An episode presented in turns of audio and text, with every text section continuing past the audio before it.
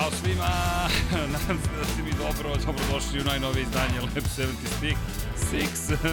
Stigao sam za oni koji ovo slušaju u snimku ili, ili na podcast platformama, audio platformama. Izvinjam se što ovoliko kasnim, ali ja drugare nisam mogao da ostavim na cedilu, nadam se da ćete, da ćete mi oprostiti. Jednostavno, sve smo namestili, sve što smo mogli da namestimo i onda dva kabla od 1000 dinara, 700 dinara, odjednom počinju da izbacuju neku frekvenciju, skida jedno, skida i drugo. Čupa za one koji ne znaju, Luki i Kuzmi pomažemo da postave svoj studio. Imajte strpljenja sa njima, bukvalno od nule kreću i teko trudimo se da im budemo tehnička podrška i negde od 6 sati do 8 i 15 je sve funkcionisalo kako treba. Onda je u 8 i 16 minuta počela stika da treperi, i treperi, i treperi, i treperi. Kao zašto treperi? Vadi jedan kabel, drugi, treći kabel, na kraju se ispostavilo USB-C, USB-C kabel, tako da, deco, investirajte i u dobre kablove. Jedino gde sam rekao, ma dobro, daj mi prve kablove USB-C, a oni spajaju AT mini sa računarom. I tako, nema izgovora, ali ne brinite, imam kolege Dejana Potkonjaka sa moje leve strane i legendarnu osobu Pavla Živkovića sa moje, to je bio deo, je Pavle Živković, da se ne zbunite, a gospodin Dejan Potkonjak je u crvenoj majici, deki, stvarno, Ne znam, stvarno. Stvarno si morao u crvenoj majici Čudne su vam te boje vaše. Ne, imam u gepeku naranđastu. Planirao sam da se presvučem, pošto u čast Maxa Verstappena, koji je bio najbolji ove sezone, ali dobro, Miksa će prvo da vas potpiše, da obavi svoj deo posla i ostala mi je u gepeku ta majica. Tako da, Maksovci, ne zamerite, ali neko mi je rekao, srđane, da ti nešto objasnim. Možda je Max Verstappen najbolji na svetu, možda će biti najbolji svih vremena, ali ako sledeći put projete više od 5% podcasta pričajući Maxu Verstappenu, ja ću da izvršim harakiri. Tako da nemojte to da učinite, pričat ćemo i o Maxu Verstappenu, ako ste još uvek raspoloženi da se družimo večeras, ekipa je ovde i te kako ozbiljno raspoložena. Prvo pozdravim Milicu. Milica je došla u, jel te, bojama Mercedesa, Luisa Hamiltona i trenutno Georgea Russella. Ovde dobacuje publika sa desne strane. Nema podršku baš sa ovih, sa ovih prostora. Prvo Marka da pozdravim. Marko, Marko koji dugo nije bio tu, ali kao da je domaći, Stefan takođe tu, i Petar, je tako? Sam sve popamtio, a najzad sam popamtio imena. Ljudi, udrite like za, za vaše strpljenje, hvala vam za razumevanje, bar smo iskreni, bar znate gde sam bio, a nisu baš blizu, pa dok se stiglo, parkiralo i sve ostalo. Kako mi gledaju Paje i Deki, čak ne izgledaju ljuto na mene to me najviše brine od svega. dakle, nisu, o, nisu to, o tome ćemo kasnije da to me najviše brine što su me nasmejani dočekali i to ne sluti na dobro. Ali dobro, gospođi Cilovač je takođe prisutna, pa da pozdravimo nju. Ljudi, nemamo slušalice večera, zašto? Pa pošto smo sređivali drugi studij, ovaj naš, nismo stigli baš da sretimo kako smo želeli, tako da slušalice će da stigne jednog dana ja se nadam da se mi dobro čujem. Tu su slušalice, znači slušalice su tu samo ne rade. ali su tu, nemojte ništa da brinete. U svakom slučaju, raspoloženje na nivou, jeste još uvek raspoloženje, pričamo o polugodištu Formula 1. Imamo samo 20 vozača da ocenimo, a uključit ćemo i vas kao našu dragu publiku, jel te, mku publiku, prijateljice i prijatelje koji zajedno s nama uživaju u Formula 1. Oni su došli Skoro, pre dva sata. Pre... A dobro, vidi, to ti kao Belgija. Pa to je znaš, pa, trka je počela i izgled, ti ne znaš kada će početi trka. Kad čekaš nešto, to je najlepši osjećaj, znaš. Kad čekaš. Kad čekaš ili kada dočekaš, stani, pa, samo da pohvatam. pa sad su dočekali, sad im vajde... Čekaj, hoćemo u desanku, hoćemo u desanku Maksimović. Ljubav je lepa samo kad se čeka. Da a onda Rambo Amadeus na livadi cveta 2. Mada, na za stolom cveta 3. Eto, da ubacimo malo i te rime. Ne znam ko uključuje telefon, ali ovog puta makar to nisam ja. Elem, ljudi, stvarno, dobrodošli. E, ja se nadam da ću uspeti internet da osposobim kod sebe na računaru, pa da se malo bolje družimo, ali...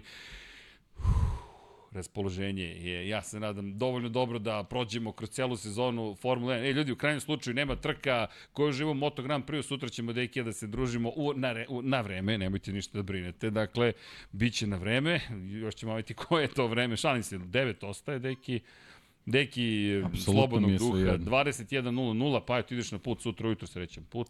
Hvala. U napred, pa je ostao zapravo da bismo od 9, zapravo pa je predložio, ajmo u 8, ja sam rekao, naravno u 8. Pa, pa je došao u 700 toga. Što se mene tiče, ja sam podcast završio. ja sam svoje rekao o tome šta se događalo u Estoni. Zaista. Šta su sve, šta su sve momci slušali do sad? E, ha, znaš kakav podcast je bio? Ne znam šta si propustio. Uh, šteta što se niste uključili, nema veze, dođem ja na pola i kažem ćao drugari i ćao svima, sad krećem iz početka.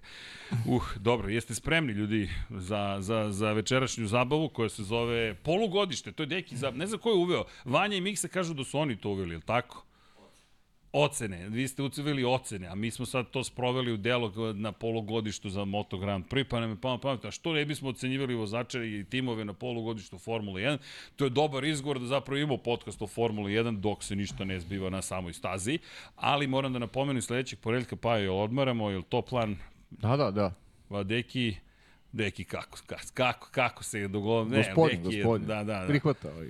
Ljudi, jedna nedelja možemo da propustimo podcast, ajde, Mada ko zna kakvi smo, mi to najavimo, pa onda snimimo tri.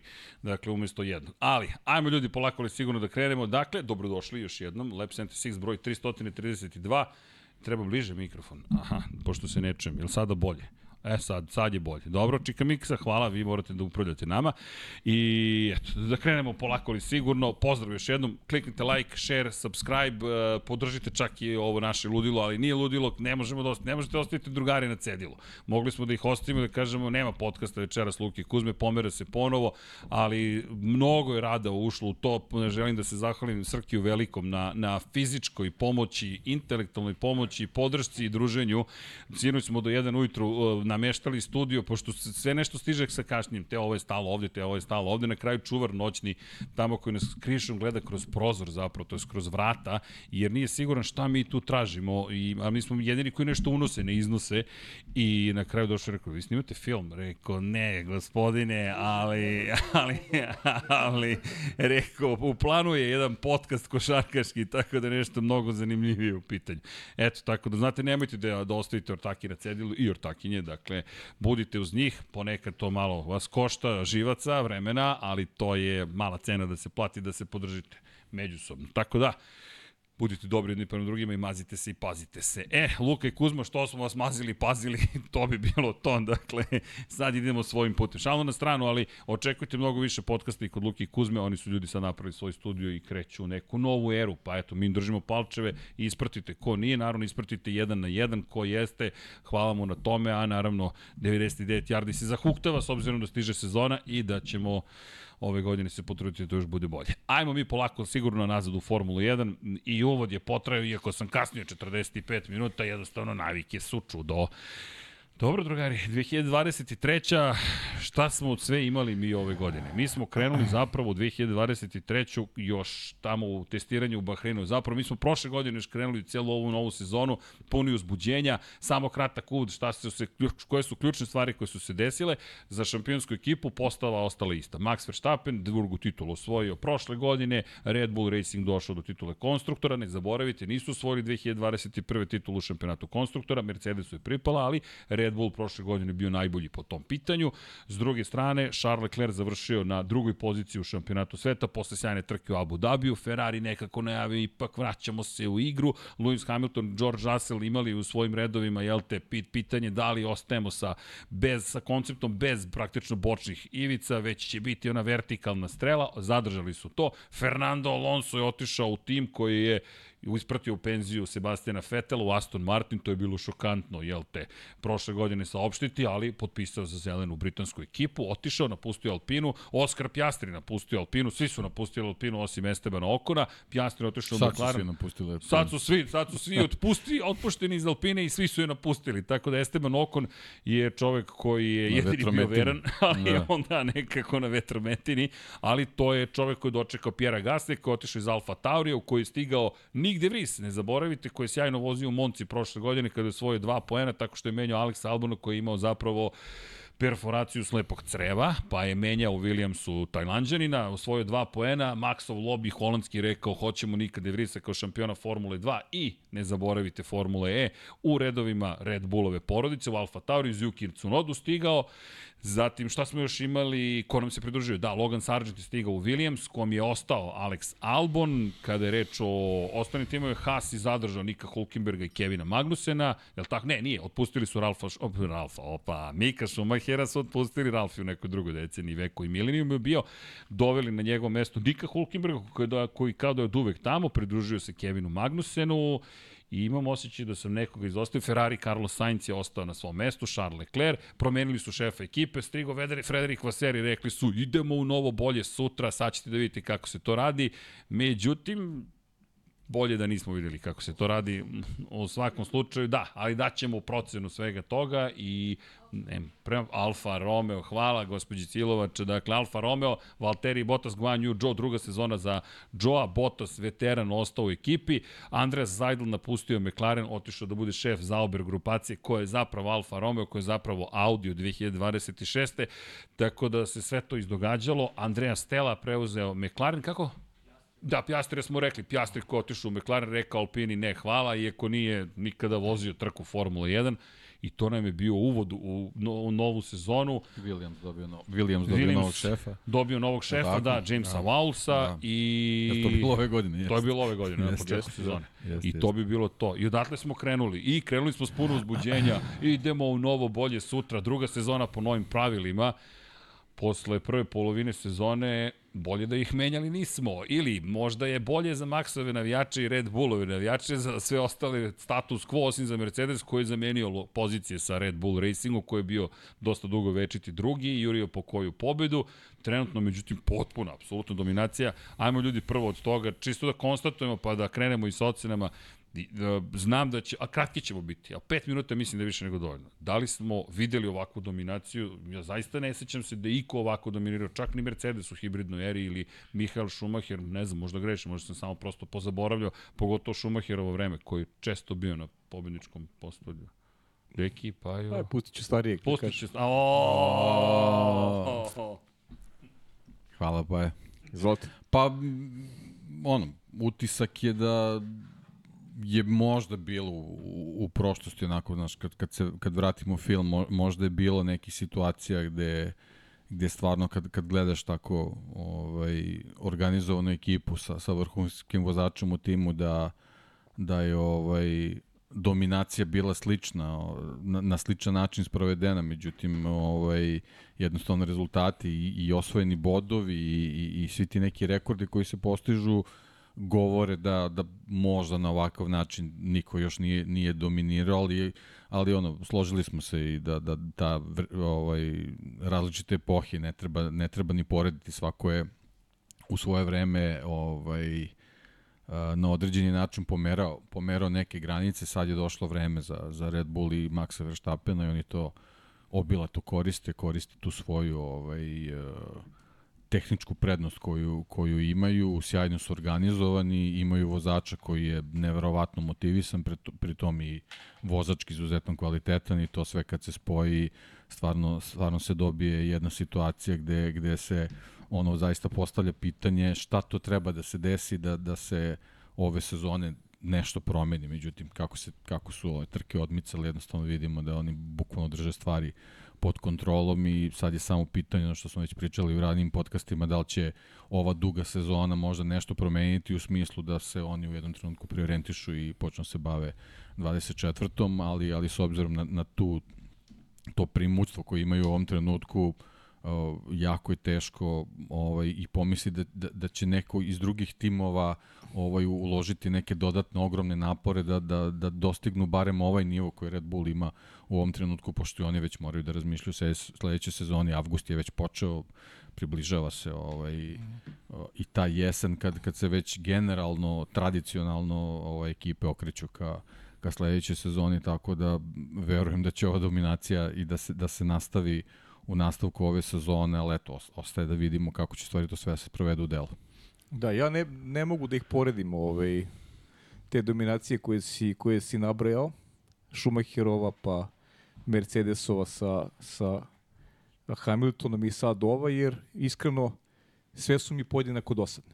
Nemam, nemam nikakvu razliku, ovaj, e, pošto ne uplićem nikakve navijačke strasti, već ovaj, gledam, gledam iz percepcije tih trka koliko su zanimljivi ili nisu zanimljive. A svaka ta dominacija nam ovaj, samo sugeriše da treba da se okrećemo i gledamo od trke do trke, da ne razmišljamo previše o tome, jer samo tamo mož, samo tako možemo da ovaj da imamo neki neki interes, neku strast, ajde da kažem koju koju svi imamo kada kada su u pitanju ovaj trke Formule 1.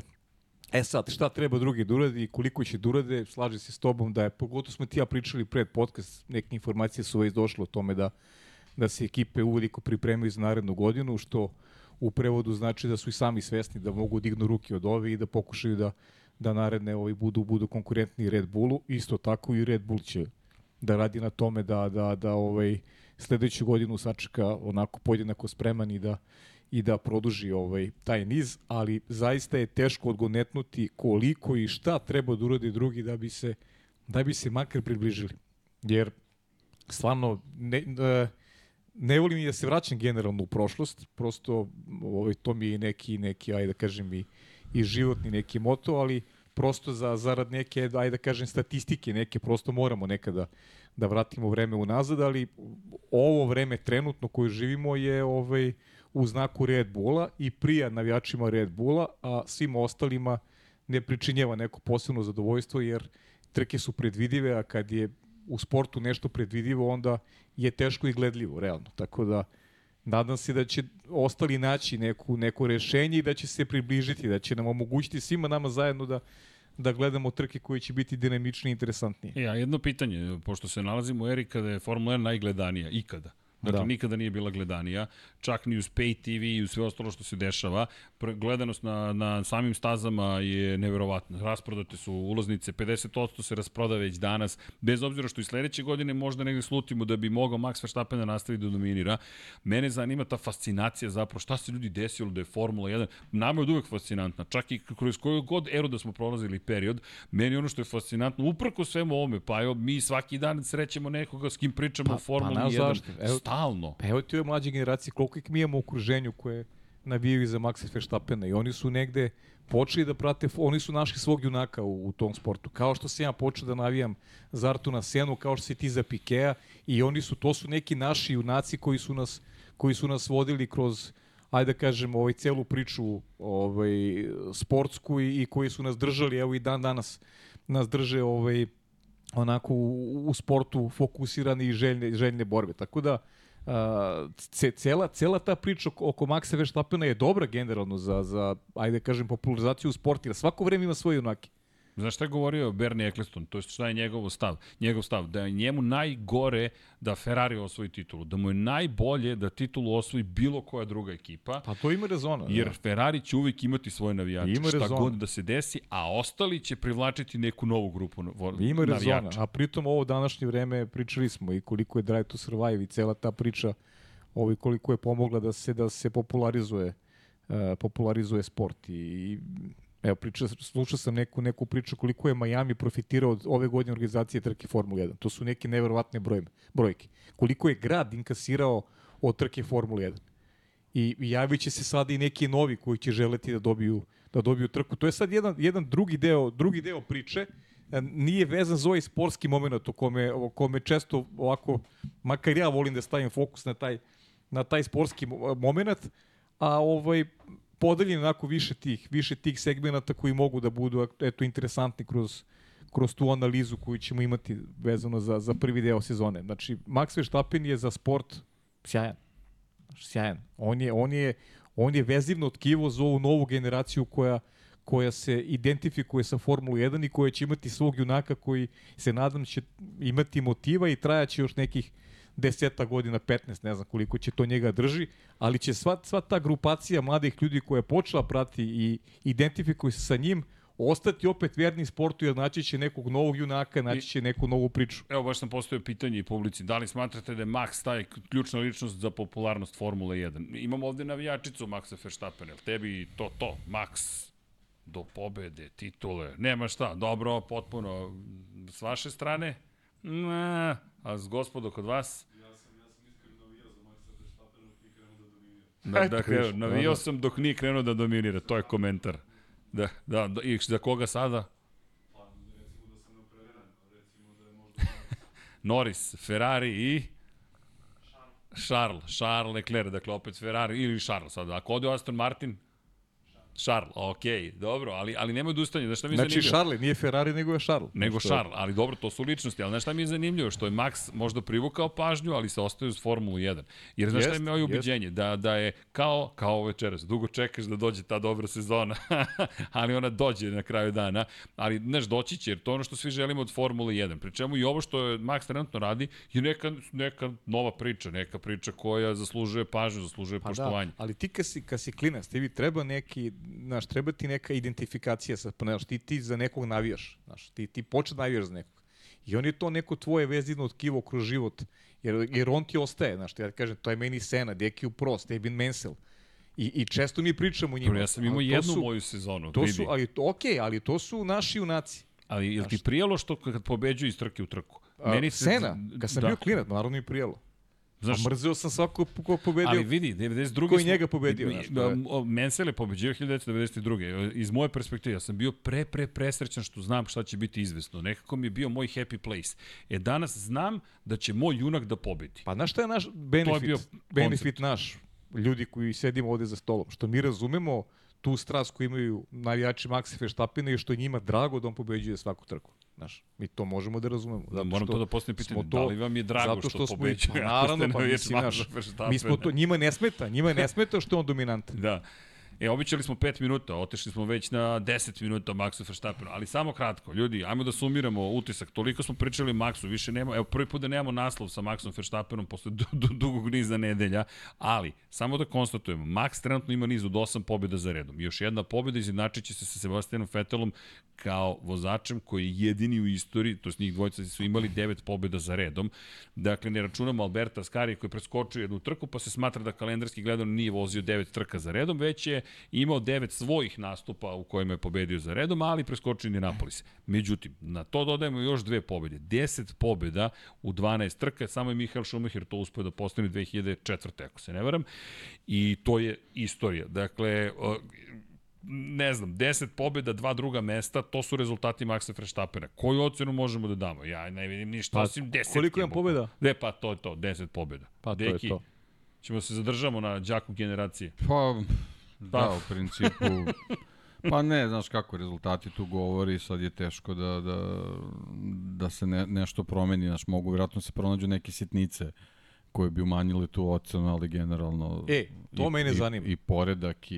I, ili, ili imaš ti, to me zanima, ili imaš neku sitnicu da bi... Pa sad bi trebalo onako da se, da se krene po trkama, znaš, znači te neke Ajmo. situacije gde nije osvojio, ne znam, pol poziciju ili ne znam, Pol poziciju nije osvojio Saudijska Arabija, pobedio ga je Sergio Perez. Da. Sad, znači, da li, je, da li je vozačka greška, pa je zbog toga, ili možda neka priprema bila drugačija, možda se više ekipa posvetila pripremi trke nego samoj pol poziciji, no, pošto je početak sezone i tako dalje i tako dalje, ali, ali generalno, mislim, A znaš zašto, te, pi- zašto ja nemam, nemam, nemam zarez uopšte? to, to ti kažem, no, sad, sad bi trebalo, baš, baš trebalo da se radi neka analiza da bi videli da li je ocena 9, 90 ili 10, Ne, ne, 0, meni- ali meni je 10. generalno, Meni je 10. kad se pogleda tabela, kad se, kad se sumira sve to, to je jednostavno čista desetka, 10. nema, nema tu šta. Mislim, znaš, bitan je, bitan je utisak profesora na ispitu. Znaš, on stvarno, ti kad pogledaš kad se bereš sve to, Pa evo, mi smo sad, Može- tri, mi smo da sad se- tri profesora, vidiš. mogu da se pronađu neke dlake u jajetu, ali generalno ono sve što je on pružio u prvom delu sezone, to je desetka. Deki je, Deki malo stroži profesor. Jeste, jeste, Da. znaš kako A lomi se, lomi se oko desetke. nisi Ja vidio dajem za- desetku lagano Za sad. MotoGP, a ovo mora roditelj da dođe, da zamoli da prođeš. Dakle, bukvalno... Jos, Otvorena Jos, vrata. dođi, dođi vamo, Jos. Na otvorena Jos, vrata. da Jos, dođe vamo. malo da, da Dekija. malo neke Da. stvari. Eto, to je možda, sad kad uđemo u onaj, ovaj, U te poter, neke poteru za analize, nesavršenstvo. ovaj, kako su ignorisali Serhija Pereza ovaj, prilikom pobjede Ali- u Saudijskoj Arabiji. E, Da li kolega uh, Mihajlo, i možemo Ne, da Azerbejdžanu, iskoristimo znam, priliku da pokažemo Možda nešto što Azerbejdžanu, nam je da, poslao Čika Nikola, ako ste ispratili na, na Slacku, poslao je nešto što mislim da se savršeno uklapa zapravo u ovu priču, a to je zapravo priča o tome šta je Max Verstappen postigao ove godine. Ne znam da smo izabrali prvu ili drugu verziju, ali koju? Drugu. Drugu, čekaj, čekaj, Miksa, delim ti ovu drugu. Ne, ovo morate da vidite zaista, zaista zato što ima tu par stvari koje bih spomenuo. Prvo, e, našeg dragog Nikolu, Nikolina i Nikola, dakle, pozdrav za jedan divan par koji, je, koji nas obogaćuje, dakle, iz samo njima znanih razloga, hvala vam na tome, ali Johnny, imamo ovde više Johnny-a, morat ćemo da imamo kako ćemo to da uskladimo, ali je poslao nešto što mislim da savršeno govori upravo tome koliko i šta je postigao Max Verstappen i tu ćemo završiti priču za sada. O Maxu vratit ćemo se posle. To je Dakle, tih pet minuta. E, I, ali ono što mi se sviđa, Max Verstappen, it's in the name. Da li se sećate Electronic Artsa i kako je bilo, to mi on rekao, Srki, ako ovo budete spominjali i bude stavio potpis It's in the name, molim ti izgovori kao Electronic Arts It's in the game. Da. Tako da. Treba su Max- dovedemo onog dasu. Da, Evo ga, evo, Da. slušaj, slušaj to. Max Verstappen, it's in the name. A? Jel može? It's in the name. Tako da, šta je izgubio i gde? Ovde je priča o osvojenim poenima i ko je Maxu zapravo uzeo poene tokom ove sezone. Kao što možete vidjeti, ja ne mogu od kamere, ali Sergio Perez mu je oteo 17 velikih poena. Dva poena mu je oteo Lewis Hamilton od mogućih maksimalnih bodova, Charles Leclerc 1, George Russell 1 i Guan Yu Zhou 1. Iako sam nije dobio Guan Yu Zhou taj jedan poen, najbrži krug trke, ali izvan top 10 je imao Guan Yu Zhou, 22 neosvojena poena. Pazite sad tu bizarnost. Mi ne merimo više osvojene poene. Ovo je neko na društvenim mrežama radio Nikola je rekao mi moramo ovo da imamo. Ja ću da izdizajniram tako da arhitekta Nikola dizajnira. Tako da je to fenomenalno. 22 neosvojena poena ili ti 93,45 osvojenih mogućih Eto, to poena ti je u ocena, sezoni. 9.93. De- To je ocena DVD. za Max. Dobro, strogi profesor, ja ipak ostajem desetku dajem. 9.933. Daj, čekaj, pogledajte ovu surovu statistiku. Leclerc mu je uzeo jedan poen. Dakle, tako što je imao najbrži krug. Hamilton je imao dva najbrža kruga, Russell je imao jedan najbrži krug, Guan Yu Zhou koji je stavio meki gume pred kraj trke i oteo poen, to jest ukinuo poen Verstappenu i Sergio koji je zabeležio dve pobede u momentima kada je bio na poziciji 2 Znaš kako, ako njemu dajemo 9.93, ovim ostalima ćemo 0 do 5 morati da dajemo. Ne, ne, ali čekaj, čekaj, nula, čekaj, kako ocenjujemo? Šta, pa od... Od 0 do 10 ili od 5 do 10 ili ne? Imamo četiri polje za postavljanje publici pitanja, tako da moramo Hoćemo- tu malo da smislimo kako ćemo. Pa hoćemo od 0 do 10, šta? Pa kako ćemo? Šta znam? Kako, za ocenjivanje, publiku Mag, kada pitamo. Max desetka, nema šta. mislim. dakle, Maxu stavimo tu 10, kažem, 10, 10, 10, Postoje 10, neke 10, sitnice, 10, ali da. jednostavno opšti utisak je čista desetka, nema šta. Da, da, da. Pa vidi, realno... Vi kolega, sla, se. Desetka, apsolutno, nemam, nemam šta tu da dodam. Mislim, ne, da nema već ni je Lab 76 je odlučilo. desetka, Desetka. Max Verstappen. Ako možemo ocimo još jednom pogled na, na statistiku da, Da. vidite Pritom, o Jos čemu nije, pričamo. Jos nije morao dođe, nije morao To dođe nije, na, još. na otvorena vrata. Jos nije još. Jos su zatvorena vrata za sad. Jos kad dobije š, onda je još, ali uh, Bahrein, kao što možete vidjeti, gde, gde nije osvojio maksimalne pojene? 25 do 26 u Bahreinu, 19 do 26 u Saudijskoj Arabiji, 25 do 26 mogućih u Australiji, u Azerbejdžanu 24 od 34, Miami maksimalno, zatim nije vođena Emilija Romanja, 25 od 26 na sledećoj trci, jel te? Dakle, došli smo do Monaka i to ne osvaja jedan poen. Maksimalan broj poena uspeo da osvoji, čekaj da ima, gde je to u Španiji, u Kanadi 25 do 26 i onda Austrija, Velika Britanija, Mađarska, potpuna dominacija i na kraju Belgija 20, 33 od 34. Moguća poena. Ljudi, spektakl, bukvalno. Idemo dalje, vreme je za Serhija Pereza, Ding ostajemo dong. na Red Bull Racingu. Sergio, šta, koja je ocena za Serhija Pereza? Ljudi, Ocena za Serhije Pereza ovako na keca. na Keca ovako sedmica mi je ovaj, mi prolazi kroz glavu ovako. Sedmica je ocena za Serhije Sedmica Pereza. ti da. prolazi za loto ili... Za loto, da, za Ne, loto. čekaj, nisam pitao Za publiku čeka- samo, dok, dok, dok diskutujemo Aha, može. d, d, d, ocena za Maksa. Dobro, ocena za Maksa. Možeš odmah da ideš i ocenu za Čeka. E, Kažem da. ti, ovaj, bilo je tih, bilo je baš onako loših momenta. Loših nego prošle godine, ali mislim da je sedmica dobra ocena i ono što ističem stalno, zašto ja Čeka potenciram kao važnu kariku u Red Bullu je činjenica da se on uvijek pojavljuje kad je Max u hendikepu. I to je ono što se meni sviđa kod Čeka. On je zahvalan taj drugi vozač, nije potencijal za, za velika dela očigledno, ali da bude timski vozač, da, da, da pomaže Red Bullu onako na pravi način, to je mislim da da, da Red Bull u suštini od, od osnivanja nije imao taj sklad u ekipi kao što ga ima kao što ga ima danas. I zato i, i ne bih bio u koži onoga ko će 2025. možda zameniti Serhije Perez, ako se to dogodi. Priča se o tome da, da, da, da je promena moguća, zavisi od forme čekove naredne godine, ali on je odradio fantastičan posao i ima svoje mesto u istoriji ekipe kao jedan onako vozač koji se, koji se dobro adaptirao na okolnosti. Imamo mi tu stalno dobijamo tu neku priču, nazovi priču kao on se bori za nešto, ali to je, mislim da je to šarena Čak laž. sam i ja odustao, ovde mi se već smeju Šarena napred. laž, da, da.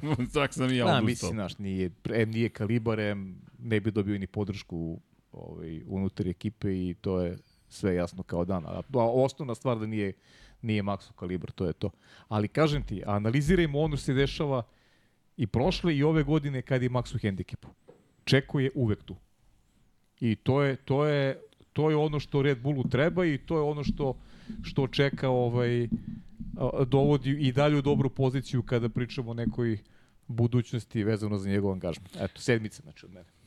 Deki, Pa da, ne bih mu ja nešto preterano veću ocenu dao iz prostog razloga što ima bolid sa kojim ne raspolaže bilo koji drugi ovaj vozač na gridu i to je u stvari njegov, njegov najveći problem što te rezultate koje stvari uopšte ne, ne, ne uslikavaju aparat sa kojim, sa kojim raspolaže bio u krizi, naravno sve, sve ok, dešava se to, ali jednostavno uh, tokom trkačkih vikenda na njihovim početcima dosta puta je zadao ekipi dosta ovaj glavobolje koje u principu ne bi ne bi trebalo da se dešavaju i onako prilično poremete kompletan rad i pripremu ovaj a ogromna ogromna njegova njegova prednost verovatno na neke druge vozače koji bi možda mogli da se nađu na toj poziciji. To je nešto verovatno o čemu će Red Bull i razmišljati kad bude analizirao da li uopšte treba da ga menja što je pa je rekao. Jednostavno kad dođe trkački vikend on u toj trci isporučuje ono što treba i ta druga pozicija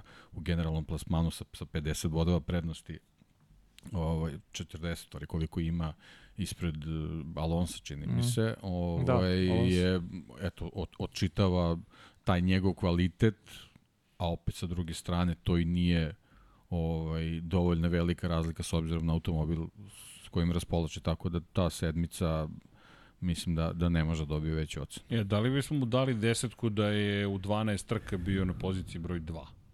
Da je imao sada da je svugde bio drugi za pa ne, ne, dobro, samim tim ne možeš da dobiješ desetku, tako da, da ali, si ali drugi. ta ocena bi bila mnogo veća. Ali znaš šta mene zanima, recimo, znaš, evo, recimo ko čeka. Možda malo i korigujem svoj stav. Razmišljao sam onome što sam rekao, ovaj, u stvari nisam dovoljno razmišljao pre nego što sam izgovorio prošli put. A, Čeko. Da li bi Čeko bio šampion ove godine da, da je on lider tima u kome recimo vozi još, ne znam, sada Lupiću, ovaj, Yuki Tsunoda. I sad Red Bull ima ovako dominantan bolid i ti očeka, očekuješ da osvoji šampionsku titulu. Pa poeni govore. Pazi, niko da. nije ni blizu. Pa da, poe, tako je, poeni govore, ali i oni dalje ima taj neki rasterećen pristup, naš, nema kapiraš drugačije da li, kad da, da razumem te kad, kad ti moraš da budeš na plećima, vođa ti moraš da budeš vođa moraš da budeš šampion e to je ono što recimo Dobro pitanje. Ne znam da pa ne znam da li ćemo ikad da li ćemo ikad ispoznati naš. A bojim se da neće. Naš, tako Jedino da malo kažem ti malo malo malo korigujem taj stav da bi Čeko ovaj bio šampion. Mislim da sam malo brzoplet bio u celoj priči jer ne znam kako bi se ponašao da je lider tima.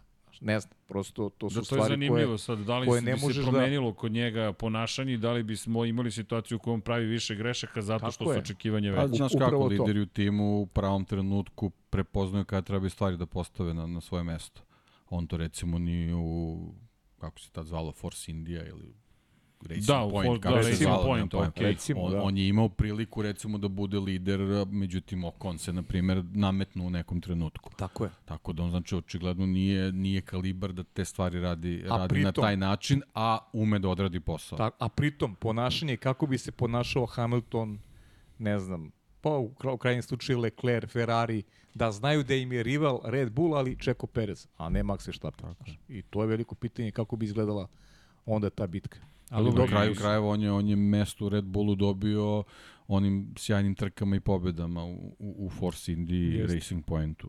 Izvinjam se, ne, ne mogu se setim koji je, znam da je bilo roze. Pazi ovako. Ovaj, ali jednostavno tu je pokazao da, da, da je čovek koji ume u trci boli da dovede do, do kraja i na dobroj poziciji. To je ono što je, što je prevagnulo kod Red Bulla. Međutim, te pripreme za trku, to su očigledno i dalje njegove, njegove slabe Jesu. tačke i, i svoj, svojom delu garaže baš pravi velike probleme zbog toga i, i, i, i kažem, taj bolic kojim on raspolaže jednostavno ne dozvoljava da dobije veću ocenu sa, Jep. ovi- sa ovim učinkom. Pazi ovo, on je otpušten 10. septembra 2020. godine.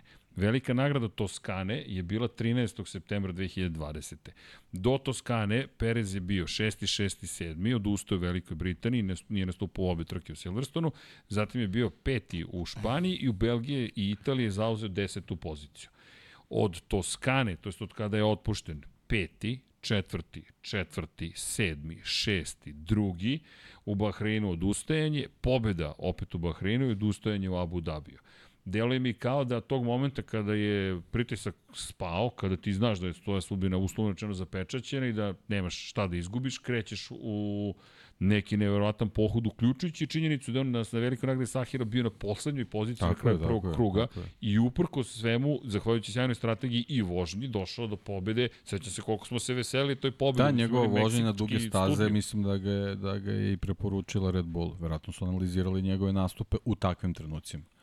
Kako se čuva bolid i kako se poštuje strategija i tako dalje. Što ti dalje. idealan vozač broj 2. Tako je. Nemaš tako velika je. očekivanja, Pod uslovom da shvati da je vozač broj 2. A Dobro, to je u jednom da trenutku pobeđuješ- prošle sezone je sve stavljeno na svoje mesto. Dobro, i čuvena priča Da. u Brazilu u kojoj ne Pa znamo upravo zapravo to, šta je... to i mislim. Znači, Max u tom trenutku zamerio. je, mu je stavljeno do znanja da je vozač broj 2, ako je možda i pomislio u nekom trenutku da nije. A, ali je pazi. ovogodišnja sezona mu pokazuje jednostavno da je vidi se i po njemu mnogo je mnogo je opušteniji Jest, jest. mnogo je uh, po, po, po njegovim izjavama se vidi naravno pecne on s vremena na vreme tu mislim naravno Znaš šta- ima ima neki svoj karakter i to je okej ali generalno po njemu se ove sezone vidi da je on malo rasterećeniji a u trenucima kad je napet to je uglavnom zbog toga što pravi te greške koje ne bi trebalo da radi Pa ja znam da si ti genij, ali ovo je potpuno genijalno, s obzirom na činjenicu da, da je ovo savršena priča. Zapravo ti njega pogledaš u prvih pet trka, drugi, prvi, peti, prvi, drugi i dolazi taj moment priče da li Sergio može da bude šampion sveta. To su pitanja koje smo i mi postavljali.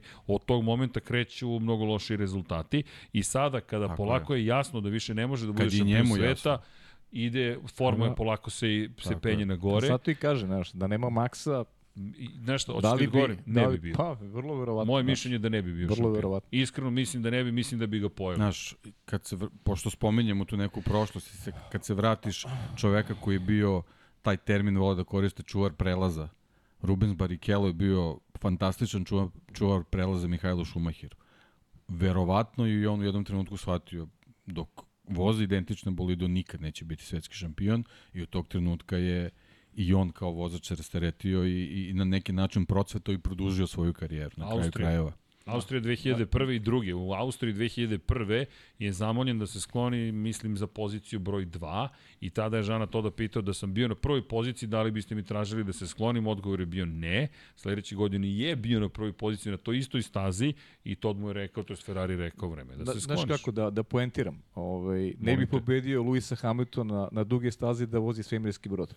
ok, pa ja, pa ja suro, ovo je na nivou Ikebane, dakle, ok, dakle, Sergio Perez tebi baš nema nikakvu šansu. Ja mislim da ne bi osvojio titul, mislim da nema šansu, ali ali bih, da, volao da vidim šta. Mislim da zapravo nemamo ni šta da vidimo, mislim da bi popustio. Ma, nećemo to Mislim da bi vidimo, popustio, to, to jer koliko god sam verovao u njega, na kraju dana se desilo da ne može. Znaš zašto? Mislim da bi bilo mnogo, mnogo zabavno da je ostao u samom vrhu. Da vidimo čoveka koji, znaš na koga bi me podsjetio? Na Aleša Espargara. Zašto? Aleš Espargaro inače bravo za pobedu juče koji je protio Moto Grand Prix, Aprilia druga pobeda u istoriji. I zašto spomenjem Espargara? Slično su im karijere. Espargaro dugo nije imao ni jednu pobedu i onda je prošle godine zabeležio pobedu. Ali nije pritisak isti. Ali ne, ne, slažem se, ali, ali samo hoću da kažem da je uh, u, u momentu kada je Espargaro negde pred kraj karijere, odjednom je počeo da nalazi neku u sebi snagu, način da napreduje i, i, i, i rezultate koje niko nije očekivao. I pritom se on dugo držao prošle godine u borbi za titulu šampiona sveta.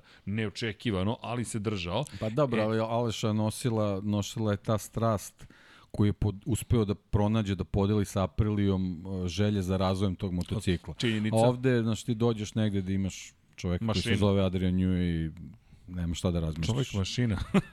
Nisi mu dao ocenu, Srki. E, ocena? Pa moram da se složim sa sedmicom. Dao bih mu 7, veću 11, ocenu. ajde. Pa ne, dao bih mu veću ocenu da je nastavio, znaš šta, ne toliko na rezultate.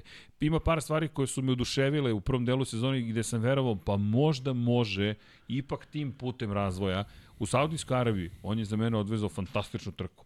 Dakle, kada Ali posmatram dobro, to je, pojedinačne... mislim, sad malo možda, možda će biti igru prema njemu, jednostavno splet okolnosti da se u tom periodu sezone su se desile trke koje njemu odgovaraju. I to se apsolutno vidi. Znači, ulične staze, blizu ograde, zidovi i on je tu sjajan. I to je jednostavno bio taj splet okolnosti, da je to bila druga trka sezone. da je Jeste, bila ali- deseta, Ali ljudi, ajmo da mu damo na, na, na Pa ipak ne, naravno, ja se va- slažem. validnu ocenu. Pa, pa evo Saudijskoj- 7-11, evo, malo, sedam. nek dobije tu decimalu. Ali samo bih to da istaknem, tu Saudijsku Arabiju, tebe juri Max Verstappen. I ti znaš, kad dođe vozilo bezbednosti, da ti u restartu ne, moraš da iskoristiš moment dok je Max treći, dok ne dođe na drugu poziciju, da stekneš dovoljno veliku prednost da Verstappen ne može da te stigne.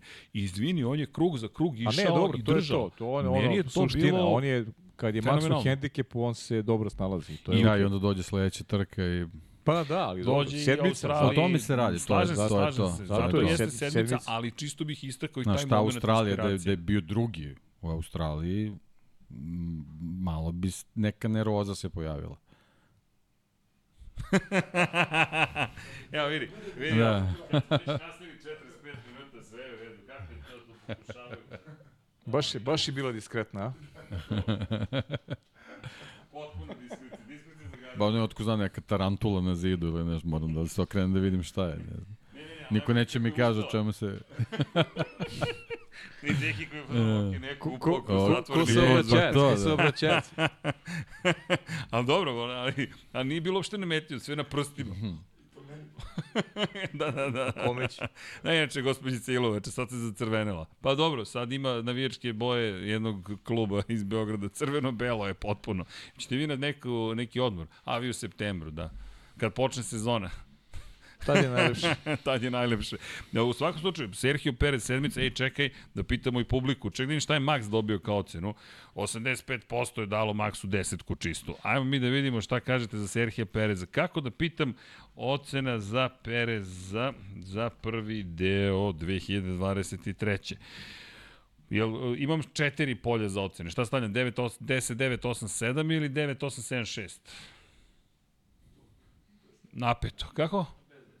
Be, bez Pa da, desetke. pa da, U, pa tough Pa crowd, dobro, realno. što bi se reklo, A tough nema crowd. desetka, je samo jedna, znaš. nema. Desetka je samo jedna, mislim da svi možemo da se složimo po tom pitanju. Evo, pitanje za Pereza. Pitamo i publiku, ocenjujete zajedno sa nama. Mijek se umeđu vremenu našao trenerku e, reprezentacije Brazila, ne bi li izdržao pod do klime, ali dobro. Dakle, Sergio Perez, slažem se, sedmica, što se mene tiče, jednoglasni smo po tom pitanju, 189 poena činjenica, ali prosto u tom bolidu, u toj situaciji, trebalo je više da uradi. I nekako sam utisak tih kvalifikacija, ne prolaziš u Q3 deo takmičenja, ne Pa prolaziš to, u to Q3, pogotovo, to mu ne pogotovo prolaziš. smanjuje ocenu. Znaš. daš je slab utisak. Ajde navučeš, da navučeš jednu ocenu više, ali da, znaš, tako loše kvalifikacije, i to u seriji. I to se ponavlja. To Nije se prvi ponavlja, put da. u njegovoj karijeri. Ok, Da, Fernando. jedini pozitivni Da. deo je on ima plan da bude drugi, tu Ma je. da, tu je, I tako to je je, to. tako je, to je to. Dobro. Fernando Alonso nam je sledeći. Fernando, Fernando Alonso, ja ću odmah da ti, od- odmah ću ti ispucam ocenu za Fernando Da. Alonso, osmica. Osmica za mene, osmica Fernando Alonso, sve urađeno kako treba e, i ja mu zameram on, onaj Monako, to sam ti rekao. To, To, je, sam, to sam znao da ćeš da to je- oduzmeš da je minus ko Monako, vrata. Monako, da su probali, da je trku završio, ja bi mu, 12. dao bi mu devetku. Da, desetka ne može jer nema pobedu. Ne, ne može. Dao bi mu devetku da su probali samo, znaš, da su prepoznali neki moment, kažem, mislim, pričalo se o tome i posle trke, zato i osmica, ali Alonso fenomenalno ok, Aston Martin je u padu, to očekivali smo Aston Martin da se da završi sezonu bez podijuma, ne menja utisak onome, onome što je napravljeno ove godine, tako da Alonso zadovoljan, vidi se tu razlika, ogromna razlika između kvaliteta dvojice vozača, Strola i njega. Strol eto, ima, ima priliku da nauči, ako ništa drugo, vidjet ćemo koliko može da nauči. Pazi, treći u šampionatu, 149 poena, Alonso. Ma, fenomenalno, sve je fenomenalno. I koliko podijuma? Šest ili sedam podijuma? Koliko ima? Šest, čini mi se. a? Šest podijuma. Šest U podijuma, osam da. prvih trka. U osam prvih trka i kažem, ta, taj Monako koji je morao da bude, oni su bili zadovoljni ti drugim mestom, ali mogli su tu da dođu do pobede. To je jedina u stvari trka u kojoj Red Bull mogu da izgubi do sada. Taj Monako. Deki, 8.64. 8 ša, opa, Alonso ovde ima neke, dobro. Pa, znaš, i, i godine i ekipa koja uči, evo sad vidimo, teško izgurati celu sezonu na istom nivou, tako da nije sve ni do njega, ovaj, njegova želja da, da, da pomogne ekipi, komunikacija tokom trka, interesovanje za To je devet, timskog kolegu, pa da, Naginje kad... čisto da uđe kao devet, da, da, pa ja volim da poklanjam malo. Ok, dobro, devet. U redu je. 8.64. Pa nisi to radio u MotoGP ovde, Alonso dobio čudno, Da, o, zapamtite ovo, kod Deki, Luki, Alonso. slabi, slabi na Alonso, slabi na Alonso. Slabi na Fernanda, dobro, dobro. 8.64, dakle. U, to je ono baš kad juriš prosek, pa mami kažeš, bit ću odličan. Stvarno, mama, bit ću Mora odličan. malo da se poklanja. Mo- Mora Sve malo okej, da se poklanja. E, pazi, ja sam isto tu negde, vu- vu- vučem ka, ka devetci, zašto? I daću mu devetku iz čisto emotivnih razloga, iskreno.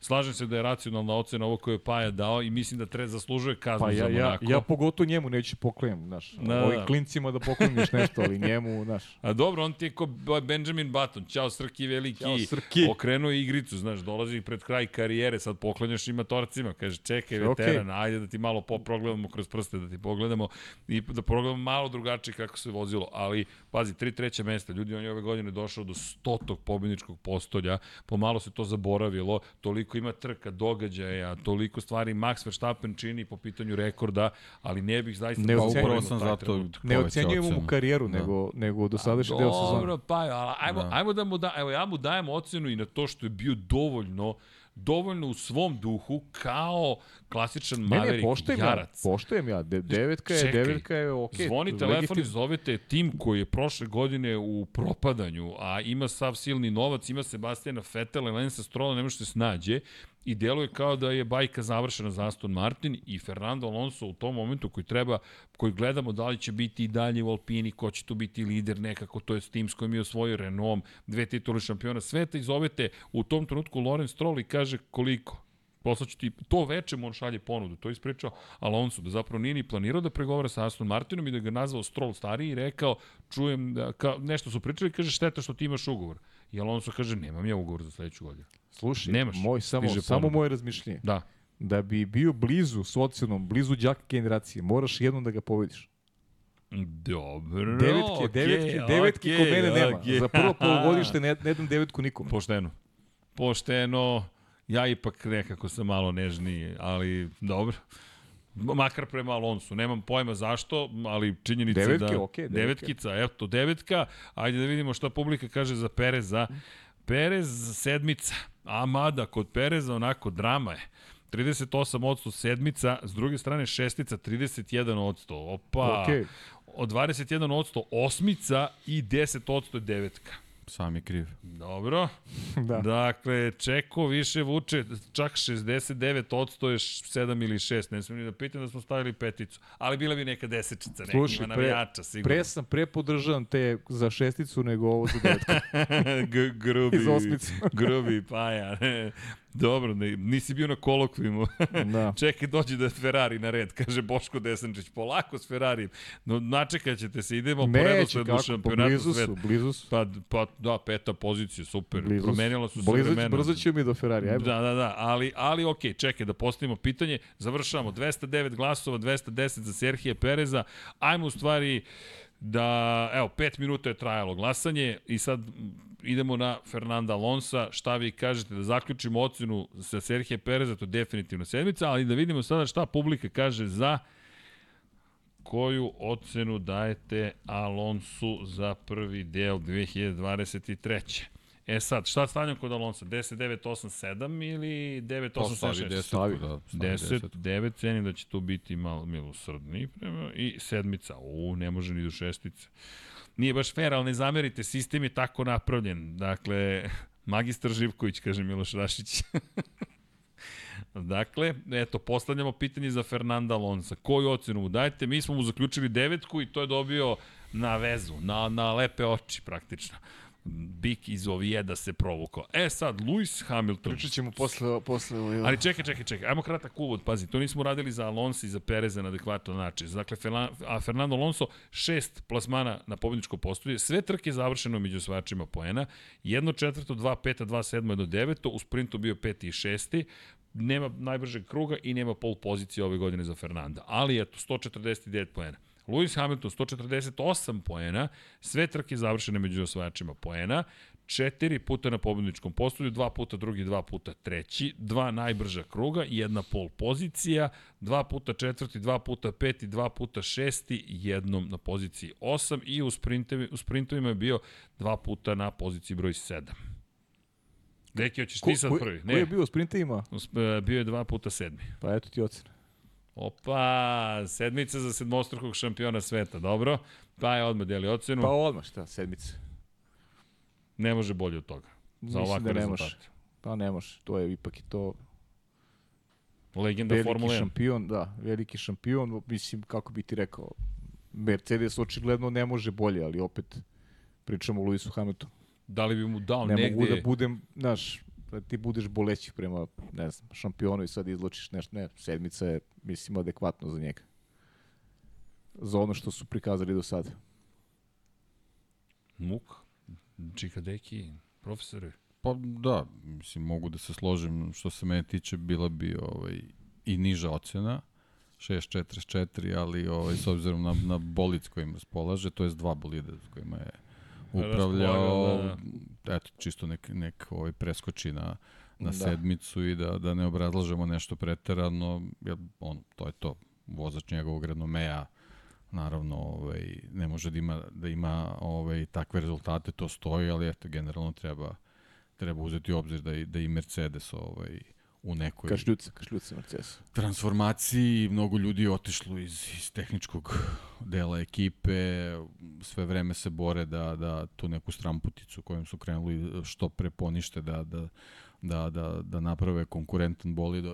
To je ono pa što ispomenuo na početku pod, podcasta, ovaj, izašle su te neke vesti da i, i Toto Wolf potvrdio da, da će bukvalno minimalne izmene da, da donesu u nastavku sezone koji se tiču pokušaja da, da se poboljša ta neka upravljivost na ulazcima u krivine koja je po njemu i najveći problem i bukvalno je kroz te redovi saopštio da se okreću 24. i tako da uh, te reči i najbolje potvrđuju da, da ni Hamilton ni, ni Russell nisu nešto pretarano bolje mogli da, da, da urade ove sezone, ali eto, nekako ovaj, uspeli su da krenu nekom uzlaznom putanjom, ako te neke sitne izmene do, do kraja sezone neš, nešto donesu, ovaj, možda će im to pomoći u, u, toj nekoj borbi da, da se zadrže u tom vrhu i što se tiče eto Hamiltona da, da možda eto barem Alonsa prestigne da bude među prvom trojicom u, u generalnom prstmanu, ako možda i uspe da, da prestigne Alonsa, eto, čisto to je, Ja to, bi, mislim- to bi bio ja neki, mislim da neki hoće. maksimalan domen, da. Mislim će sigurno da prestigne Alonso. Dobro, ju, se Tako jure da poziciju broj 3. De facto Pa, najbolji od je, ostatka tako je. sveta. Tako je, tako Što je. se mene tiče Hamilton 7.44, da ćemo malo veću ocenu od tebe, Deki, ali samo za na konto toga što par stvari, dakle, pol pozicija u Mađarskoj, čisto mislim da ta 104. posle godinu i po, posle svega što se dešavalo, krug u kojem su i Maxi grešili, dakle, delovalo mi da je jednom i drugom stalo i dobili smo ponovo duel između njih dvojice, ovoga puta je pripao Lewisu Hamiltonu, ali čisto taj trenutak nekako, ajde malo, da, da i, i taj moment gde kao čekaj, desilo se još nešto i ponovo njih dvojica na stazi, možda bi to trebalo da dam njima dvojici, ali... Dobro, 7.44 opet sedmica. tako Ne, ne, da- sedmica je. Ne, ne može Da, više da, od ne može Ne može Lewis Hamilton bez pobede i uz manje pobedničkih postolja od Fernanda Alonso da dobije ocenu veću od 7. Prosto, da, pobeđuje Georgea Russella, ali uz svo dužno Ne, mislim, ima, naravno, Russellu, ima, ima krivice i u Mercedesu, Ima naravno, ali on krivice. kao neko sa takvim iskustvom,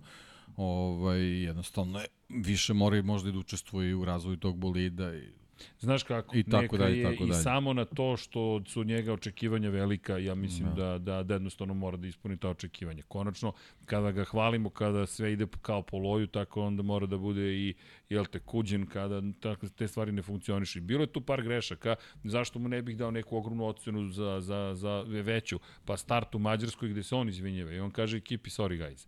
Dakle, ti si taj koji je sedmostruki šampion sveta, ti imaš 103 pobjede, 104 pol pozicije, najzad si pobedio najljuće najvećeg rivala koga imaš na stazi, ti imaš kontrolu situacije u Mađarskoj, prva krivina mora biti tvoja. Yes, to je baš velika greška. Baš velika greška. I to što on kaže, sorry guys, i on je svestan. Pa pazi, to, i, to ti je ono vezano, To je Alonso. To je Alonso, znaš, to ti je je- jedina prilika kada možeš da Alonso u eventualno Monaku. napraviš nešto, znaš, Tako nešto je. veliko, znaš, i ti to ne uradiš. E, to I, je, I opet te porazi Max Verstappen. Pa da, dakle, da, to jest. opet uradi više. I opet i na, pozitivno za Verstappena i negativno za njegove rivale. pa čak i ta Jer- sedmica upravo je uračunato to što si ti rekao.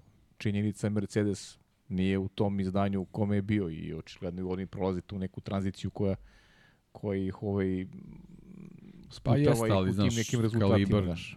Njegov vozački kalibar treba da mu donese na stazama gde, gde uh, to odlučuje. tehničko primućstvo nije toliko veliko Tako da je. vozač odluče, ali eto, upravo to što Srđan kaže, osvojiš pol poziciju, onda napraviš Ne možeš čak i da si... grešku. Znači, vidi, jeste. početnička za greška. njegov da si, renome to je početnička da greška. si izgubio ti u sledećem krugu ili, je. ili dok je DRS Ne može, ne može što se tretira njegova greška i greška Guan Yužua.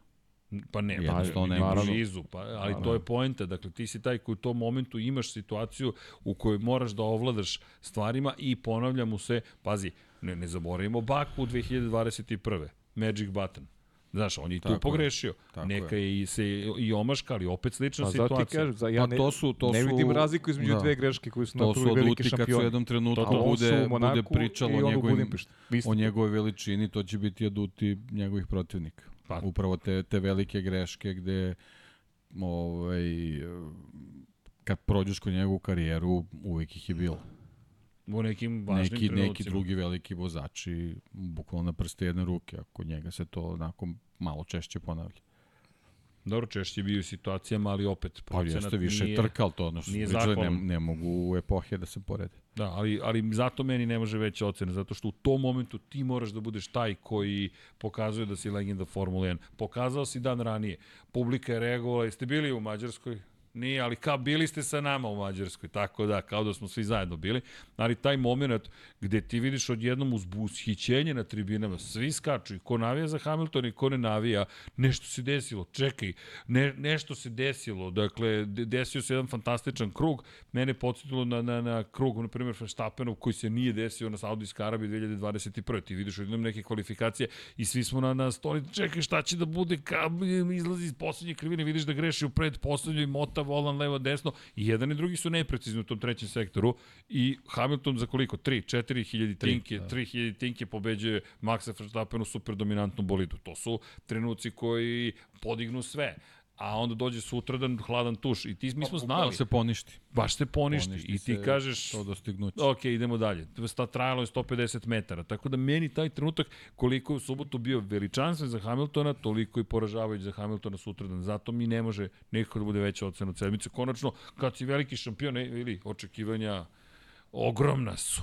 Dobro, Hamilton, dakle, sedmica, čekaj, eh, hoće li biti ocenjivanje za komentatore prenosa ili, samo pitam, da Boris ćemo, nema problema, Dakle, stavit ćemo i to iz ocenjivanja, nema nikakvih, Đera 7 to pita. Oni su uvek A i Boris 7-60. Trutin isto. 7.60 su naše ocene. Uvek, da. Opa, to Uvek. tako je, deki, 7,60. zakucena ocena. hvala, deki. Ne znam da li je hvala. Piši za Luisa sad. Pa ne, nego Da, da. jednostavno da rešimo to. Da rešimo to dilemu, pitanje. Da. E, E, kako je prošao Alonso? Alonso, 10, 10%, 9, 41%, osmica 43%, sedmica 7%. Ja mislim da je to to, između 8 i 9. Pa to, to, nije, nije nam loša procena. E sad za Luisa Hamiltona, samo ukoliko bude hteo da me posluša sistem, pošto trenutno neće da mi o, dozvoli da se učita, dakle da prekinemo, ali u svakom slučaju, evo zatvaramo end poll ako uspem to da učinim, imamo jedan mal, blagi soft refresh, da uradimo da bi se ož, oživeo studio, nadam se Miksa da neću kliknuti end stream. Ne, ne, ne, ne, sve, sve u redu, sve u redu, evo ga, end poll. Da vidimo, uspeo sam, idemo. Dakle, s, pitanje, koju ocenu dajete Luisu, u stvari čekaj da skratim, Hamiltonu za prvi deo 2023. Daćemo vam ocenu i za nas, 10, 10, 10 i 9. Tako da, eto, to će vam biti izborno, da smo se, ono, 100%, 100% devetke. e, dakle, Hamilton, od koje ocene krećemo? 9? Pa od 9, od 9, pa da. Pa dobro, da li merimo ljubav prema Lewisu Hamiltonu? Pa ba, navijači mere, naravno. Dobro, evo 9, 8, 7, 6. Uf. Što četiri može samo. Pa samo Pa četiri. da, može. okej. Pa da. To je to. Jel to u redu ili stavljam Pa ja 10, mislim da je u 10, redu. 8? Pa ne, Jest, jest. 10. Ne znam. Dobro. Dobro, to znamo da navijate A sad. nema, Ko deset. navija za Luisa Hamiltona, To kliknite ti je like. kao kad se čeka izabere za ovaj, vozača dana, ono, pola Meksika glasalo. E, ali ne to glasaju be, nešto besplatni, previše. besplatni SMS onaj, u, ovi, kod Da, ovoga, da. kako se zove, Carlosa Slima. ali, Da, da. ali ne glasaju nešto previše. Da. E, znate u Južnoafričkoj republici kada su pravili um, kada su pravili zapravo utakmicu u kojoj publika bira re, bira e, sastav timova. Kako? Tako što, pazi, sad ovaj marketnički trik, ne znam koje pivo bilo u pitanju, moraš, moraš da kupiš pivo i onda ispod kod. I onda nakupiš dovoljno kodova da glasaš zapravo ko da izađe u kom trenutku sa, sa, sa stadiona i to sve preko mobilnih telefona i ne znam zašto mi to palo na pamet, osim da, eto, Sergio Perez glasanje. Ok, dobro, e, nije još witching hour popularni, mi tamo mi prosto prošlo kroz glavu. Inače, kaže mi Miksa slušao, 46 ljudi još nedostaje za 32.000 subscribera. Pozovi ljudi u nekoj pauzi da poguramo malo danas. Instrukcije su jasne, pozovi ljudi da poguramo malo danas. Ajmo, Ajmo na ljudi gurku, da poguramo na na gurku, gurku. da, da imamo još 46 subscribera. Hvala ljudi. Da, pre par nedelja smo pričali o tome da ima 30.000, sada je 32.000 objašnjenje. Mi nemamo, daćete nam ocenu na kraju, jel te? Aha, na kraju podcasta ocenjujete komentatora, a pošto to možete samo u live-u, znate šta vam je činiti. Dakle, i možete u komentarima, ali pol, da ne kažem anketa, radi samo ko je u četu uživo, tako da e, družit ćemo se večeras. Jel, nismo loši, imamo neki tempo od, od kad sam stigao u studiju. Dobro, to je Da. nešto drugo. Dakle, Pitaju ljude koji čekaju dva sata. Skoro smo okej.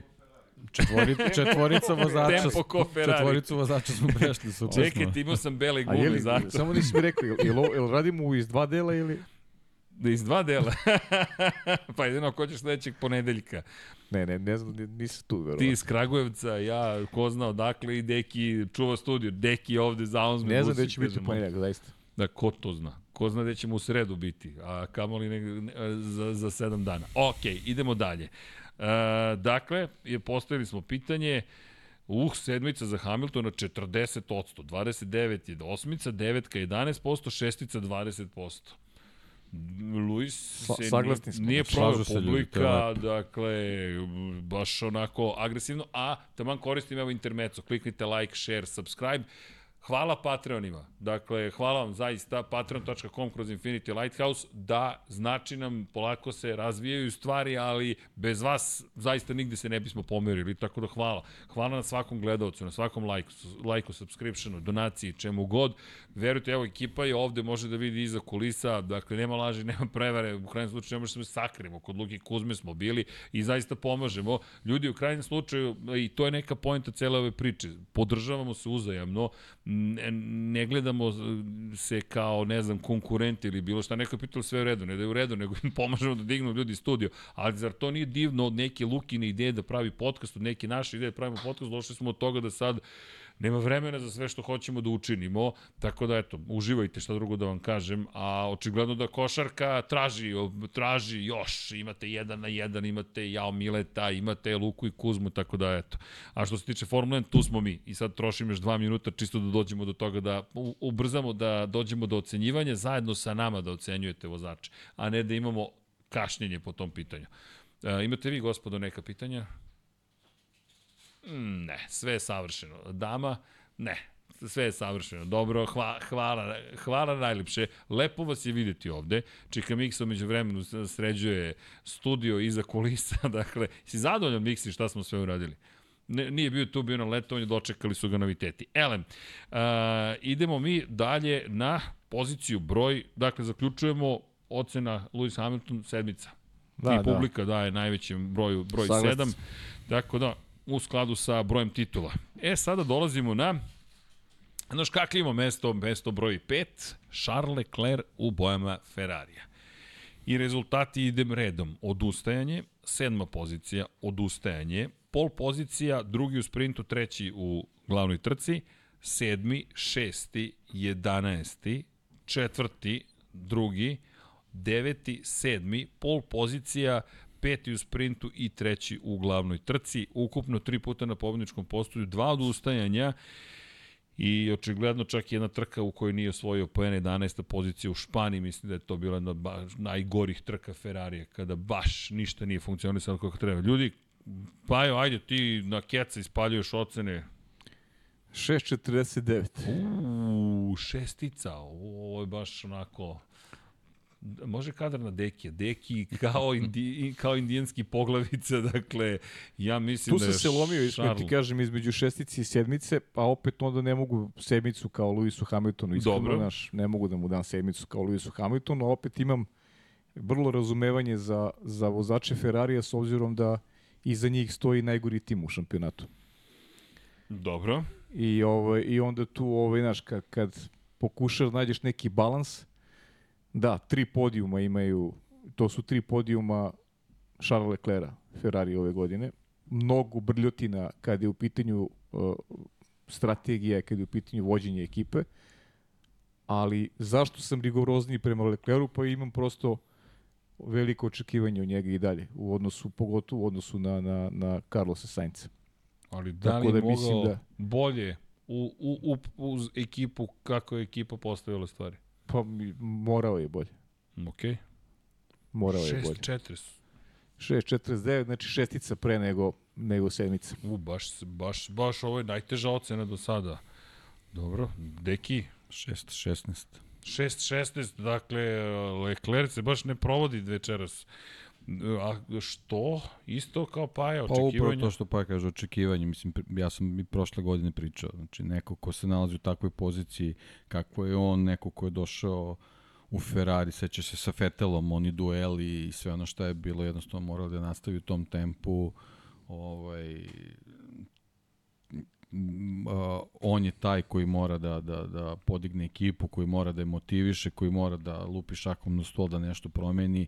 Ti jednostavno nisi vozač kad si u Ferrariju, ne možeš da se pomiriš time da samo dolaziš na posao, da radiš to šta trebaš da radiš, a da, da ne praviš neke korake koje na kraju krajeva tebi trebaju da donesu ovaj pomake u karijeri, tako da zbog svega toga i zbog tih ovaj, trka gde samo kad su, kad su pol pozicije nešto se napravi, a i to što se napravi nije adekvatno toj pol poziciji, jednostavno ne vidim, ne vidim šta drugo može da se, da se dodeli do ocene. Jer sedmica zbog nekih prethodnih ocena koje smo davali, jednostavno ne može da dođe uopšte može. po meni.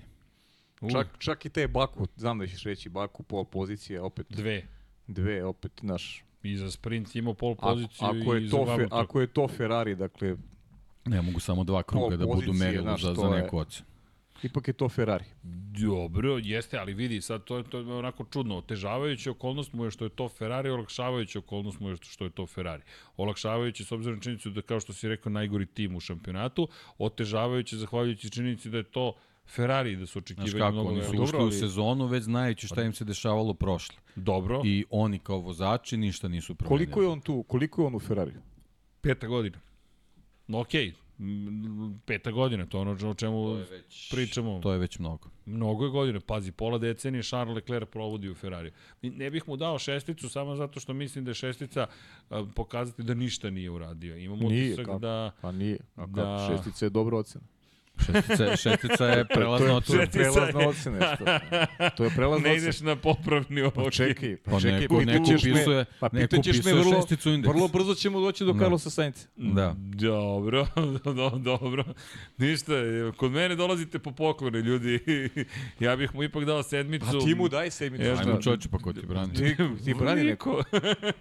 Ne, ne, bojiš, daj mu što hoćeš, možeš ti, ti ti mu daj, ti mu daj osmicu ako hoćeš, to je, to je tvoj mi daj, dajem sedmicu. poklanjam Ne, ja dajem Charlesa sedmicu, Leclerca. poklonjam mi je Charles, ali sad imaš prazninu na stolu. Evo, Pa uzet ćemo Alonso u Ferrari, imamo još jedno. šta god hoćeš. Samo dobro E, izdržljiv tako. ovaj Red Bull. Evo ti. Evo, dakle, ćemo, dobio evo. sam Charles Leclerc na poklon, ali evo, 1-6, 1 plus 6 i 7, ljudi, nema šanse. Dakle, ne, ne, daj mu sedmicu zato što u par trenutaka je stvarno bio Charles Leclerc koji je čekao njega. Možda je to malo, ali ajmo da pogledamo i sledeću Upravo to što situaciju. rekao, u par trenutaka.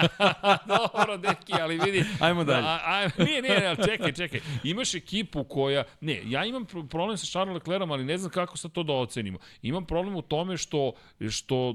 Ali ja ne znam da li on to sposoban sposoban, da li on to zna kako da uradi. Deki, ljudi, on je u najpolitički angažovanijoj, ne angažovanijoj, u e, najkompleksnijoj ekipi po pitanju interne politike koje može da se da, desi u Formuli 1. A dobro, i? Ali sam je to tražio. Ok, sam je hteo u Ferrari, ali on tamo Pa, ne može da se izbori. Mihael Schumacher je sam teo u Ferrari i Nigel Mansell je sam teo u Ferrari. Alan Prost je sam teo u Ferrari. Svi su oni sami Hteo hteli u Senna u Ferrari. Ferrari, ali došao, i nisu, hteo ali nisu Ferrari. svi uspeli. Pa, Alonso je hteo sam u Ferrari.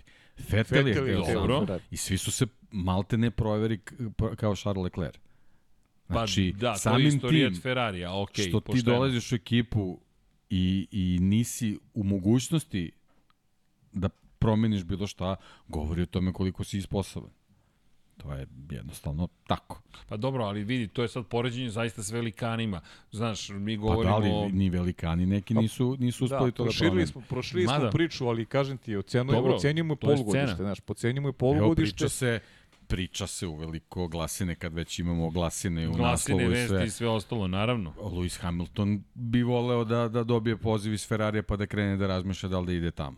Da li će on ništa uraditi? Šta, šta radi sa Mercedesom kad je potrebno da se razvija? Šta se smeješ? Samo ću vam reći šta sam vam rekao. Ja, ja bih volao to da se desi. Ja bih, I- znaš koliko i- bih ja i- volao? I da baš kažeš Pa šta ti sam ne rekao. znaš, pa ja bih napravio specijal koji se zove šta sam vam rekao. Šta sam rekao, dakle, bu, Ne, ne, ne, ne, ne, ne, i sam ti rekao. Ne, a, ali Pajo, ne, znaš šta moraš da uradiš ako Hamilton potpiše Šta? za Ferrari? Šta moram da uradim? Da nosiš crvenu majicu. Šta si napisao po neki dan? Kad Paja nosi crveni, si napisao? nisi, o, Kako si napisao ono? Ne, šta sam napisao? Da ne nosi ni na dan zaljubljenih. Na, da, da, u nekoj internoj komunikaciji sad priča se. Prvo sam nazvao grupu Partizanovci. Stiže mi protestno pismo od Dejana Potkonjaka. Kaže da nisi ti, ova grupa bi bila obrisana. Ne, Ali- nisi uopšte dobro objasnio, nemoj, ne Nemoj, znaš da nemoj objašnjavaš, ne znam nemoj da objašnjavaš. objašnjavaš. A dobra mi je priča, stani, dobra mi je priča, stani. Možda nije istinita, ali dobra je priča. Što kvariš priču istinom? Čekaj, neki, šta ti je? U svakom Aj, slučaju, ja. suština je da mi neki zamerio, čemu ti pričaš čoveče? Ne, ja bi nosio, ne stoji mi lepo crveno. Ajde, vidimo da li to otvara Pa evo, struku, su mi oči, rekli da mi kako ne ti stoji, dolazi da mi ne stoji lepo. Šta da Pa možda bi ti ten malo, znaš, popravila Pa eto, crvena. šta da? Znači, crvena, ni, ni Hamilton ako potpiše za Ferrari ne nosi se crvena. Kak ja vezim sa Ferrari i Hamiltonom, objasni mi. Ne vidiš kako nabacuje samo Da. da. Ne znam, ne znam šta bi ti rekao. da, da, ja, ali specijal pravimo. Šta sam vam rekao? Šta sam rekao? Šta sam rekao? Može, specijal 1, 2, uvek 3 može. ili 5, dobro. Da, u svakom slučaju, šta, šta kažeš Tračevi priča o tome da bi, da bih Pa- htio da dobije ponudu? Pa, tako Pa do, još, priča još nije potpisao za da, Mercedes. dobro, Nije da. potpisao za Mercedes, ljudi. Da. Ni Leclerc, Prolongira se to. Leclerc nije potpisao, mislim, ugovor. Priča se kao da je produžio, ali mislim da Nije nije još, potpisano. još zvanično uvek. nije. Dobro, a već se spominje da bi Carlos Sainz mogao da ode u Audi 2025. Da. već godine. Da bi zapravo Carlos mogao da To ode iz Ferrari. da, da, s tim što kao navodno to što se potpisuje neće biti čak ni, ni ovaj, neko pismo namere, nego jednostavno kao, eto, neko, neko obezbeđenje, sad vjerojatno pravno, ne znam koji su sad to stepeni tih Pa dobro, ugovora koje je je, moguće da. napraviti, ali to je u stvari čisto i poruka Ferrari. Pismo o namerama Da. ti govori u prilog tome da Ali su se da namere. kad smo, kad smo pričali stvar. o Audiju da si ti, ovaj, kad smo analizirali ko bi mogao, da smo spomenuli Carlosa Sainca kao nekog Pa koji zvuči- mogu tu snađi, ali on je pokazao neke kvaliteta vezane za te neke analize i, i ono što sam rekao i dalje stojim iz, iz, o, o, o, ovaj, iza toga mislim da bi bio možda u nekoj perspektivi čovjek koji bi mogao da se bavi nekim menadžerskim poslom u Formuli 1, da, da možda bude na kraju krajeva neki šef tima, stvarno je pokazao da, da, da ima taj neki pregled situacije, međutim ni on to ne koristi, ali sad da, da ne, ne preskačemo na njega, ali jednostavno Charles Leclerc svojim talentom Dobro, pravimo intermecu. a, talentom i onim e, načinom na koji je ovaj odskakao svoje generacije, a to nije prikazao jednostavno za ovu sezonu što se mene tiče, ne treba više ni da dobije. E, da odgovorim i na jedno pitanje i dobili smo i donaciju. Hvala za donaciju. Dakle, Sadam Mehmedović je donirao 10 evra. Hvala. E, mislim da smo imali još jednu i kaže veliki pozdrav za ekipu u studiju. Jedno pitanje. Da li vozači Formula 1 piju Red Bull pre i posle utrke? Jer svi nose boce Red Bull. Vodim diskusiju sa trudnom suprugom, moram da popustim. pa ovako, reći ću vam odmah za vozače Moto Grand Prix-a. E, Kada vidite bidon, obično je voda sa zapravo sa elektrolitima. Kada vidite limenku, to je Red Bull. Dakle, to vam je naj pouzdanije što mogu da vam odgovorim na to pitanje. Kada je Bidon u pitanju, to je baš bila diskusija u Moto Grand Prix, David Emmet je postavio to da. pitanje sa motometers.com, naš dragi kolega i prijatelj koji, koji baš vodi račun o sličnim detaljima i ispostavilo se da zapravo ne piju Red Bull, da. ali od tog momenta takođe to se zove popularno aktivacija, dakle šta to znači? Vršite neku aktivnost pred publikom koja vam pokazuje kako se taj proizvod koristi, da ne kažem konzumira. U slučaju limenki, u pitanju otvaranja limenke, čuveni zvuk pitajte Čikapaju, dakle, ko je pratio neki od prenosa, desilo se, nije bitno čiji proizvod je u pitanju, ali je pojenta da... Ne pijem to više. Da, da, više ne pije, to mogu da vam potvrdim 100%. Mada, boja mi je zanimljiva, ali dobro, to je neka druga priča.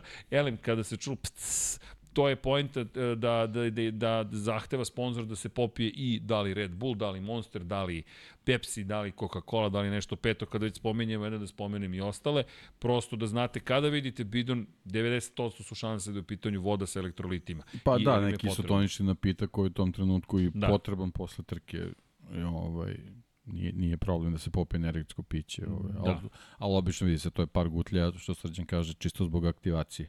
Bukvalno to je zbog aktivacije. Ima nekih vozača koji, pogotovo mlađih, koji zaista konzumiraju Red Bull, to mogu pouzdano da vam kažem, ali konkretno eto kada je reč o ovome, da odgovorimo baš na pitanje s obzirom na činjenicu da, da, da je vrlo konkretno i to, to pouzdano znamo za Moto Grand Prix 100%, za Formula 1 moram priznati da nismo još imali priliku baš da popričamo sa vozačima Formula 1 na taj način, ali eto, nadam se da smo uspeli makar koliko toliko da odgovorimo i da vidim samo pozdrav svima da li postoji indicije o ubacivanju trećeg vozača gde isti vozi samo određene trkačke staze u cilju odmaranja jednog od glavnih vozača. Ivan Božanić, čovjek koji je član 12 meseci, smislu? početnik. Pa, uh, na trci? Ne, ne, ne, nego da li će od, na primjer, odmarati vozača, to je da li će se voditi treći vozač, na primjer, kao rezervni vozač na nekim stazama umesto vodećih vozača. Ja moram priznati, prvi put to čujem. Isto, ne znam. Nisam čuo ništa slično, pri čemu sumnjam da bi to iko dozvolio, dakle, ne, jer nije pitanje odmora, dakle, oni imaju premalo kilometara i ovako. I Upravo to je poseban problem savremene Formule 1. S ovim promenama Oni su suviše malo automobil. Da, i to, to je zapravo veliki problem. E, niko njih ne bi, verujem, dozvolio zapravo da ne bude dovoljno u bolidu. A, samo da, da zaključimo ocenu po pitanju Luisa Hamiltona, sedmicu je dobio na kraju. Dakle, 38% sedmica, 27% osmica, 19% šestica i 13% devetka. E, eto, tako da znate. A što se tiče ovog pitanja, moram pristati da nisam čuo možda za neki drugi sport. Sad, Ivane, samo ako možete da nam, po, pa, da, da nam po, pojasnite, pa da, da odgovorimo preciznije. Uh, idemo dalje, ljudi, došli smo do Charles Leclerc, u, nisam stavio pitanje, mi se ispričali smo o Charles Leclercu, ja kao, uh, dakle, koju ocenu dajete Leclercu u prvom delu 2023. Dakle, šta, šta kažemo za Leclerca? 9876. Pa, pa ne, ja bi od osmice do petice, pošto ima i oh. ogorčenih Ferarijevih navijača. Aha, a može Deki testirao... Čisto da, pa čisto da vidimo da li je, Dobro. da li je zaista tako. Možda Ili ga voli. Mislimo da. i neki raspon možda, 9, 10, Pa može i tako, 6, da. da. Da, no, okay, mo, da. raspon će biti bolji. Raspon će biti bolji, ali Charles Leclerc u svakom slučaju, eto, ja mu dajem sedmicu iskreno na konto tih nekoliko trka u kojima je učinio stvari koje se od njega očekuju. Ajde, mi, možda sam samo baš suviše nežan prema njemu, ali zaista mislim da... Mažanje i paženje. Pa da, mazite se i no, pazite okay, se, nekako mi teško da mu dam, da mu dam e, šesticu, ali dobro. George Russell. Fin je dečko. Fi, pa fin je dečko. 99 pa poena, Charles Leclerc, pa i to nešto jest. pred, eto, makar, da, nije to ocenjivanje za trkanje, ali dobro. Pa ajme gleda.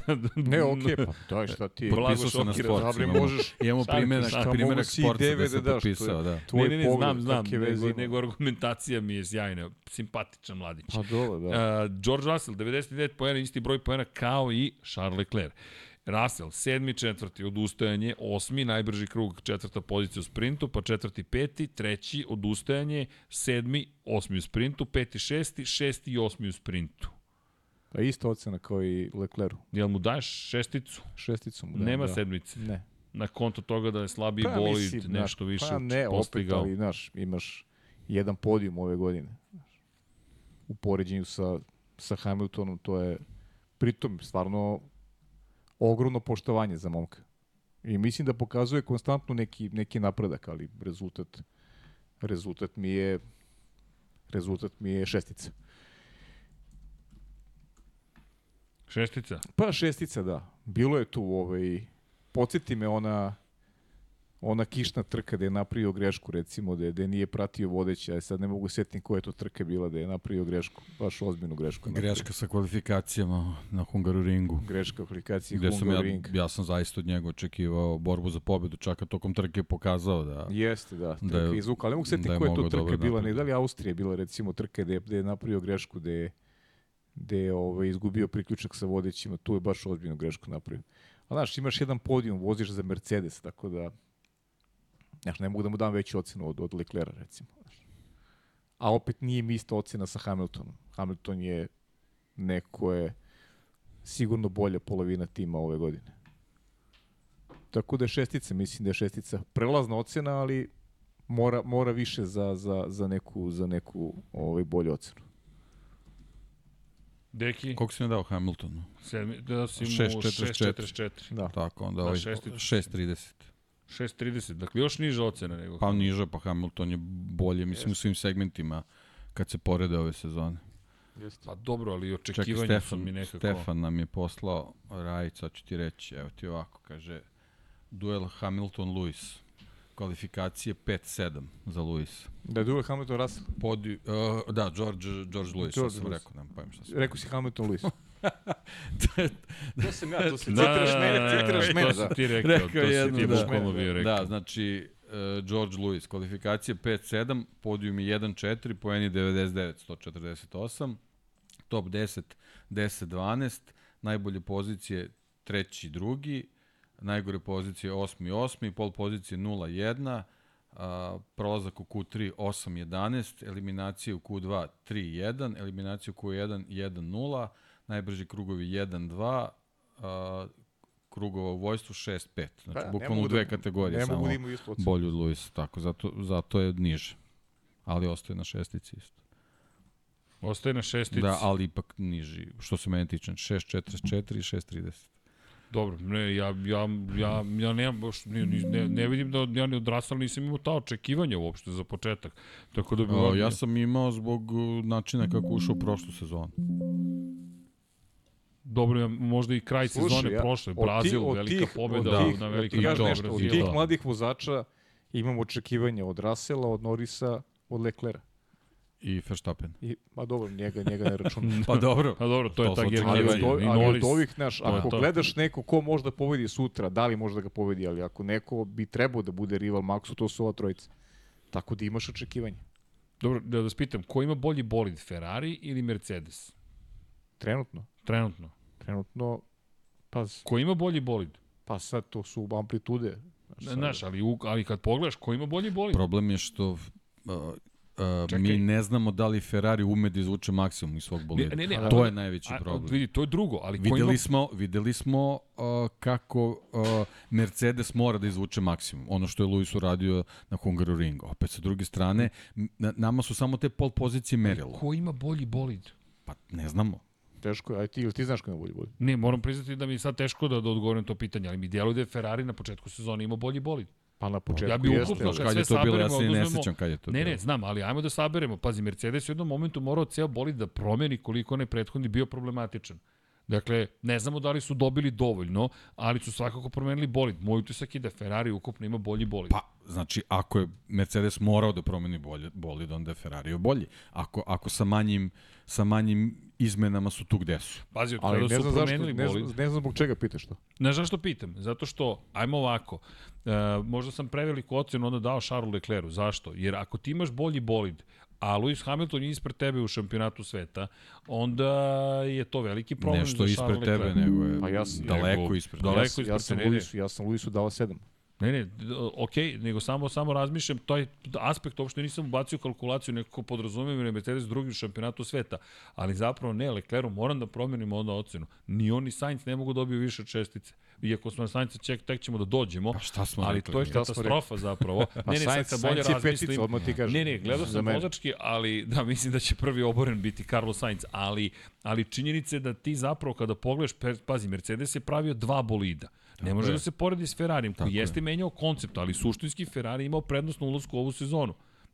Niko ne može da me uveri da Ferrari Kažem ti, nije bio ti, spremniji. ti zbog cele sezone kako se dešava, ti ne znaš kakve su ovaj, krajnje mogućnosti Ferrari bolida zbog strategije na trkama. Pa da. Ok, To je ono što je pričao Helmut Marko.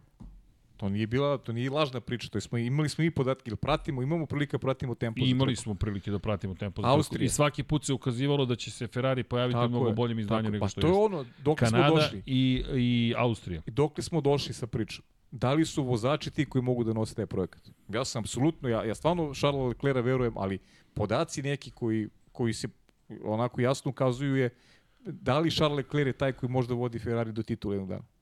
To je ozbiljno pitanje. Mm, pazi ovako, ako pričamo o šampionskoj tituli, peta sezona u Ferrariju, ti već moraš da budeš tu na tom nivou. Da li bi Max Verstappen Dakle, ne, i Lewis da Hamilton probam. s ovakvim Ferrarijem bili bolji? Bi. Ja mislim da, Ja mislim da bi bili konzistentni ja mnogo. I mislim da bi se bolje nametnuli ekipi. Zapravo grešimo. U Apsolutno. suštini oni bi se nametnuli ekipi i insistirali na Zamisli, nekim zamisli stvarima. reakciju Maxa Verstappena posle prve velike greške ekipe. Pazi, ovo je peta godina, Srki. Pričamo o Leclercu. Mm, to, smo, to smo spomenuli još pre, pre tri godine smo pričali kako godine čine svoje i kako je samo pitanje trenutka kada ćemo doći do magične brojke 5 i postaviti vrlo A ozbiljna Russell je pitanja. druga godina u Mercedesu. Jeste. Zato, zato moje očekivanja za Rasela nisu tako velika kao što su očekivanja Mo- velika moja su, za... moja su velika kad Russell je je u na budućnosti u prvom pitanju. sedanju Mercedes konkurisao za pobedu. Jeste. Kada je bio 2021. godine. Jeste. Ne, 20. 20. Da, kad je to vozio onaj umesto Luisa. čudesni bolid koji je možda jedan od najboljih bolida koji smo ikad... ko- Šta to beše? W11? Jel To, to Mm, je dobro? 11-ica, Jeste, W11-ica sa DAS sistemom, Double Axis steering, da, zapravo sistem koji su imali na prednjem kraju. I da, bio je konkurentan, bio je bolji od Botasa, čak A je šta imaš pretekao problem, Botasa imaš tamo u problem petoj sa krivini. Russellovom šesticom ili... Pa ne, nekako, znaš kako, nisam očekivao pre, toliko od Russella ove godine. Očekivao sam da će ga Hamilton pobediti. Ovo je ispunjenje dobro, ali- mojih očekivanja. Nije, Ali šta ti nije znači? ne Šta ti možeš kod govori? takvih, kod takvih vozača da imaš očekivanja u amplitudama. Očekivanja samo trebaju da rastu. A šta imaš, Oni kak, su sa svakom sezonom sve iskusniji. kak je ti problem s ocenom onda, šta? Pa ne, sedmicu bih mu dao. A, pa Šestica dobro, mi pa. nekako preniska. Možda je samo utisak moj, ali kao da... Ja samo ne mogu da mu dam veću ocenu od Luisa. Da, da, upravo Samo si, sam nema- zato odmerio. Ništa Da, da, da, ne, ne može, ne može nikako. Mora da dobije šesticu. Zapravo, ali onda moramo A da... očekivanja su mi iste i dalje. Au, pa ne, ja ću sad što tek sam da oborim. Leklera. Ozbiljno ja ću sad da oborim Leklera. 6-16. Sad sam se iznervirao zato što Ne, ne, ne, Nema, ima, nema, ima nema da ga oborim. Znači, Nema bolje roditelji da su došli na vreme. Evo, obzirom- nema, evo, kaže, nema, nema vraćki. Nema, šta... nema, nema, nema nikakvog A vraćanja. pritom, mislim, znaš, i što bi go Šta ti borio u krajnjem slučaju, znaš, ti sad... E, Ne, nešto, punjač Imao, za, za računar. imao je i tamo, prilike da neke sobu. potencijale Mercedes iskoristi nije. Mislim, Russell ima tri podijuma. Ne, ovo je... Uh, ovo je Leclerc ima tri podijuma. Mislim, zašto što bi go barao? Ima tri podijuma. Dobro, upravo si. Pa evo, Znaš, pa imao, zboriš. imao i Russell neke prilike koje nije iskoristio ove godine. Dobro, da smo kada malo se provuče za, na to, ali znam, sad se tek iznervirao kada sam shvatio da su imali bolji nije, ali nije, nije Ferrari imao, ne znam, Space Shuttle, nego imao je... Dobro, ali ne može da dozvoli nešto- da, da tim, izvini, koji, koji pravi kompletan novi bolid, bude na kraju dana toliko uspešniji od tebe. Pa da, ali... Ti ali, pogledaj ali, ko- koliko je razlika u poenima. Ali šta, je- koju je razliku pravio na početku godine? Sigurno bi Fer, da nije bilo Aston Martina, sigurno bi Ferrari imao više ovaj, podijuma na početku godine, kad je Mercedes bio loš. Mercedes je podigao formu u, u trenutku kada je Aston Martin potpuno pao. Jeste, za Da li će Aston Martin imati do kraja godine podijume uopšte? Veliko Pa da, ali šta ti to govori? Znači da Ferrari samo preko zime odradi bolid, inicijalno je bolid bolji da apsolutno kad krene e, prilika za razvoj odu na stranu puticu, nemaju pojma gde treba da To razvijaju to, bolid. to, je, to je već godinama, to je A već tu, godinama. tu vozači trebaju prilično da učestvuju, jer njihovi, njihovi bi inputi su ti koji trebaju da dovedu do toga da se, da se bolidi razvijaju u pravom smeru. Vraćamo Ali da ne širimo Ferrari. sad opet. opet Ne, ne, ne, nećemo da vratimo se- širimo zato što Da, odo smo, odo smo u Ferrari. odo smo daleko. A imamo A, još jednog vozača. Kaži sedam, Russell, sve okej. Uh, 7 Russell. Dajte mi 35 sekundi, pošto neću moći publici ništa više da odgovorim. S obzirom na činjenicu da je te, ekran trenutno uradio Ajde. kao Ništa, nastavljamo mi dalje. Pa... a, letnji dan za... Ali moraš, Dobro, moraš da se A šta je- priključiš, čekamo te za sledećeg vozača. Ko je sledeći vozač? Sledeći vozač je Carlos Sainz. Carlos Sainz. Pa eto, ja sam rekao, rekao sam malo pre, što moja ocena za Carlosa Sainza, petica. Pet, nešto neka bude, ali pet je. Ovaj, nijedan podijum, Nijedan podijum, uh, završio je dve trke, samo nije završio u bodovima, sve ostalo je u bodovima, ali to su, znači četvrto, u stvari ima četiri peta, jedno četvrto, četiri peta mesta, uh, jedno šesto, u sprint trkama je uvijek među osvajačima bodova i to je otprilike da, to. da, ništa. Mislim, To je to, da. za vozača Ferrarija preskromno, jako neke stvari ove godine komentarisali smo i kroz trke, Ali on Ferrari- samo sed, sedam bodova manje od Leclerc ima. pa da, ali Da. ok, on imao, on je, pa njega je sada Leclerc prestigao na posljednjoj trci. Da, On da, je bio zbog, zbog on je bio tako je, konstantno tako je. ispred, ali- Da, Kažem ti, nijedan Ferrari podijum mora se podrazumeva i nije, mislim, tako je. oni nisu isti rang vozača prosto i to je to, mislim. To, to su sad one greške Ferrarija prošle godine. Mnogo puta smo pričali o tome, Leclerc, uh, Sainz nije prosto taj taj kapacitet, iako je, su neke stvari ove godine kroz trku je možda Ferrari mogao da mu da određenim situacijama prednost kada pričamo izvoru pneumatika, dinamici trke koja možda njemu mogla da odgovara više skodno nekoj taktici, ali generalno gledano ovaj, ova godina Sainzova je i, i slabija nego prethodna, tako da bojim se da tu podijuma do kraja godine teško će i biti, generalno. Duelima, ono što je meni, pogotovo u njegovom, njegovoj situaciji, ti dueli onako vrlo problematični i mislim da nije ni ta slučajna priča već vezano za, za Audi da to polako ide u tom smeru da, da, ovaj, da on neće ostati. ovaj. Znaš kako ide kod Ferrari, kod Ferrarija kroz istoriju.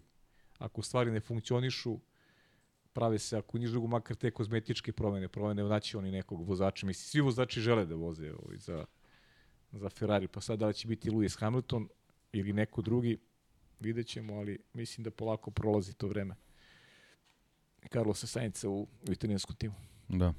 Ja sam hteo da mu dam, da se igramo ono kao brojeva, da mu dam 5.50, međutim to već vuče na šesticu, mislim da. Da. je to mnogo, tu se slažem isto s tobom, to je onako više, više od petice generalno ne može da dobije pre svega ono što smo pričali zbog tog početka sezone gde gde ovaj apsolutno nije bio na nivou tog bolida koji u tom trenutku mogao uh, nešto nešto više da u, da uradi ovaj Samo da se Pozdrav. Pozdrav. gospodo, laka noć. laku noć Ćao, momci. Ovaj, tako da jednostavno što Paja kaže kad si, kad si u, u ekipi takvog renomea moraš da, da i, i taj teret nosiš uh, na svojim plećima nažalost njih, dvojica ove sezone jednostavno baš, baš su onako u, u raskoraku sa ekipom. Raskorak je sve veći ovaj, iako se očekivalo da će s promenom šefa tima nešto se promeni, nažalost, ovaj, stare neke boljke se još ovaj, ispoljavaju i tu postoje neke glasine da, da Ferrari, to jest Vaser, radi ovaj, nekoga je čak poredio sa Žanom Todom, ovaj, koji je žarko želeo u svoj, svojim redovima Rosa Brona i Rory Birna i to nije baš uspeo da uradi u prvoj sezoni kad je došao, nego je bilo potrebno da prođe dve, Da, tri sezone se da bi se taj tim okupio Zaboravlja, tako je. navodno sad sad je isto isto je priča da ovaj Ferrari radi na tome da dovede ovaj dvojicu iskusnih inženjera iz nekih nekih drugih ekipa koji su inače veliki prijatelji, pa da je to neka veza. Ovaj tako da verovatno će Vaser dobiti odrešene ruke da da to i uradi u, u, u sezonama koje slede, verovatno od 25 ili 26. ali već ove neke najave za ovo potpisivanje nekih, da ih nazovemo, predugovora ovaj, govore da, da Sainz neće bi, biti deo te priče. E, inače, kada pričamo o eri Žana Toda, Žan Tod je započeo svoju karijeru zapravo u momentu kada su Gerhard Berger, Žana Alezi bili tu i nastavio je sa Žanom Alezim Da. i Gerhardom Da, Bergerom. i John Barnard je bio kon, glavni konstruktor tima. Da, oni su 1994. proveli zajedno, 1995. su proveli zajedno, tek 1996. godine stiže Schumacher i čak nije odmah stigao sa njim Da. Birn, Da. niti je odmah stigao Da. Bron. Vozio Dakle, se Barnardo bolid 96. Tako je. Ali Schumacher te godine već zabeležio pobjede. Jeste, i to ne da je zabeležio pobe, pobede, da. je zabeležio. E, ali to je ona priča i o Sebastianu Fetelu u prvoj sezoni u Ferrariju. Isto je imao pobede u nekim vrlo važnim momentima i gde baš je delovalo bajkovito. To je ono što trenutno nedostaje. Ali pazi, Charles Leclerc je započeo bajkovitu svoju karijeru vozača Ferrarija. Dakle, trka u Bahreinu, odustaje, ne odustaje, pada na treću poziciju jer mu cilinder pre, prestaje da funkcioniše. Potom beleži pobede, te godine malo nije imao tri za redom, sve to deluje tako savršeno i onda negde nestaje. A apropo priče o Frederiku Vaseru, da, dosta priča se o tome, pa navodno je ponovo pokušano da se i dovede Adrian Newey, ali nije bilo na kraju šanse nikakve da, da se pomeri zapravo iz svoje baze u Milton Nije Keynesi. samo je nju, to. Moram, moram da samo pronađem da provam da pročitam kako se zovu, nisam uspeo da... Jo, Nju je sve počinje, čovjek Da, je da, pa koji... dobro, mislim, svi bi hteli Njuja u svojim redovima, ali pitanje je šta Njuj želi, to je jedino što je, što je Pa bitno. meni deluje da on Da, dobio šta vidimo, želi. da, pa naravno. Tako je. Tako Dobio je priliku da dokaže da može da stvori ekipu i bolid ni od čega. Dobio je priliku da kroz saradnju sa Astonom Martin, Aston Martinom radi na super automobilu, na hiper automobilu sada da rade. Dakle, nema šta ne rade. U, u suštini on je dobio ispunjenje svojih snova i kada pričamo o njemu how to build a car, nije samo pitanje kako napraviti bolid Formula 1, već generalno kako dizajnirati neki bo, neko vozilo na četiri točka. U, u svakom slučaju, što se tiče Carlosa Sainca, ajde da se nadovežem na tu priču, mada čekaj da vidimo ovde ocenjivanje kako je palo.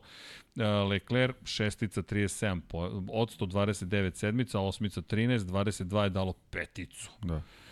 Dobro, 316 glasova, ovde mislim čak bilo najviše glasova od svih vozača. Eto, da, opet, znači, usaglasili smo se oko te šestice. Da, a, koju ocenu dajete Russellu?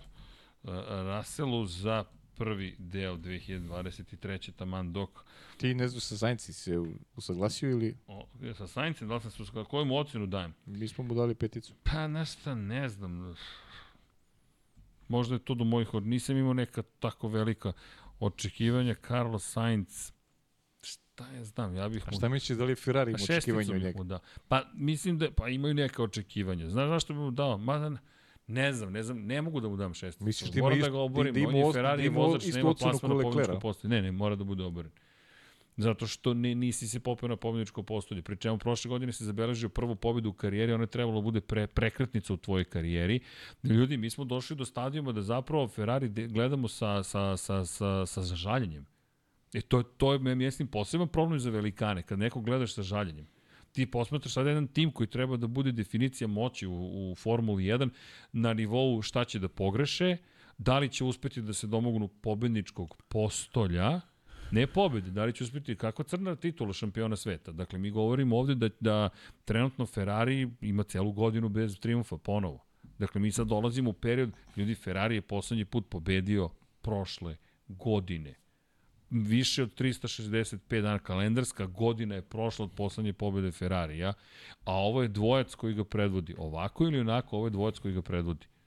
U pravu ste, mora mo, petica. Ne bih čak ni ne delio po decimalama. Odličan pet. Pa ne, jednostavno se slaže se neki s tom 5-5, ali ne može.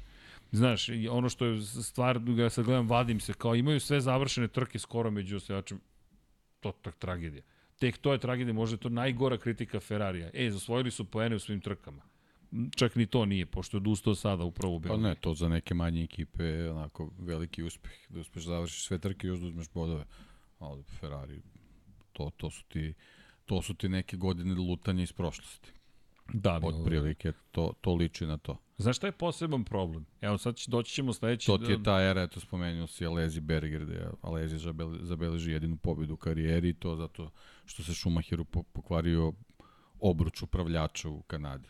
Znači, bukvalno da. ne, bi, ne bi zabeležio ni jednu pobedu, došao čovjek u Ferrari kao budući svetski šampion u trenutku kad ima po- ponudu Williamsa. Da, Da. da. otišu Williams, ne bismo pričali ni Nigelu Mansellu, ni... Pričali bismo možda o eri francuskih voza, Da, francuskog U principu, vozača. Mansell je bio iznuđeno rešenje zato što je Alezi odbio Pa, ponudu zato Ferrari. što, ne, zapravo je Alezi potpisao oba ugovora je Tako je, potpisao. tako On je je, potpisao tako ugovor je. i sa Williamsom i sa Ferrarijem, pa je Tako Ferrari je. morao da otkupljuje taj ugovor od Williamsa jer je Ferrari silno želeo da dobije je. Žana Alezi. Ja? Znači, Alezi ti je otprilike nešto poput Charlesa Leclerc u tom trenutku. ogroman talent koji je u inferiornom bolidu pobeđivao Ayrtona Senu, to jest borio se protiv Ayrtona Senu, ogromna zvezda, sećaš se Tir, Tirela i Kako se ne. Galebovog krila i tako dalje i tako dalje i onda ovaj umesto to to su te odluke karijere znači umesto da ode u Williams kad se pojavio pojavila ponuda Ferrarija brže bolje je prihvatiš i završiš praktično i karijeru sa, sa jednom pobedom u Ferrari. Pazi, Charles Leclerc je prošle godine imao svoju najuspešniju sezonu u karijeri, bio je vice šampion. To je najuspešnija sezona njegovog karijeri. Čak ni ta u kojoj je došao do, do, do Pa zato sad te ocene 2019, koje su da. sad dobili upravo su zbog toga, zbog te prošle, prošle sezone gde smo više optuživali ekipu nego njih, ali smo uporoza, upozoravali da oni moraju da preuzmu stvari u svoje ruke ako misle nešto da E, ali to je pa, izvini, počeo da radi ove godine. Kad si pre par trka, pre mo- možda i dva meseca si rekao, Srki, sve je to super, Ferrari, Ferrari, Ferrari, strategija, gume, levo, desno, ali šta ćemo s vozačima? Ma ne, ali ekipa ostala na istom, Da. A oni su loši nego prošli. godine. Eto, ostaje Ekipa ta nada da, znaš. da, da Vaser Da. stvarno nešto radi. Evo, pronašao sam među vremenu ta imena, izvinjavam se, nisam mogao, mogao da zapamtim. Znači, ne samo da su glasine, nego navodno već, već je jako blizu potpisivanju ugovora. A, od 2025. u Ferrari bi trebao da dođe Loic Sera, koji je direktor performansi u Mercedesu.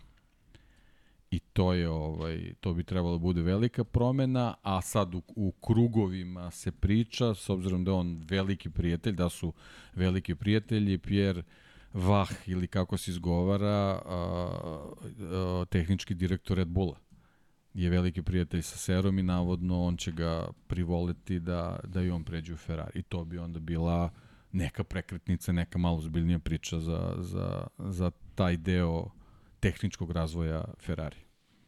Pa dobro, neophodno im je odlazak Matija Binota, mislim da ne treba poceniti po tom pitanju. Matija Apsolutno. Binotto je bio čovek koji je zapravo poznavao Ferrari iznutra kada je reč o razvoju tehnike i tehnologije. Još od tog perioda zapravo on je konekcije sa Žanom Todom i celom tom grupom ljudi koji su digitalizovali Ferrari, promenili način na koji se razvijaju bolidi, način na koji se radi na tim bolidima. Imali su uspehe i ispone padove, ali činjenice da je, da je Matija Binotto bio tri decenije u toj ekipi. On je bukvalno 93. ili 4. član Ferrarija. Dakle, mi govorimo o 30 godina iskustva, kakav god da je bio kao šef ekipe, ti si sa njim izgubio gro znanja. Dakle, ili možda način na koji se neke stvari rade. I kada je reč o motoru, daleko toga da je Ferrari uradio tu loš posao. I dalje kada govorimo o nedostacima, Honda je naravno uradila super posao sa Red Bullom, ali Red Bull na nivou aerodinamike je taj koji je pobedio.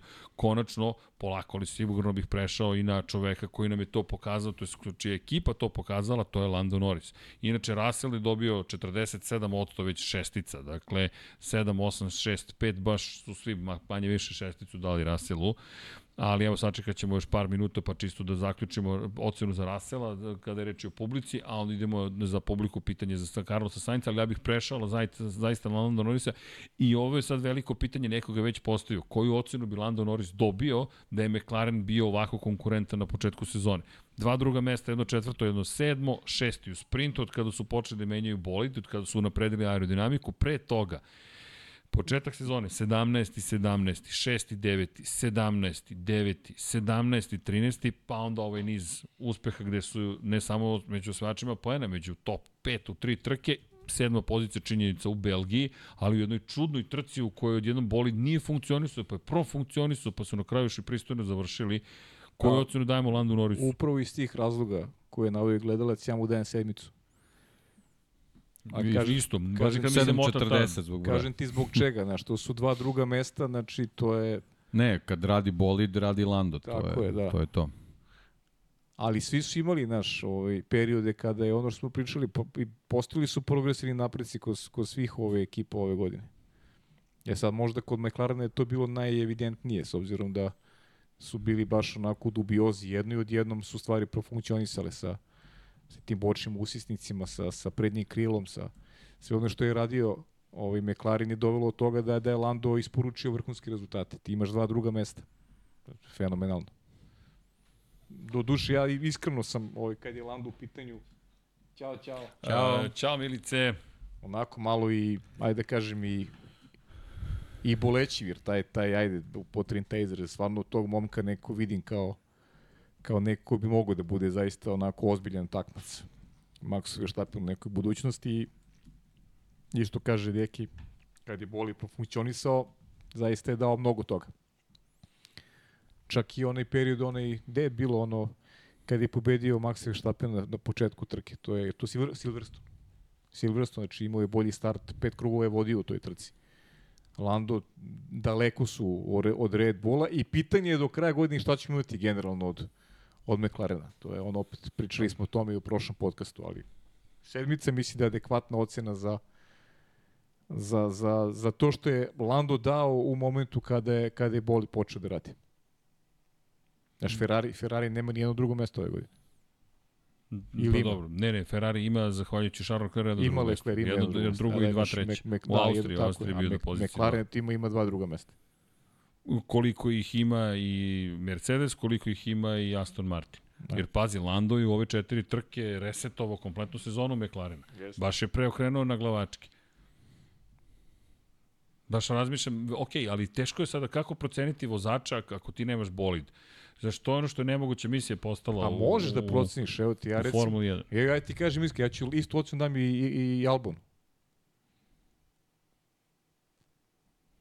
Dobro, iako čovjek se nije popao na pobjedičku. Iako čovjek nije ni blizu podijuma. Ali šta vozi Alex Albon? I Ali šta izlači iz tog bolida? I šta izlači i kako ekipa funkcioniše, šta ekipa radi u, u bolidu koji, koji nije ni blizu onoga što ima recimo što je imao McLaren u jednom delu sezoni, što imao Ferrari, što imao Mercedes. Pa dobro, ako kažemo da je timski sport, pa nose sudbinu zajedno sa svojom ekipom. Apsolutno. Svi zajedno moraju da budu Jeste, tu ocenjeni zapravo. Je. Ne možemo samo da odvojimo tim od vozača. Možemo da posmatramo šampionat konstruktora, ali oni moraju zajedno da snose svoju sudbinu. U krajnjem slučaju ono što si ti rekao, za, oni za mene, su razvijeli za taj bolid. Za mene Albon je jedna od najlepših priča do sadašnjeg dela Jeste, sezona. Pazi, 13. u šampionatu, čovjek koji ja, otiš, otišao sam daleko, ali ti kažem, eto, naš, okay. nije sad samo bodovno, gledaš, pocenjuješ po bodovima, ne, nego pratiš i šta Albon se je dešava. čovjek zbog kojeg Red Bull treba, eto, da, ako, ako analiziramo njihove odluke u prošlosti, Albon je čovjek gde treba se zapitaju da li je treba da dobije otkaz.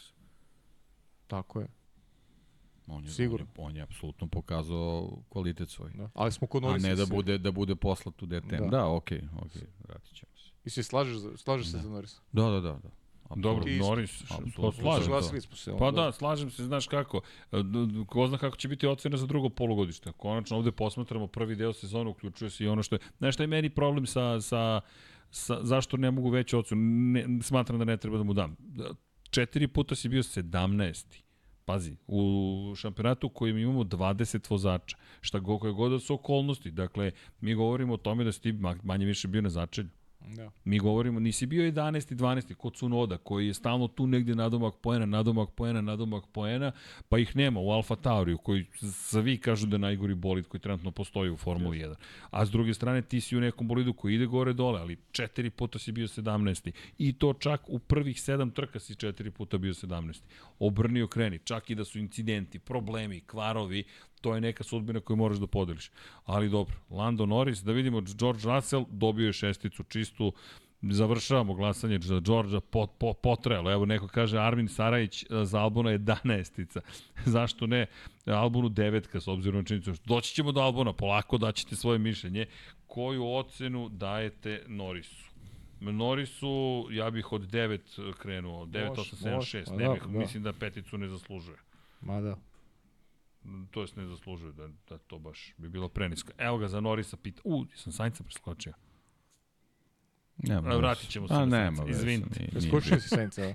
Preskočio sam. Zato što da mi nešto dugo trajalo za Russell. Da, pa dobro, ali ne, ne, mislim, da. okači za Sainca, mislim, ne, staviću, znaš, publika učestvuje, on, znaš, da, da ne preskočimo. Da, da, da, pogotovo vozač Ferrarija, baš nema me zanima. Smisla, da, da, nema, nema nekako Baš me zanima kako Ferrari ne jače. E, vidi ga Norris, osmica, ipak je Norris... Uh, pa Lando je Lando. Lando je Lando. E, Lando je najveća. E, ste ga vidjeli na MotoGP-u? Da, da, da. da. Ne, najbolja mi scena. Pa vidio sam, pa bili su vidio sam i Pjastri, Pjastri bio, da. Vidio da, sam i Pjastri. Ali jeste videli... Blizu su.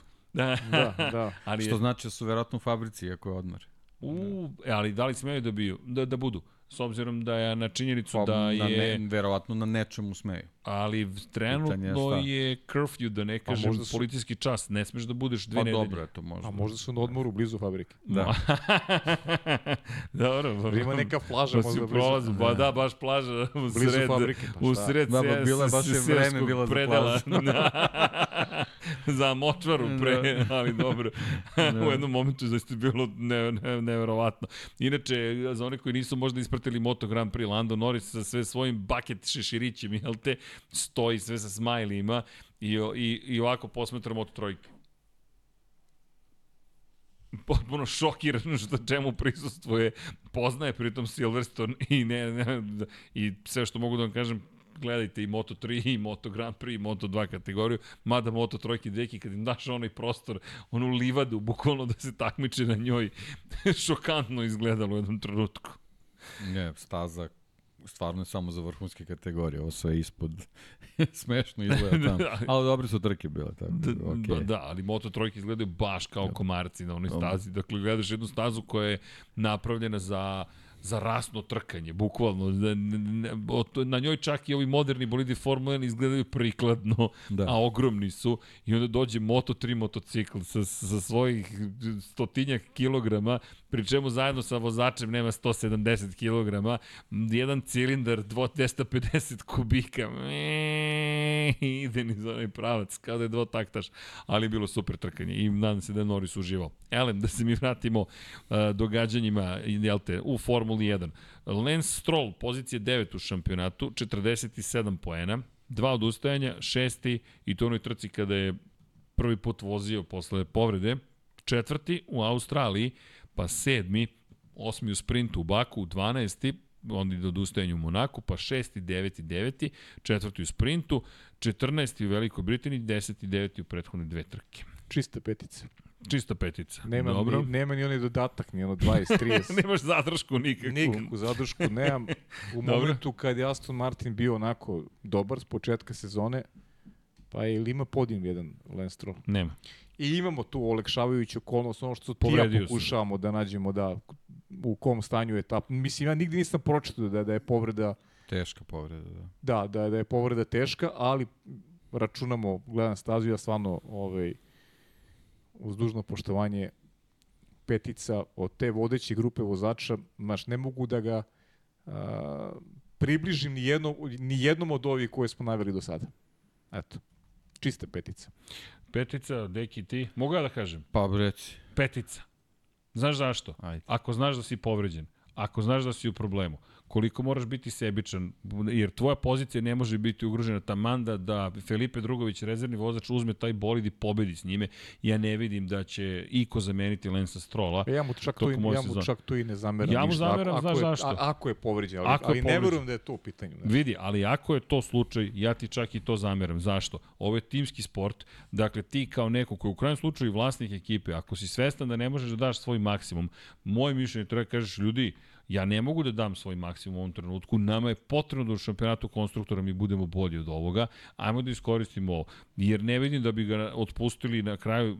Ja ga ne bi otpustio koliko god da je loš ili loš, nije loš ako sam vlasnik ekipe. Dakle, imaš jednu poziciju koja je relativno bezbedna. U krajnjem slučaju, ko kaže da bi Filipe Drugović odmah bio toliko brzo i uspešan u Aston Martinu, to su neke naše pretpostavke, mi ne znamo. Da, i samo da, ali... da, da napravim jednu ogradu samo, zato što mnogi, vidim da, da mnogi pišu to.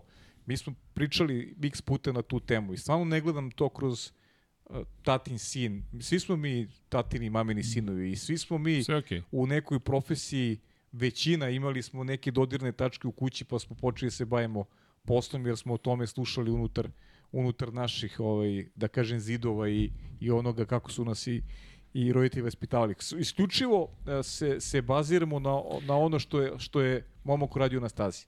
Nema veze što mu je mi, ne, ne, mi to, se neka to šalimo na to. Nema veze što mu je e, tata vlasnik ekipe, ukoliko je on kvalitetan vozač, sve je super, Tako je. sve je to okej. Okay. Međutim, on, on dečko, pogledajte samo raspon rezultatima između Fernanda Alonsa koji ušao u petu deceniju života i neko ko sutra treba da bude, ne znam, neka budućnost Formula 1. Prosto sve, kosi se sa, sa, sa nekom, nekim, znaš, zdravom logikom, sa, sa, sa onim što, što treba. Preto taj Aston Martin je ozbiljno napredovao kao ekipa. Jeste. Zamislio su imali nekvalitetnijeg vozača s početka godine, šta su mogli da naprave sve? Taktički šta su mogli da urade?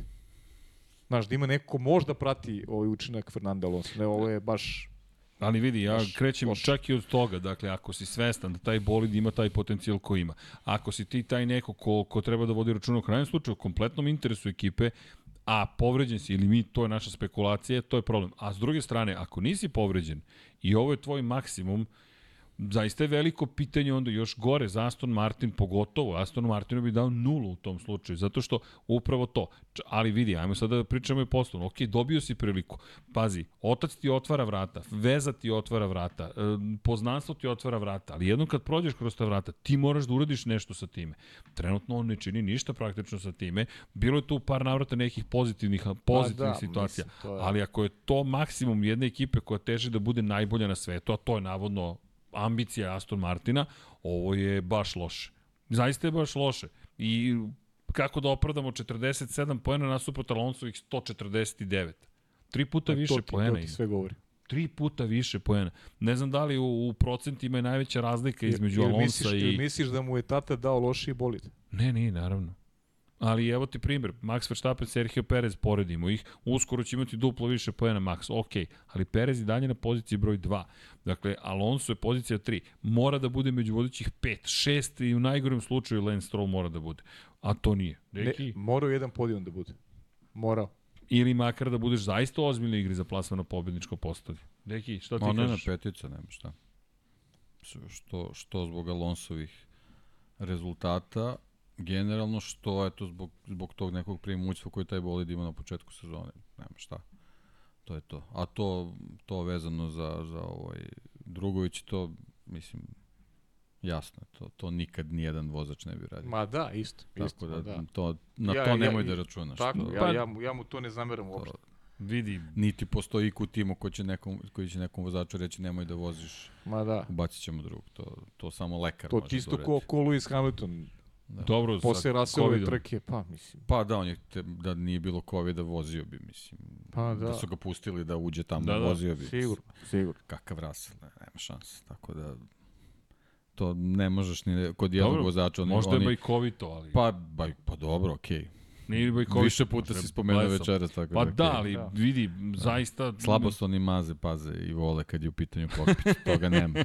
Možda za neke druge stvari, za kokpit nema šanse. Dobro, to je. Apsolutno ne. Nije neočekivano, ali opet, Apsolutno ne, ali generalno opet vraćamo priču. Žao mi je što što Drugović baš nikakvu priliku ne dobije na testovima jednostavno. Da, da. dobro, videli smo ga Tamo, cijel jedan dan. Da, Ne, dva dana, dva Da. dana od četiri. da, lepo mu stoji ona zelena košulja, da. Ja se bojim da, da. Da. da, je, nažalost, to ćor sokak. Ali, kako god Lance Stroll, evo, zatvaramo Petica, glasanje petica, za, za Norisa, moramo da ubacimo Sainca, ne zamerite što sam propustio. Da, Koju pa, ocenu dajete Saincu? šta je bilo s Norrisom? Prvi de... Kako? Šta je, kako je prošao Norris? E, Norris je prošao osmica 38 od 100, sedmica 34 od 100, devetka 16 od 100, desetka 6 od 100. Dobro, znači, lepo. Više vuče ka, ka, ka, Kao osmici. ka osmici. 8, 7, uh, Sainz 8, 7, 6, 5. Da, da. Dobro. Evo, pitanje za, Sainz, za Carlosa Sainca je već postavljeno. Uh, Lance Stroll 9. 10. Esteban Okon, 35 poena za Esteban Okona. Uf. Jedno pobjedničko postolje, dva puta osmi, ne, četiri puta osmi, oprostite, jednom deveti, dva puta 14, jednom 15, tri odustajanja. Ne znam šta da radimo Mnogo, sa, sa, mnogo, mnogo nezgodan ovaj. E- Esteban Okon mi je najteže iskreno ti kaže za, za oceniti, jer taj podijum je u okolnostima vredi. mnogo vredi. Ne da vredi, nego mnogo vredi. A opet, naš, ovaj... Znaš, ne možemo kažu da nemamo očekivanja od Okona, ono, ono što ti Pa od voliš da potenciraš. generalno. Znaš. Tako da se lomim između šestice i sedmice, pravo ti kažem. Naginjem ka toj sedmici zbog tog podijuma. Ali je bilo zaista i mnogo problematičnih trka i Sad si mi iznenadio, očekivao sam da ćemo dati ili pet ili šest. Ne, ne. pa ne mogu da mu dam pet sa podijumom. Da, činjenica. Kako daš pet, nekom ima podijum. On je poslednji inače koji ima podijum od onih koje ćemo nabrati večeras. Pa da. U prvih deset su samo oni koji su se popeli na pobedničko postolje. Posle ovoga malo i poena. Pravo si 6.40 u stvari. Šestica. Šest Ipak dakle, šestica, za da. Ipak šestica. 6.31. Da, 31, da, neki juri, juri brojeve. Da, da. Da, isto, moram da, koliko god je veliko pobedničko postolje, znaš, sve ostalo je bilo baš problematično. Mnogo uspona i padova, ali opet Pa mislim da deli sudbinu sa, sa Pa Alpinom. deli, da, mislim, Znaš, on je, ali samo, da na, na, na šta je, ti kad pogledaš Okon, on ima svake godine neki vrhunski rezultat u Alpini, znaš. Vrhunski rezultat i četvrto mesto. Mislim, i to je vrhunski rezultat. Za stanje u kome je Alpina. A očekivali smo više. E sad, da li će se tu, šta će se tu promeniti sada? Ljudi, vi znate šta se dogodilo? Ko je... Stvarno nisam pratio ovo kako smo... Imaš privremene, privremene članove ali, ekipe. ok, privremene, ali znači još ništa nije, nije zvanično. A još. dobro, ali ovo što Srđan kaže, trenutno su zaključeni, tako da sad, Pa da, da. sad nije ni bitno. E, Pa ono, vidi, ali, ali ljudi, ajmo Mislim, ovako. nije bitno, bitno je naravno i rade na tome, ali, ali nema ulaska u fabriku, tako da...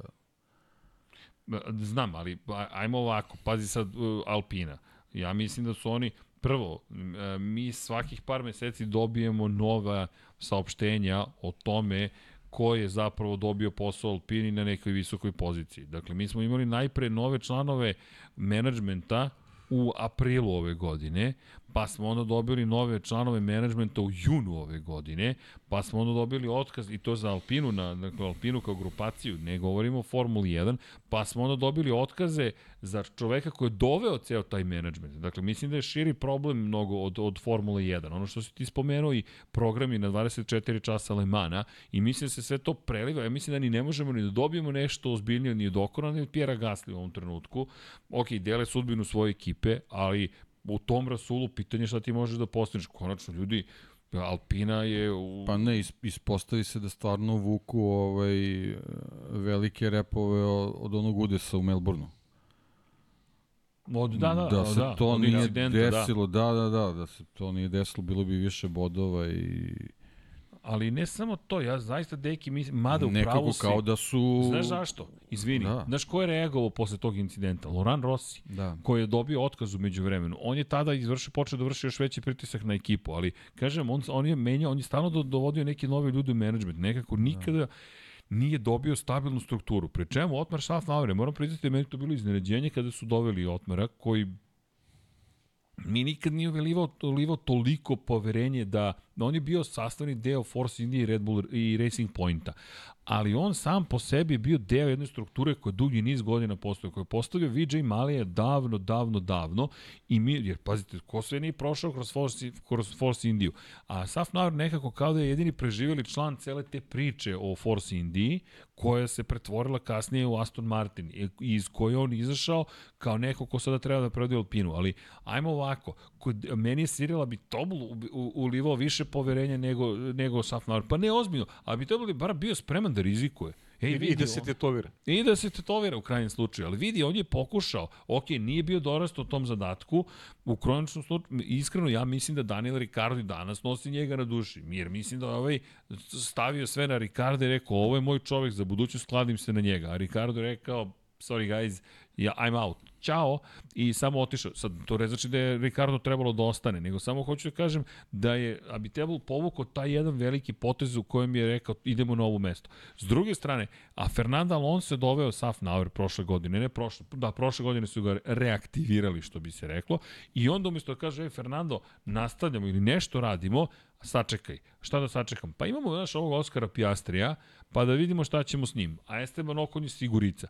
I onda Fernando koji dobija poziv o kom smo pričali kaže I'm out, ćao, a, ć, bukvalno, i onda dolazi u celu tu priču Oskar Piastri i kaže, pa vi ste zaboravili da produžite ugovor sam, to je da iskoristite klauzulu ugovoru, istekla je vaša mogućnost da me uopšte zadržite u svojim redovima, i onda Saf Naur koji, izvini, ako si ti izvršni direktor, ako si ti menadžer ekipe, pa moraš da podneseš neku odgovornost za to. Meni su ovo sve njegove brljotine, a onda dobiješ Lorana Rosija koji među vremenu oterao Alana Prosta, koji je doveo Davida Brivija, ne znamo ni zašto ga je doveo iz, iz Suzuki, iz Moto Grand Prix-a, i dobiješ jednu ekipu koja zapravo ne znamo ni, ni, ni gde ide, ni šta hoće, ni šta neće. Pri čemu ima i taj moment, dakle, kada je BVT bio sponsor Aston Martina, nisu dobili roze boju. Ja, izvinjam se, ali to isto nešto znači. Dakle, u toj ekipi je neko rekao, spremni smo na kompromise. Aston Martin je rekao, možete logotipu negativno, na zelenu dobit ćete belu, log, be, belu boju i to je to. E, Sve su meni to neki detalji koji mi govore da ti, koji treba da izgledaš premium brand za Renault, si doveo to do toga da je, ej, ako imaš dovoljno para, pa obući ćemo se u, u, u naranđasto ciklama, zeleno, drečavo, brown, nemam pojma da to postoji, žuto. Nešto ne može. Ako ti vodiš račun o svojoj robnoj marci, ti moraš da imaš svoju boju. Tvoja boja je plava boja Alpine, ona je prepoznatljiva boja. Ti, iz, možda ja preterujem kada posmatram te stvari, ali zaista mislim da moraš da vodiš računa o, tome. I ti si rekao zapravo, ne, nama je okej okay da budemo i u nekoj potpuno drugoj boji.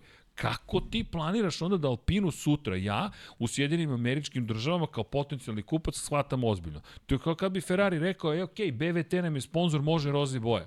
Kako može roze boja na Ferrari? Pa ne može. Možeš da dobiješ belo BVT u negativu i to ti je sve. Ćao prijatelju. A ti dođeš u Alpinu pa, i da, kupiš ne je. moraš, ne moraš čak ne poredi sa Ferrarijem. Renault dok je bio žut, Žut. bio je žut. Žut, Može onako da vuče na crno, ali žuto žuta crna nijansa je kombinacija. Tu, da. Imao si onaj period kada su bili plavo žuti, ali Da. okej. Ali I- opet znaš o čemu se znaš o radi, čemu da. se radi. Da. Znaš, u ovom trenutku ja ne znam šta je Pa Alpina. to je, zato, zato me, me, meni ta, ta priča sa tim forsiranjem brendova, to, to, to me baš onako nervira.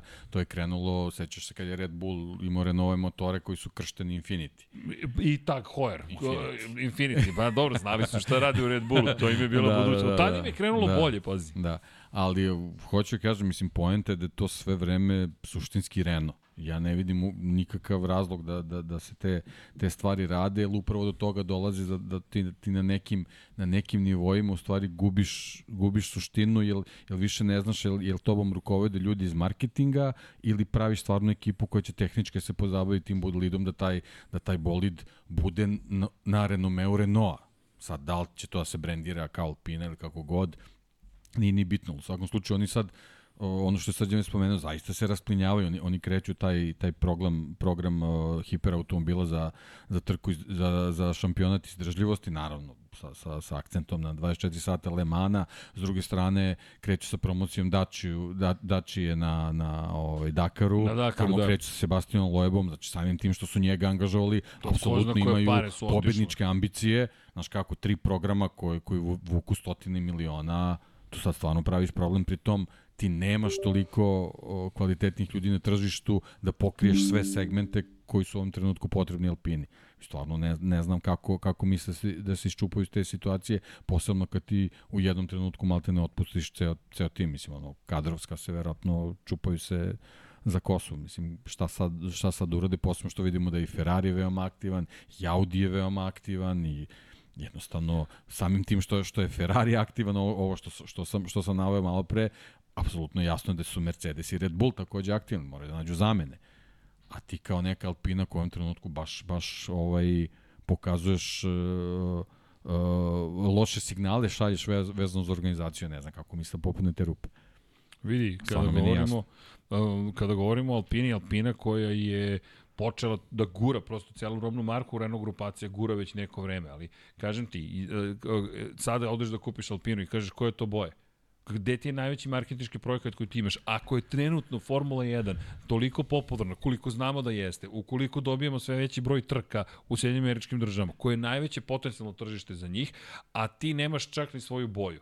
Znaš, meni je to ozbiljno da. signal. Ti nemaš čak ni svoju boju.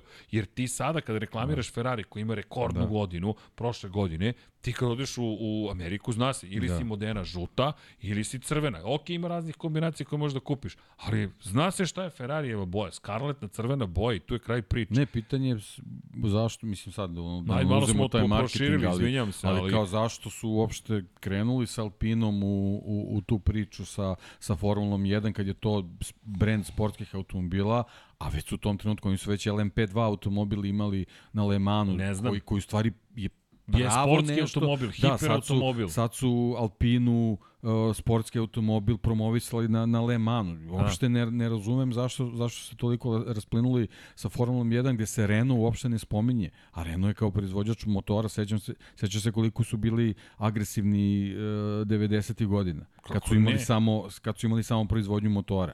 Pa vidi, tad si imao specijalne... Znači re- Ajmo najsnažniji, najlepšeg zvuka, Ja se izvinjavam. a, pobednički, šta god. Samo da zaključimo, Sainz 40% šestica, 38% petica, sedam, uh, sedmica 18% i osmica 4%. Šestica, opa. Evo pitanje, uh, Dobro, okej. koliko, da, da li, bi, ne, da li znate šta je Renault Clio RS, jel može tako? Da, ne. E, da je RRS, a? E, ljudi, Renault Clio, Ne, nije to kao, e, kao to je gradski auto. I za mene prva asocijacija, koji Clio? Čekaj, čekaj, postoji Clio i postoji Clio. Ne treba mi Alpina. Ja tu pričam o zapravo nečemu što je neka vrsta, pa nemam pojma dalje adekvatno, deki, ti mnogo bolje poznaš automobila, ali to ti kao GTI kad su stvorili u Volkswagenu, jer je neko inženjerima dao dozvolu da naprave trkački automobil od gradskog automobila. I ti dobiješ neku tamo... Peugeot? U Peugeot, izvinjam se, 205 GTI. u Peugeot. Da. Da. Gde si ti dobio jedan automobil koji je nažalost bio strašno opasan zapravo istovremeno, ali si dobio koncept koji je potpuno sulud u suštini i onda je neko došao u Renault i, i rekao ajmo Renault da napravimo, imao si i Williams verziju kada su osvajali titul. Evo, morao sam da postavim pitanje, 76% ljudi u jednom trenutku reklo da li znate šta je, da. Znaš, ti kad imaš Renault Clio RS, ti si, ej, tu je čao, ti to, samo ko ne zna na semaforu u fazonu, ha, Renault Clio. Ne, ne, dobro, kasnije kad je dobio difuzor koji izgleda kao zaista da izašao sa Alemana, bilo ti jasno, ono, ne kači se s ovima. Ali poenta jeste u tome da je Renault bio više nego adekvatan. I za mene je mnogo moćnija robna marka i ovo, apropo ove cele priče zaista ne razumem. Ali okej, proširili smo temu, ali izvinjam se, to je ljubav prema Ne, svemu tome ja, što ja, tu događa. znaš da smo i na početku godine pričali, mislim, meni, meni je to istorijski, kad se budu pravili neke, neke Da tabele, šta Alpina. god, kako, gde svrštavaš Alpinu, gde je Renault. Nigde. Meni to, kažem, sa, sa, sa tim promocijama tih, tih sportskih automobila u Formuli 1 jednostavno ne... ne ali mislim da je sve to izvinju uticalo i nove rezultate. Zato bih ja Estebanu Okonu dao sedmicu, zato što je bio na pobedničkom postu u jednom bolidu koji nije imao pravo da traži bilo šta, pogotovo ne u Monaku. A odveze je dečko krug. Šta smo mu bukvalno. Dali? Dali smo mu, pa šta smo bili? 6.31. 6.31. smo mu dali. 6.31, da. Dobro, ja, ja mu Ja sam rekao 6.40. Eto, ja ću mu Pa dati dobro, to je sedmicu, da, da, da, to je neki prosek malo preko 6.50 će otprilike da dobije ti na si kraju. večeras onako. Pa, Baš. da, neko mora vadi decu iz, iz bule.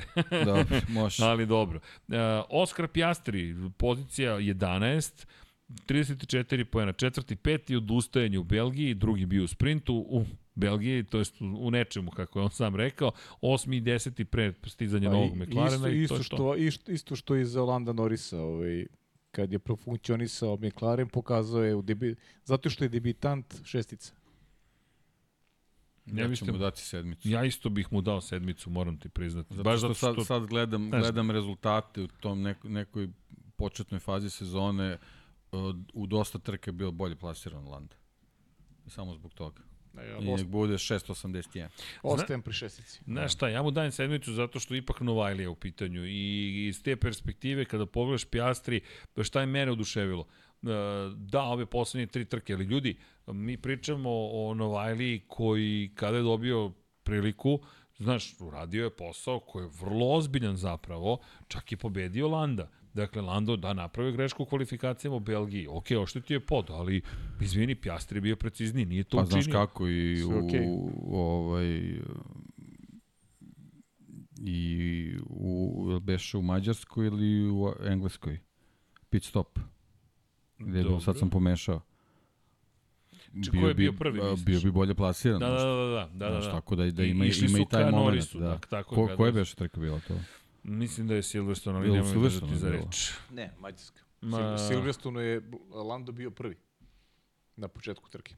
Jeste, jeste, upravo si, upravo si. Da, onda je- Mađarska, Mađarska, da, Mađarska, kada je, da. jeste, upravo si, pa je Tako posle da- imao probleme, spalio je gume bio pijast. 681 Eto, okej, meni je, isto, je okej. isto sedmica, Ako ali nemamo... je, uh, znaš šta je poenta? Poenta, eto, u, u toj uh, početnoj fazi sezone, kada automobil stvarno nije bio dobar, on je onako uh, u periodu kad je on trebao da uči, on je, on je bio na nivou Landa, koji nije, naravno, nekim trekama nije, nije bio baš je loš bio, ali, ali, ali Pjastri je čak u, i u tim momentima za nijansu bio nekim trkama i bolji, a apsolutni debitant je bio i onda u trenutku kad se automobil popravio i on se popravio u skladu sa tim, sa tim nekim svojim iskustvom, tako da mislim da, da 681 sasvim okej Ne, okay za meni je, meni je Oskar sedmica, možda bi mu dao i više čak na utisaka, ali ok, nema tu baš rezultata, ali ja sam zaista oduševljen. Šta me oduševlja kod Pjastre? Što on u debitanskoj sezoni s ovim bolidima, u ovoj grupi vozača, u momentu kada nije lako uspeti, kada su desetinke, ma hiljade, stotinke odlučuju, neću baš reći hiljadetinke o tome koju ćeš poziciju imati u kvalifikacijama, došao do toga da nas zaista nekako svaki put kada kažemo Pjastri i uzbudi. E, Gde smo se ogrešili? U Austriji, nemoj zaboraviti, on momak zaista nije imao novi bolid. I tu smo ga kritikovali, na kraju se ispostavilo, ej vidi, nemam novi bolid. S novim bolidom, nebo i zemlja. E, sad, bolid zavisi, pa ne može da bude osmica nikako, ali sedmicu mu ja ipak dajem zato što je Ok, dve sedmice, jedna šestica. Novajlija. Meni treba još da me ubedi za sedmicu. Dobro. Dobro, Oskar u svakom slučaju, mislim da je jedno osveženje koje je bilo potrebno u Formuli 1, me, osveženje. Imamo novu generaciju, ljudi, mi moramo prestano da pričamo o novoj generaciji. Mislim da Verstappen, Leclerc, Russell, Albon, da to sada su već godine Jeste, ozbiljne iza njih. jeste. Oni su sada okosni kostur Formule 1. Niko Hulkenberg nije. On je, inače ne znam da li znate, ali najbolji plasman u šampionatu konstruktora Renault imao sa Hulkom i Saincom kada su bili kombinacija. Pošto ne zvuči loše ta kombinacija sa kada pogledaš iz istorijske perspektive. Odradili lep posao. Iako nisu svojili najviše poena u poslednjih par godina, ali su lep posao odradili iz perspektive borbe u šampionatu konstruktora. Elem, Oskar Pjastri 11. u šampionatu, Pierre Gasly pozicija 12. Prešao ove godine u Alpinu, počeo sezonu sa 2 mesta, pa 13. u Australiji onaj incident, pa 14. pa 8. 7. 10. 12. 10. bez plasmana među vodećih 10, odustaje u Mađarskoj, 11. u Belgiji, to jest treći u sprintu u Belgiji, ukupno 22 poena. Gde nam je Pierre Gasly u celoj ovoj priči? Pa ti 12 si bio poziciji. bolećiv, ti si bio bolećiv ovaj, kada je u pitanju Okon, dao si mu sedmicu, tako? Jesam. Ne može da bude u istom košu sa, Ne može, ne može. Okonom. Tako da A dovoljno iskusan. 5.43. Dobro. Deki, 610. 6-10. Prelazna ocena za, za Pjera Gaslija. Pjer, ne Pa znam. da, malo, malo niže oceno nego Okonova zbog broja, ali eto, generalno, ovaj, ja, bih ne mu, znam, bilo je, bilo je kikseva ovaj, A bilo ozbiljnih ja ću mu dati peticu. tokom sezone. Eto, ne znam. Meni, Meni, meni zašto? ta, ta Australija mi smeta, to nije smelo da se desi, nije njihova krivica, ali eto, generalno, Znaš šta meni smeta? šestica mi je okej. Meni smeta što zapravo je prošle godine u Alfa Tauriju imao skoro identične rezultate. Dakle, imao je manje plasmana među osvajače poena, ali kada pogledam prošlu sezonu sa Alfa Taurijem, u kojem smo isto očekivali više, možda je tu bilo, ti ni suštinski nisi napravio neki ozbiljan naprav. On je bio 14. na kraju sezone u Alfa Tauriju, sada je 12. u To Alpini. je čovjek koji ima pobedu u šampionatu. Ima pobedu u šampionatu, čovjek koji je vozio za Ne, Red njegov Bull, najveći Toro problem Rosso. što je Pjastri ispred njega. Pa, može, bravo deki, to je, to, to, To je to, njegov to je isto problem. problem. Znaš, ali ti Znaš, generalno niko kada ne može da pogledaš, kaže da Pja- Pjastri ima mnogo bolji bolid. pa sad se popravilo značajno, ali Pa opet dobro. kad sve sabereš i Pa dobro, oduzmeš, morali su da četiri imaju trke prednost. su se baš značajno. Bilo je, da. bilo je mnogo trka pre. Ne, meni Pierre Gasly, kažem ti, tu više ne, ne možemo da pričamo o fazi e, vidi, Pierre kada je bio u Toro Rosso, ok, poeni, sve to u redu. Otišao Red Bull, pa izbačen iz Red Bulla, prelepa priča, zabeleže pobedu za Alfa Tauri, onda neka očekivanja malo Pa veća. to možda bude Ricardo pa priča. pada, pa to je slično Ricardo priči i sada dolazimo ponovo da pričamo o tome, pa dobro ima neke poene Pierre Gasly, pa dokle ćemo da imamo poene. Pritom je evidentno da je Okon ozbiljniji. E, jo, još jedna stvar, ljudi, Pierre Gasly je debitovao 2017. godine. To vam kažem, mi više ne možemo pričamo o tome da se to, novo, to više nije nova generacija. To su sada već zreli 150 vozači. trka skoro.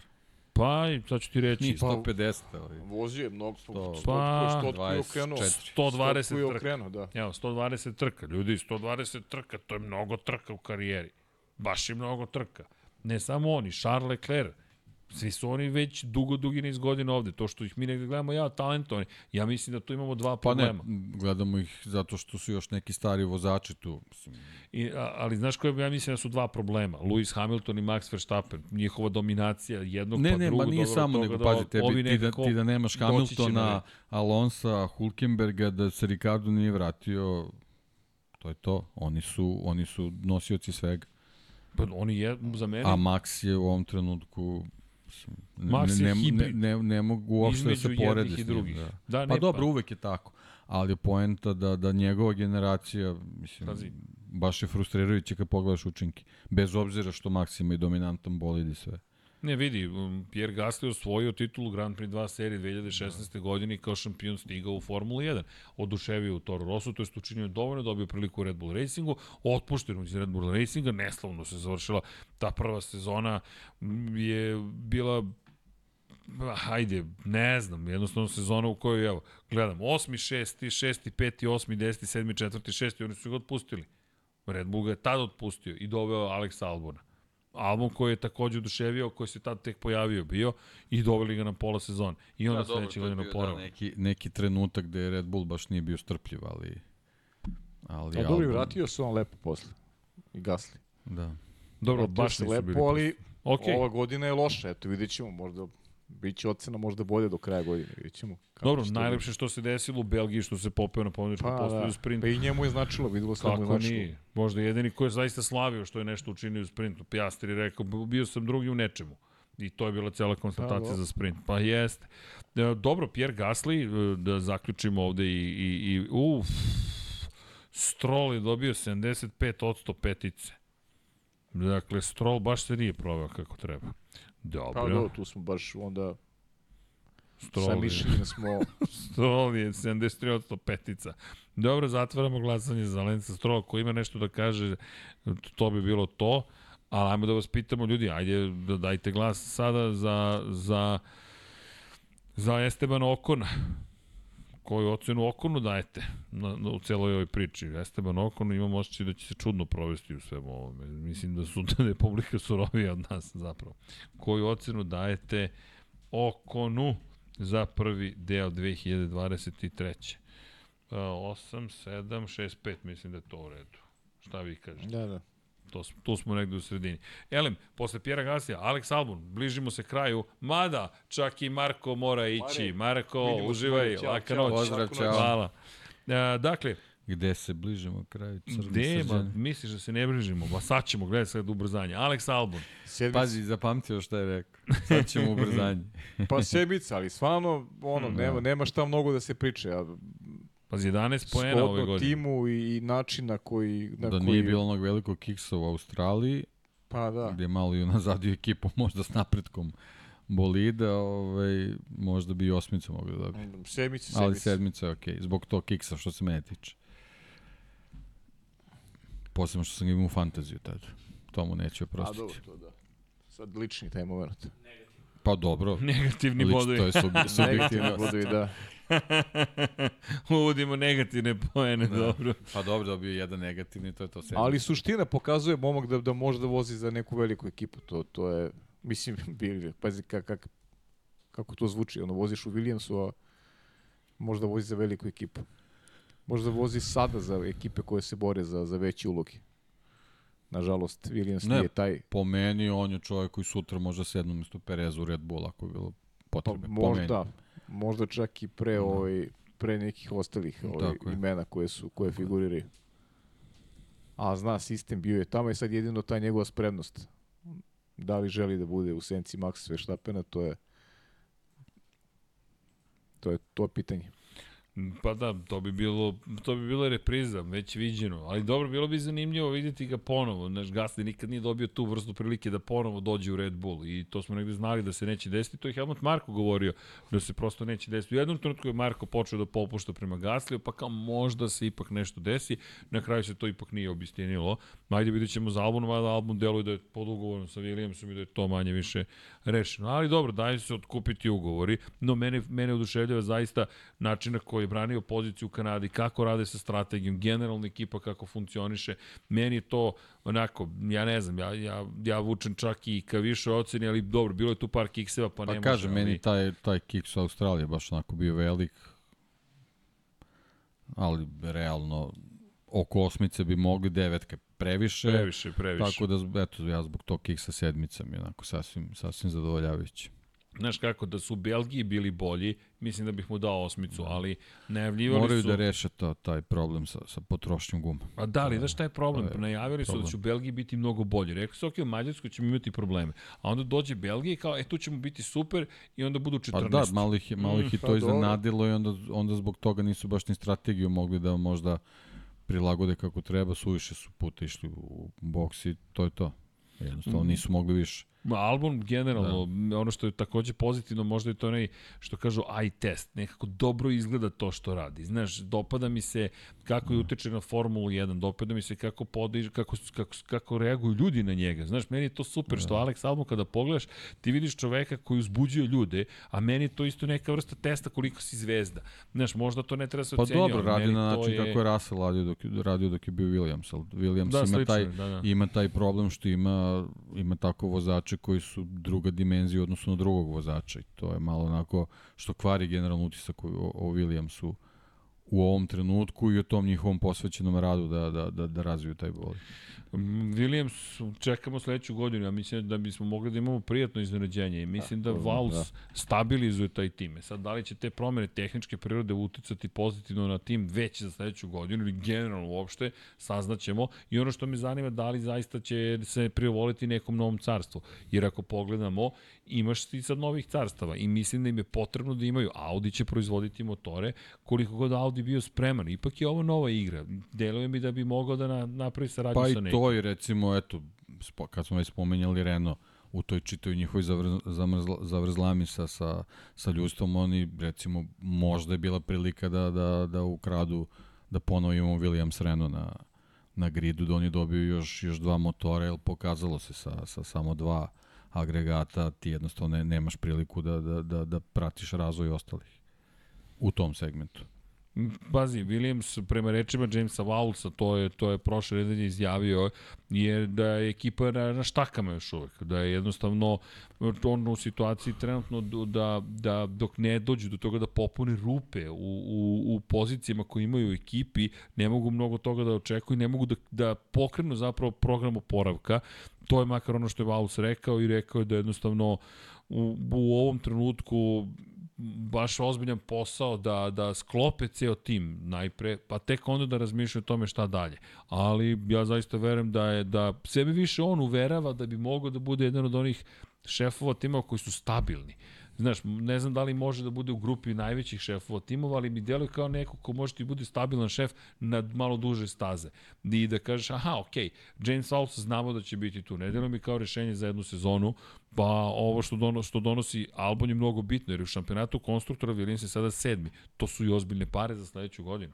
Dakle, ti kada bude se delio budžet, ti ćeš biti si ispred. Tako da, To je sve zahvaljujući Albonu. Albonu, zato, Zato treba kažem dobiju ti, tu ocenu. Da. Mm, Dobro, mi- mislim da. da zaslužuje zaista visoku ocenu Alex Albon, da je on taj koji vuče ekipu, jer da budimo realni, Logan Sargent nije da mu baš pomaže nešto previše trenutno.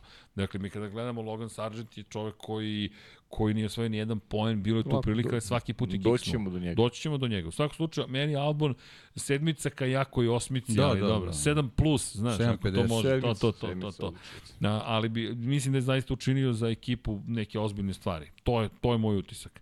Mm, ne, ipak ću da mu dam osmicu. Znaš šta, neka bude poklon, evo je osmica za Albona, mora negde da padne neka, po neki poklončić. Mora negde bilo. poklon, kao nije do sada. Nije do sada bilo. Pa dobro, malo. Da. Inače, Okon 51% je dalo šesticu Okonu.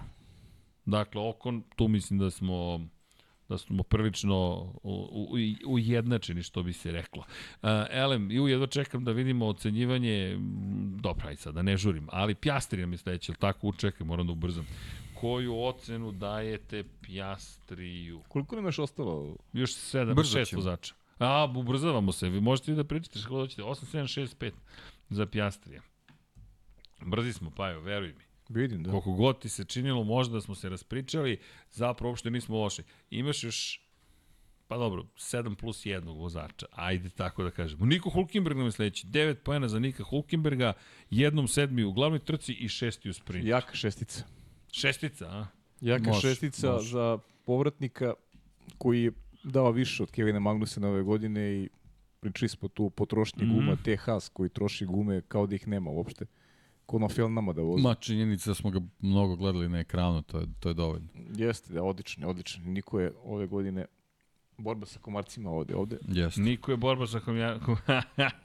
Ne, u studiju, da. Ali Niko, eto, jaka šestica. I najvjerojatnije ostaje, najvjerojatnije ostaje u Hasu i sledeće godine, tako da.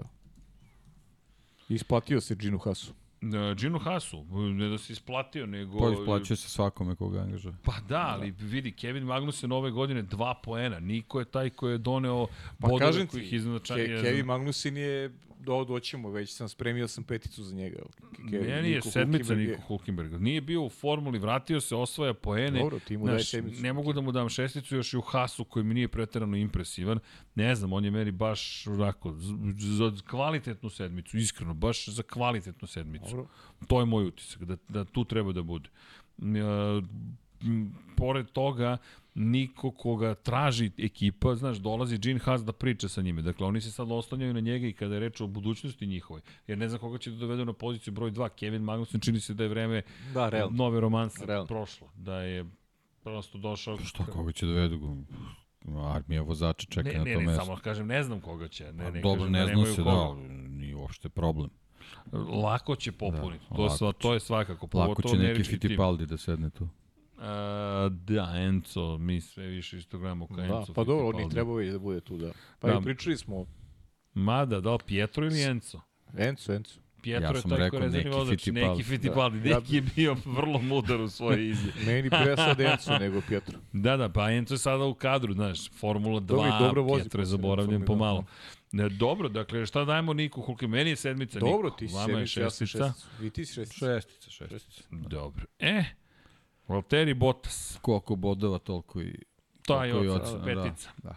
Valtteri baš... Eto, ti si, prvi ste se izjasnili isto petica. Ma da mogu da mu dam negativnu ocenu, dao bih mu zaista, zato što ne može, da- ne, ne Pa mogu dobro, da prihvatimo. čovjek, čovjek počinje neka druga interesovanja da ima, sve je okej. mislim.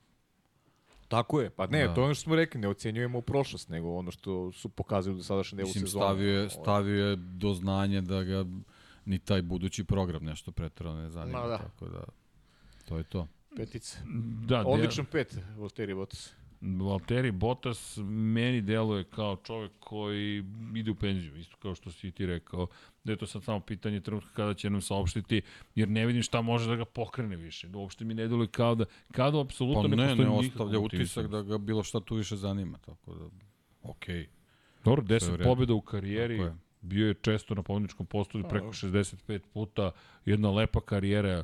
Pa ostaje u sebi, znaš, lepo, lepo ovaj, u, istoriji Mercedesa lepe stvari uradio. Da. Dobro, i taj čuveni niz 100 preko 100 trka Pa u ne Q3 samo u delu Mercedesu, nego u je u stvari problem, zato je sad i dobio peticu zbog tog Pa niza. da. Pa da, Znači, A, može očekivanja a su problem, Williams, da. dolazak Da. iz Formule 3 u Williams, takođe je vrlo lepo Tako vozio je. kada se pojavio u baš smo rekli 1. ne ocenjujemo prošlost. Pa ne ocenjujemo petica, ovo je petica. Pa, Dobro, čista kažem, petica za Valterija Bottasa. Gvanju Joe, 5-0-0, a Gvanju Joe, pa nešto veće ocene. ovde. 5.50. pa šestica mora da bude. Pa i ne Pa mora. ne, iskreno. 5.49. Pet- A ovo, 40. pa i njega oboristi. Pa ne, Pa nema šta. okej. Pa, šta. Pa, mada dobro. Ajde, možda zbog Mađarske. da li je bi ti nedostajao sutra Gvanju Joe da. Da. ga zameni sutra, ne Pa znam, ne. recimo Oliver Berman. Sad Pa lupio ne bi mi nedostajao. Pa, to- to mi Prosto imao je... Frederik Vesti. Frederik Vesti, Frederik. Vesti, da. Znaš kako, Mađarska je baš bila skupa, to ti je to pitanje očekivanja. Ti si se kvalifikao među pet najboljih i onda Što onakav inače kick ne da radiš napraviš. često i onda... Tako je. Znaš, isto kao sa Hamiltonom, znaš, kvalifikovao si se na pol pozicije, ti prvi moraš da uđeš u prvu krinu. Ne pričamo kao o prošlosti, ali sjeti se Formule 2 sve. Pa ja, ja sam više Da, bilo je poštovao Kajlu da. Majlota nego, Jeste. nego Gvanju Joe. Ne, recimo. ne, bilo je situacija baš da je, da je u propasti A, da. dobru priliku. A, a Kajlo Majlot, i Kajlo u- Majlot nikad nije došao ni blizu Formule 1. Da. Ne nego u Americi. A, u Americi. Pa, da. Da, i pitanje je da li će ikad dobiti bilo kakvu šansu. Tako je. Zato će nigdje Riz da dobije šta? Mnogo lošu ocenu. Pa da, ništa ne. nismo još do nikada Nismo. došli. Yuki Tsunoda, Juki tri Tsunoda. poena, tri puta deseti i sve trke je završio. Ili je makar klasifikovan u svim Šestice. trkama. Kod Paje, znači, sve dvojkaši. To je znaš ono kod, kod Profesor Živković, ja pusti, sve imamo dvojke. Poneka Dobro, ja čak mislim da je mnogo, ali okej. Mnogo Eto šestica. viš. Stvarno? Stvarno. Ja, ja, Ne vidim, ne vidim šta... Pa pazi, bolji je od Hasa, bolji od jednog Williamsa, bolji od bio od klubskog kolege, A vozi, vozi najgori auto. a vozi najgori bolid. Znaš, to mi je neko više nego dovoljno. Ja samo zbog toga mu dajem Pa šest. da, da, najgori bolid ima i opet je uspio, uspio da osvoji poene. I znaš, da, da bude bolji... I ova prethodna trka mi je možda najviše pod utiskom ove prethodne trke, posljednje, Jest. gde su stvari stvarno dobro izgleda. Mislim, I trkao Da je, da li je to sad utica i dolaska Ricarda, pa znaš, možda to bolidu njemu, koji je loš. pa ne bolidi očajan. Ono, Da, da je to... šporet. Da je to jednoglasno. Dakle, ne, da ne postoji osoba koja nije rekla da je taj bolid zaista loš. Jeste. U, čekaj da vidim, bilo ovde još nekih pitanja. Uh, da je živo za potencijalno povećanje broja trka, pre pa bilo pričam, aha, aha, aha. Uh, Ivan Božanić samo pojasnio i durirao 500 dinara još, još davno, vezano ono za trećeg vozača, apropo potencijalnog povećanja broja trka. Ne, ne, to je bilo samo priča o tome da će povećati broj ljudi koji rade u Formuli 1, da ćemo dobiti zapravo rezervni tim ljudi koji će, koji će zapravo pratiti ekipu i da ćete imati na smenu mehaničare koji prate Formulu 1, da više neće biti samo jedne ekipe mehaničara, već da ćete ako dođe do to, toliko velikog broja trka, inače Max Verstappen je rekao da ne želi da Formula 1 ode putem NASCAR-a, Dakle, ne želimo ni mi. NASCAR treba bude NASCAR Formula 1, Formula 1, ali je ideja bila zapravo da imate duple timove, da imate uh, duple timove zapravo kako bi mogli da izdrže ceo taj tempo. E, Šta si ti dao Cunodi, nisi rekao? Pa, e, Devetku, verovatno. Da, cu, Da. ne, aha, 11 pošto je bio često 11 e, sedmicu mu dajem. Neka mu i poklanjam, ali ja mu dajem sedmicu baš zato što je O, najgori bolid, prvi- ali... Ovde su nam najviše razlike. No da, ovo nam je prvi put da su baš veliki, Da, 5, da 6, smo, 7. im, da smo sva trojica dali različite ocene. Dobro, šestica mu je prosek. Kad sve sabereš i oduzmeš. Šta sam ja Inače, dao? Peticu. peticu, si rekao? 5.50. Pet, pe- a, šestica. šesticu i a, ti. Tu je, da, A, dve šestice, provukao se Juki kod šestice, da, profesora da, da. Potkonjaka, provukao da, se. onda dve šestice. E, inače, nisam ispratio, izvinjam se Almiru Vuku, kaže pozdrav svima u studiju, poseban pozdrav za Mirzu Smajlovića koji isprati svaki podcast od početka do kraja, vaše mišljenje o Mikovom povratku u F1. Pa evo sad te priče, da li će se Pa, da otvoriti će, da. neki Williams ili nešto Pa slično? iskreno, ja, ja bi, ja bi volao da ga vidim umesto Logana Sargenta. Pa ne može gore od ovoga. Dakle, Pa to je najlošija ocena. Videti generalno. Mika, ja mislim ovom Williamsu da bi vredelo. Mislim, vredelo Logan kao pravi je najlošija ocena, test. se Šta, razumemo, zaista da. Mik Schumacher može zapravo da postigne. Da nisu promenili šef ekipe, ja, ja sam tad već tipao da će biti u Williamsu, sad ne verujem, ne znam. Misliš da Vauls neće ići ka tom smeru, ali pazi, Miki sada pod okriljem bivšeg šefa. Ali Pa Tota to je, Wolfa da, je. to, je, to mu je plus, ali ne. To ja mislim da pomaže Da. kako kada je reč o, o Jamesu Wallsu. Inače, Đera 7 je rekao, ali mora pa posebno Srki posebno glasanje. Tamo, samo tako je fair, pošto i vozači idu odvojeno. Samo kažem, hashtag. Ne brinite, sve ćemo mi to da, da stavimo na glasanje. E, gde smo? Na Pjastriju smo stali. Ajmo da, da, da produžimo, samo da upišemo ovde. Dakle, Pja, Pjastri, nisam pročitao svima gde je Pjastri završio u celoj ovoj priči. završio? Gde je završio, Pjastri je dobio, u čekaj, uh, sad mi se... U Silverstonu je završio. Sedmica 41%, osmica 38%, šestica 15%, petica petica pet. 5%. Eto.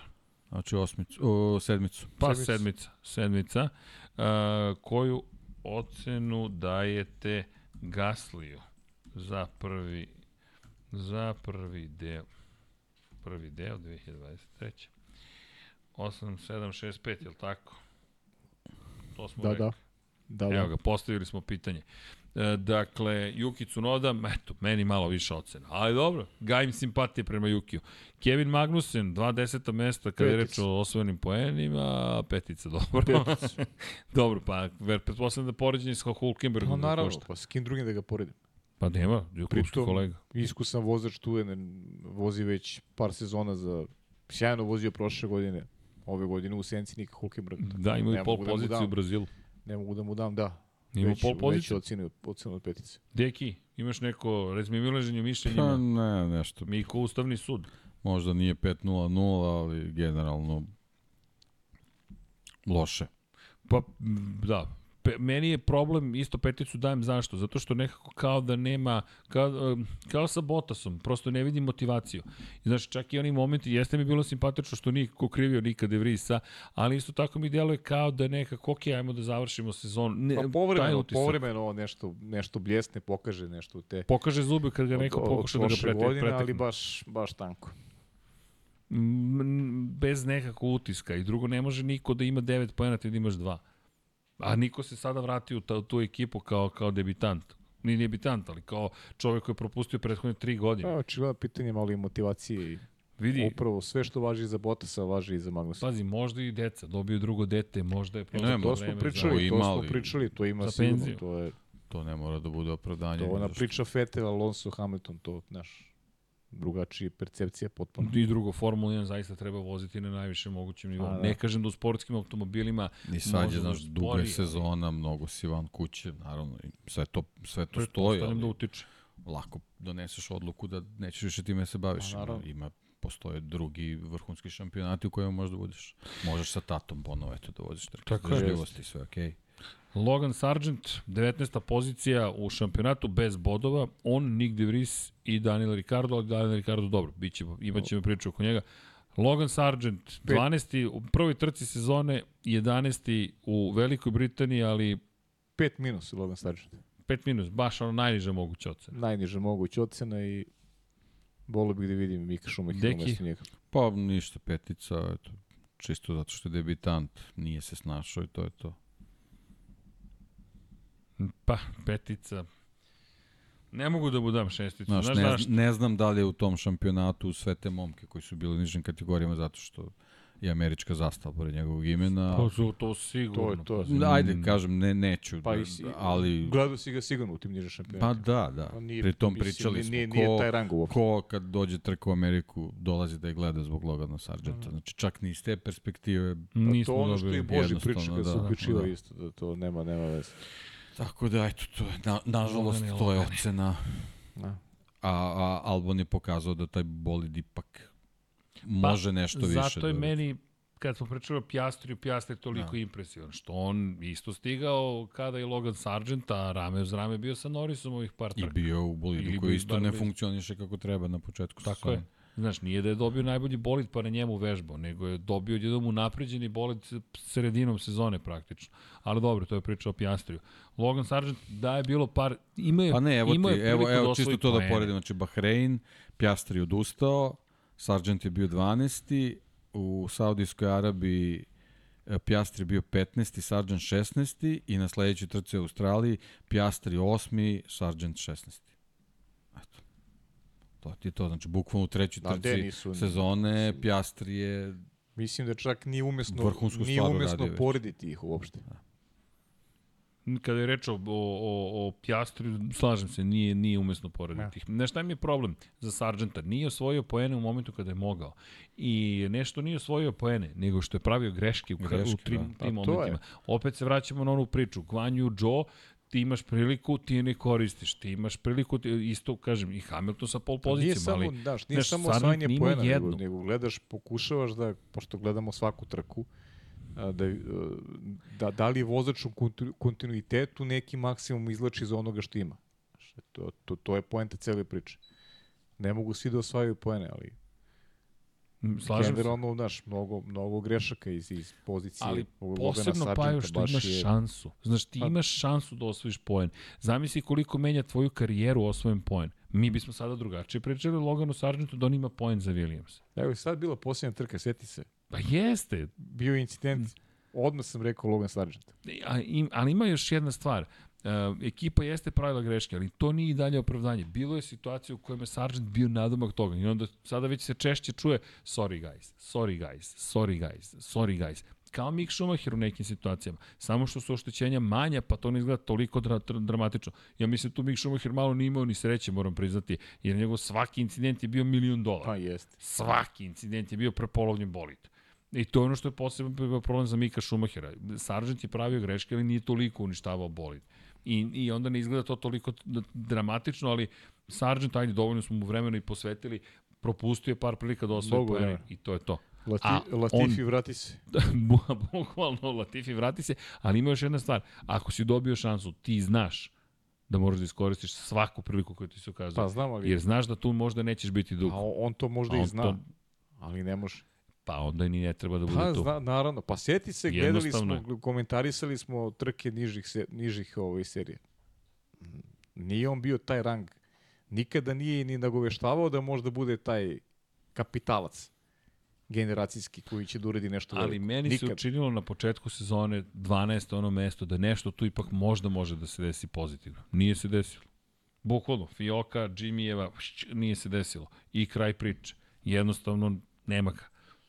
Što nas dovodi, polako li sigurno, do jedinog čoveka koji je otpušten u sred sezone i njegove zamene. Nick De Vries i Daniel Ricardo. Rekao smo Nick De Vries na To početku. Ricardo, ja Ricardo ne bih ni ocenjivao, pravo ti kažem, to je... Pa da. Pa nije u redu, Nije, slažem da, se. pa Nije nije, ni nije, nije, lepo, dve znaš, trke. sad, ne, nema, nema, uzorak je takav da, da, znaš, A Nick De Vries, nigde, pa nema šta daš čoveku, ovaj, ni jedan poen. A opet sad pričamo o očekivanja. Sjeti se šta smo govorili iz početka sezone. Ja sam verovao da će nigde Vries da pobedi Cunodu. Iskreno. Nick De Vries nije pobedio Logana Sargenta. Ne pobedio, da, tako da Nije nema, nema, Logana nema šta, nema Ajmo šta da- mu daš. Ajmo da pogledamo iz te perspektive. Zašto mislim da su Jukijevi poeni toliko va važni i veliki? Zato što je Juki u jednom momentu bio ispred Albona u šampionatu. Albon je u Kanadi po, se Pa ne, prebacio ispred Slažem Jukija. se s tobom da, da je to je prelazna ocena. Juki je sigurno prelazna ocena. A Nick De Vries A je... pritom, iskreno, i dalje stoji pitanje je da li će Ricardo pobeđivati Juki Cunodu. Zaista Čekamo. sam sumnjičav. Definitivno. Ali činjenica A je nigde da... Vries nema šta petica. To Pazi, je ti si petica. iza Logana Sargenta. Ti, ti nisi uspeo da pobediš Logana Sargenta. Ja mislim da je to dovoljno, dovoljno da ne bih ne ocenjivao. Čovjek je otpušten, već je zaboravljen. Ljudi, posle dve trke niko se ni neće da je bio nigde Vries u Formuli 1. Bukvalno će biti fus nota. Tragično, ali tako je. Zaista ne vidim da, da, da, da nešto može još da se doda u tu celu priču. Ali možemo da dodamo odgovor na pitanje Gasli. Gasli šestica, 42 odsto, 37 odsto je petica. Gasli se, da, nije Eto. ovaj. Šta je Gasly? Gasli, pa Petica. pe, mnogo petica, ali dobro, se izvukao na šesticu otprilike. I da vidimo, imamo još par, imamo još par glasova. Jo, Smo brzo završili. A, sumnjali ste u mene. Brzo, dobro, dok Dobar imao si, sam, dobar si. imao sam to kašnjenje u dolasku, ali inače bi ovo bilo spektakularno.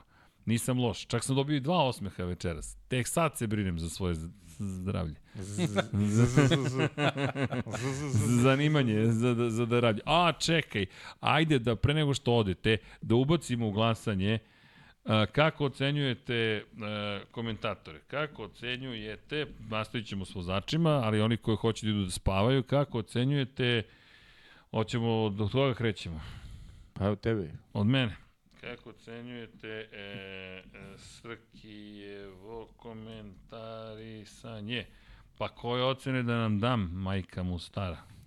Ja Srkiju dajem desetku čistu No, O, Aruba. i mislim da je Srđan Erceg Jamaica. najbolji komentator ovaj, za automotosport na E, planeti. e, hvala. Pajče, sad ću, sad ćete, ako Ali ja, to ali ja se ne šalim, ja Sad će stvarno. bude Herbie Ja se ne šalim, ja to stvarno Da. mislim. Da stavim razrede. Uh, Da. 9, 10, 7, 8, šta? 8, 7, 6, 5. 8, 7 i 6, 5, 6. Mislim da bi, da bi Veljko Petrović bio ponosan. Ovaj.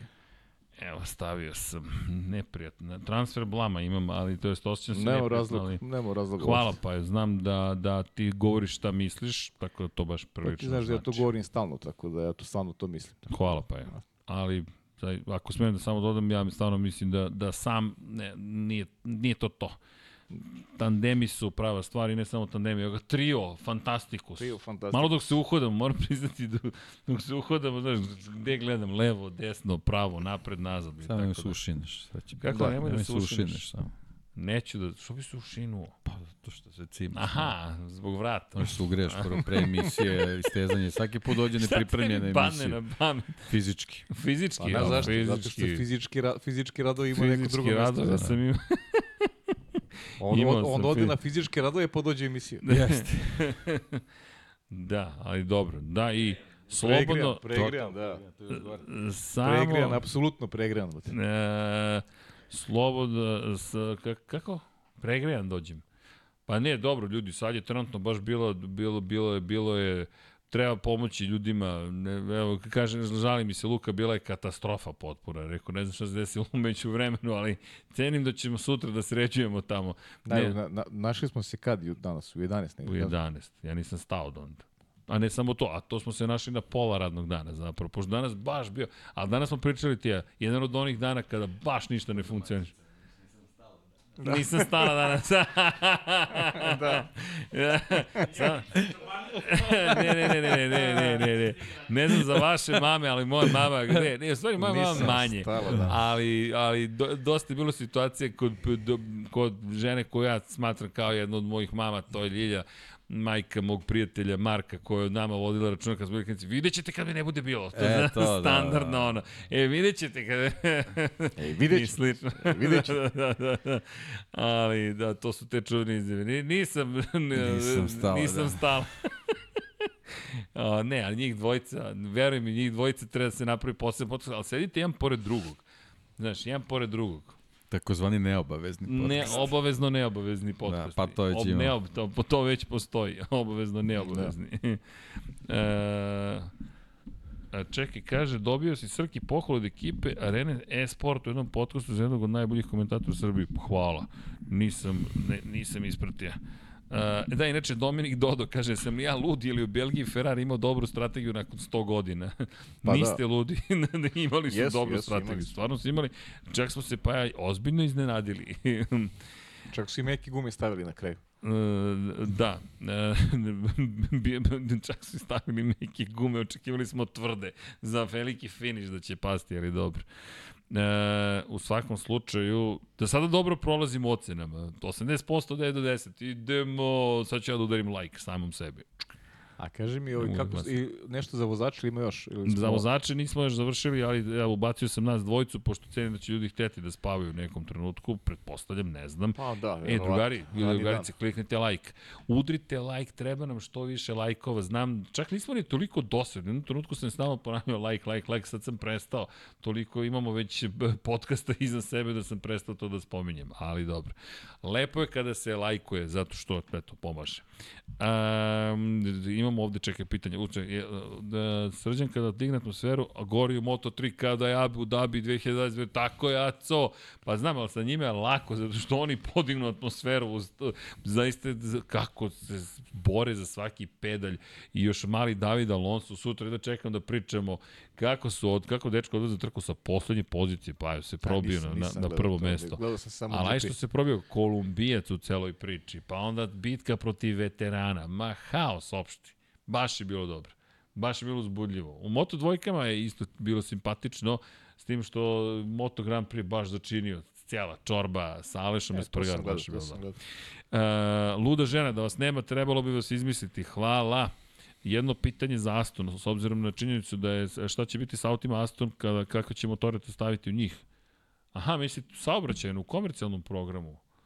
Pa deki, to, šta ti misliš? Saranje sa Aston Martin Hondom, da li će nekako uticati na Aston Martin iz perspektive saobraćaja? Ne verujem, a? Pa ne znam, mislim, to Pa je bi sad trebalo. marketinški, oni vole AMG, pa vole, to je to. Ne znam, ne znam kako su ugovori tu napravljeni. Da. Da. Mislim da će AMG tu da ostane. A vidiš, to je isto zanimljivo, kako, kako ti zapravo Mislim, oni kad su bili Red saradnju. Bull, Aston Martin, kad je bio, oni su opet AMG Pa da. imali. Pa dobro, to je bliska Da. saranja i drugo, Da, da.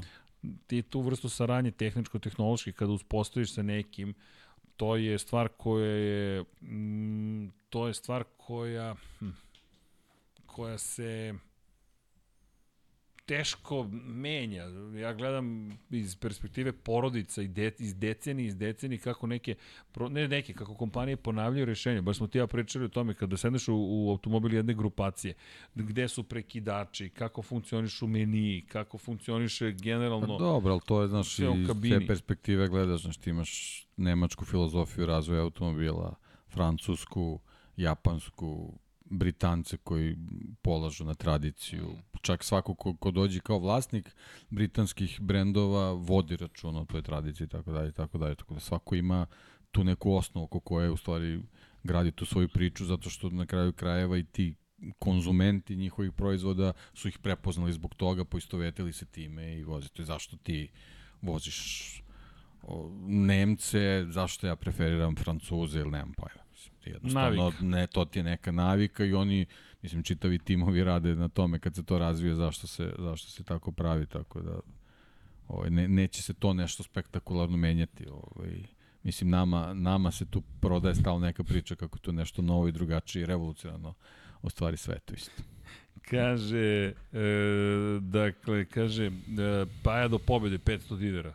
Imaš donaciju, tako je, Đero 7, Paja, pa, pa, Paja dobio donaciju, tako je treba, Koga evo povedati? srce. Plop. E, da, pa ne- mene. ne znam, ne. ne, ne, ne, ba, ne šalim se. Ali Crki oborio se i rekord Japanaca, kasnije se više nego oni u sprintu. pa sprint je već završen. Ja, kaže Aca Tasić, pa je veći ikon, nikad srđa neće imati prenos kakav je pa imao pre dve godine, budimo realni. Da, ljudi zaboravili tvoj prenos i Silverstone, ne znam zašto. E, da, da, to je bilo u, to je Da, bilo u priča je Moto Grand bila. Prix. Ali dobro, da, malo, malo je drugačije, to se ništa nije na kraju ni održalo, ti si imao sve. I održana trka koja je poput fijaska i upaljen mikrofon i, i budi realan, kad već gospodin kaže budimo realni. To jest, Vidi, to to, jest. to ništa ne može. Da Taj što imaš. Mikrofon, da, to upaljen mikrofon, to, to da. Ali to svi, svi znamo. Jest. Da, kaže Nadin, uh, Osman Hođić, kaže, moj tisak da Srki strastveni komentariše MotoGP neke bitke kao da je život ili smrt, a sećam se Abu Dhabi nekako umrtvljeno zadnji krug. Pa drugačije nije, nije, nije, bio, nije bilo umrtvljeno. Nije, nije. Nije, nego je drugačije. Moram priznati da smo bili iznenađeni da će biti tog zadnjeg kruga, pa onda Da, i način bili kako je napao. šokirani, Da, pa, šokirani svime što se dešavalo da u finišu. m, jeste. Ali Jest. lepo si rekao, naš, dur- Nije mnogo promena pozicije u Moto Grand Prix diktira u Jest, stvari. jeste, drugačije. Pa, pa ne ovo trke. Ti bukvalno u, u krugu od, od Jest. minuti i po ti imaš 15 promena u roku. A ja sam gledao i sad imaš, imaš po, kruga. pobeda u Da. posljednjem krugu, bukvalno. Da, Manevar da. u posljednjem krugu za pobedu. Mislim, to je Jeste. kako da reaguješ. Kaže Aca, ali ta iskrenost i ceni. Svi smo to pomislili tokom te Belgije. Da, da. Srki, da li može da predete novinskim stranačom maksimum rođenju koji ste postavili na story?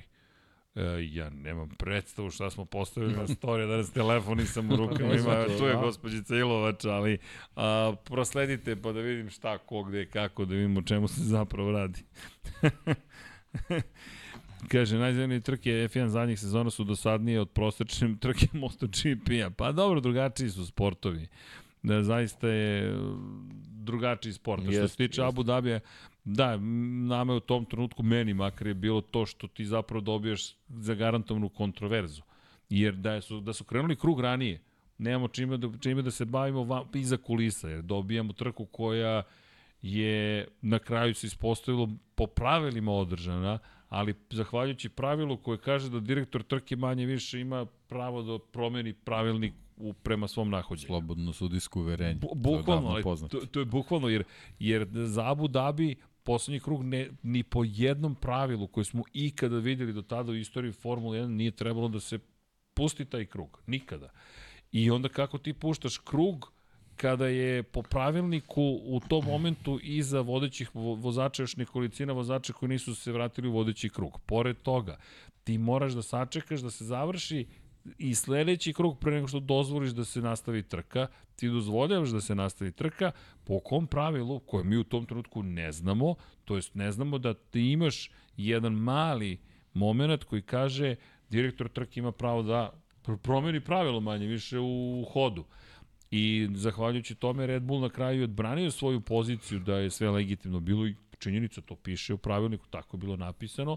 Michael Massey, evo kaže, pa i Michael Massey, iconic, Da. je po- doneo odluku koja jeste legitimna, ali je u direktnoj suprotnosti sa kompletnom istorijom Formule 1. Samo ti kažem, Eto. Michael Masi, pričali smo na početku o ljudima koji su doveli formulu da bude toliko popularan danas.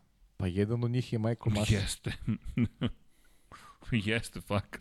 svojim glupostima te godine nam je na- napravio jednu jednačenu sezonu i dobili smo na kraju kao, moto, kao u MotoGP-u. Imaš odluku šampionu u posljednjem krugu. Tantijeme da dobije. Kaže Almir, ali bio si za Hamiltona, Srki ima i, to, ima i do toga. Jasno je to nakon svih godina. da, to. da, Ne, od toga okej. nećemo nik- nikad pobegnemo, da. Da, Nadin kaže, vi ste taj zadnji krug pričali o masi, vamo bitka za titulu. Pa kažem zašto, zato sam i rekao. Ne, ne zato što je samo bitka, nego zato što se postavlja pitanje da li ta bitka će uopšte biti na kraju legitimna ili ne. Meni je to bio veći utisak da ćemo mi dobiti svakako šampionat koji je kontroverzan pa je kontroverzan. Kogod da osvoji, to sećam da smo rekli, šampionat je na završen na jedan bizaran način. Ali ako da, da su krug ranije krenuli, verujte ne bih spomenuo Michaela Masija, makar ne ja. Dakle, pa ja imamo slično razmišljanje, smo bili u šoku. Jeste, da, da. Imamo s tim što ja stvarno mislim da negde sportska pravda je ovaj, zadovoljena. Mislim da je Max zaslužio titulu te godine. Kad se sve sabere. Jer bilo je kontroverzi i onako i na drugu, i na drugu stranu su išle te kontroverze. Tako da. Ali dobro, to sad vraćamo se u neku Da. prošlost. Ovaj, nije, nije nam bilo ni, ni, ni tema sada pričamo o tome generalno. E, kaže, pitajte Paju šta misli o Pedro Acosti. Poslednji put ste pričali o Pedru sa Pajem u aprilu 2021. u duploj dozi. se sećaš uopšte priče o Pedro Acosti? Pokušavam iskreno Kad da je pobedio iskren. sa poslednje pozicije. No, Ne. mislim, to je stvarno super dostignuće da, da ovaj, nema šta drugo da kažem. Kaže, inače, Latifi doprinao popularnosti Formule 1. Da, da, da. Tako je. Zapravo on bi trebao bude počasni član Latifi, nekako. Michael Masi, upravo Tako su je, ljudi. cela to, to, ta ekipa. Cela ekipa, da. E, kaže, Lu, Dobit će doživotnu pretplatu na Netflix. da. Deki je u svom elementu. Abu Dhabi je dokaz koliko je Hamilton omražen. Pa dobro, ne, ne, to je podeljeno. Nije on omražen. On je i obožavan i omražen. Isto kao i Ja ne Max znam, da, Verstappen. ne znam odakle to ljudima da je...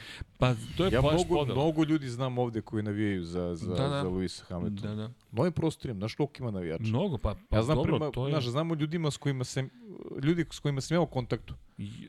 Tri najveće grupacije koje sam ja imao prilike da upoznam. Ferrari, Hamilton, Verstappen. I to, to Pa su da, mi tri najveće grupacije. Ja čak mislim da Luis ima veću navijačku bazu na ovim prostorima ne, od Maxa Verstappena. Ja nis, ne znam, stvarno nemam E sad podatak. to ide na što sad ide onako starija populacija, mlađa Jeste, jeste. populacija. Naš. Starija, starija Malo više baš, ka Hamiltonu. Da, da, baš naginje ka Hamiltonu i Ali znam neki nije- ljudi iz sporta koji su bili poznati iz spor, a, obožavanje Hamilton, to je nevjerovatno. Samo što nije, samo što nisu toliko aktivni možda na društvenim mrežama Pa ili nisu, da, da, nisu. prosto toliko glasni, kao gospođi Cilovača. Inače, pohvale za, za, za Helenu, naša draga Jelena, koja od kad je preuzela kontrolu na društvenim mrežama, Reels, Reels stiže, više ne, ne znam šta smo rekli, pa samo da osvrneš na Reelsu i pitaš se su stvarno Pa, mogu, izjavio. Reels, mogu, ti, mogu ti kažem da. Zahvaljujući njoj i, i, i, i, i, i, i Nikoli Johnny-u, da. i Johnny-u, koji je preuzeo montažu ja to vidim i pod kapicom da, da, ovaj, Hvala, Jeco. da, da, Da, definitivno, Helena. definitivno se vidi razlika, da. Da, da. I stvarno ih, vredi, ih- vredi ih pohvaliti. E, da, kaže imamo snić koliko ljudi bi za 20 godina znalo da je ko je Latifi i Masi da nije bilo Abu Dhabija. Moguće. E, kaže Nadine Osmahođić, mislim da je ipak pola planete tada navijalo za Maksa. Mislim da je više od pola planete navijalo za Maksa, da su hteli promenu u Formuli Da, 1, jest, ali jest. znam isto tako koliko ljudi sada kaže da sam znao, ne Evo, čuli smo i ovde, čuli smo i ovde u studiju, da, danas.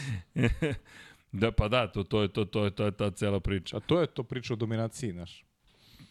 Da, e, ovo je lepo. e, Hara M kaže, ja sam F1 i MotoGP počeo gledati iz Natiželji, zbog vas trojica sam se zaljubio u te sportove. Hvala najlepše. Da, lepo. To je hvala. baš, baš, Hvala, baš, baš lepa stvar. E, Pajče, hoćemo da, evo, Paja, 77%, 9 do 10, 8, e, osmica 16%, sedmica 5% i 5 do 6, 3%. E, čekaj da vidim. Mm, malo sam, malo dioptrija mi se pojavila u poslednje vreme i to je manje, to je manje više to.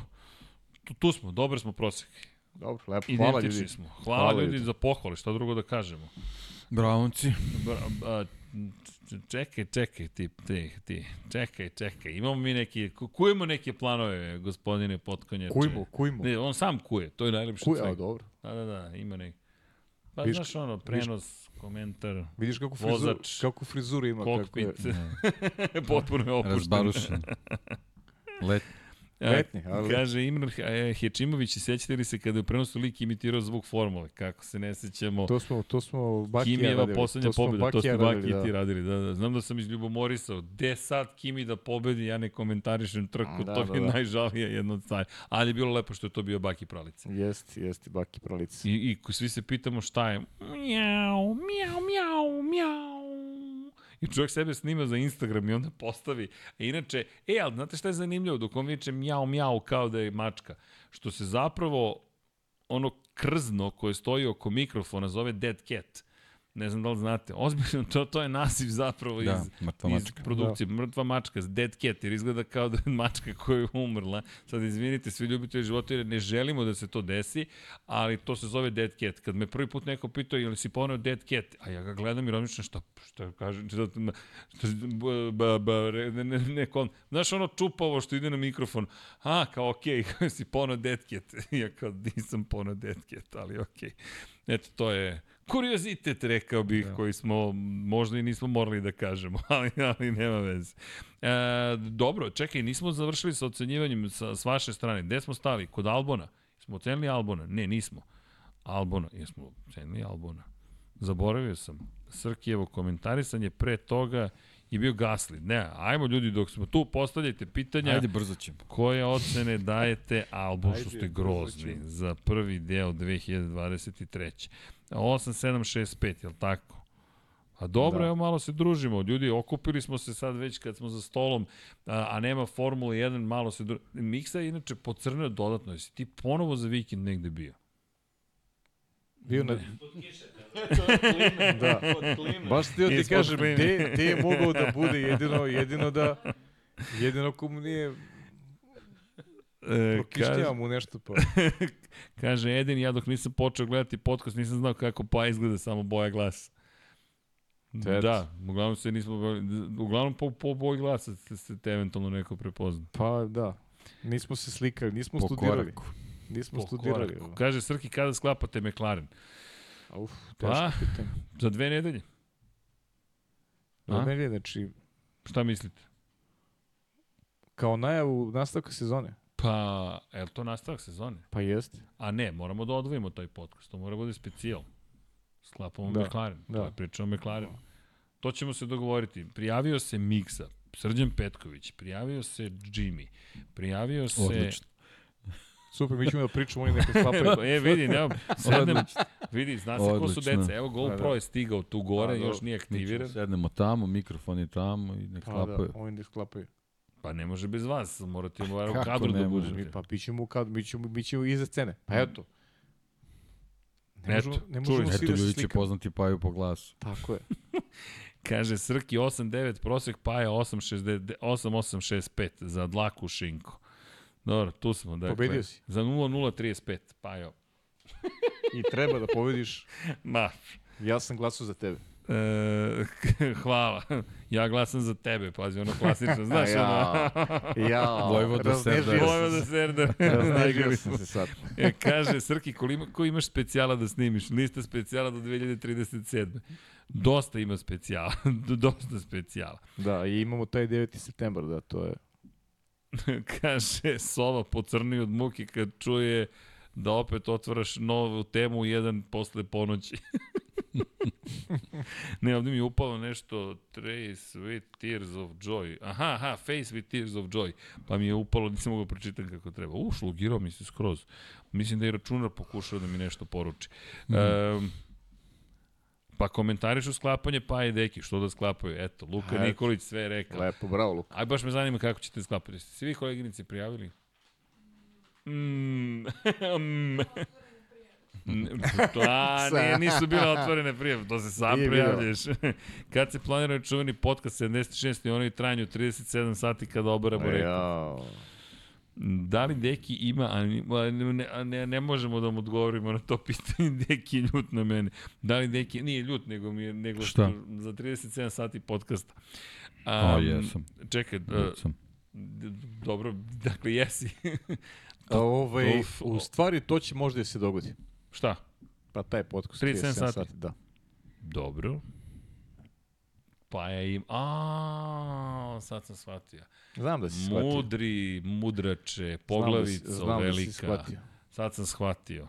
E, inače, Albon, osmica, 39%, 44 sedmica, pa i 17% šestice, niko ne daje peticu Albonu. Opa! Što bi mu dao pet? Što bi dao pet? Ne, ne, pa, pa dobro, ima ljudi koji kažu ja ti peticu zato što ne, nešto mi, super mi je što, što, što nema. Ustao sam na levu nogu. E, kaže, da. Nadin, kaže, Charles, Charles nema tehničkog znanja da bi bio veliki vozač, Maxi genijalac i u tom pogledu, zato ispred svoje generacije baš me zanima vaš pogled. Pa sad ne znam, Max je potpuno posvećen ovome, ne znam da li Charles nužno nema tehničkog znanja koliko je Max zaista jedan izuzetak veliki.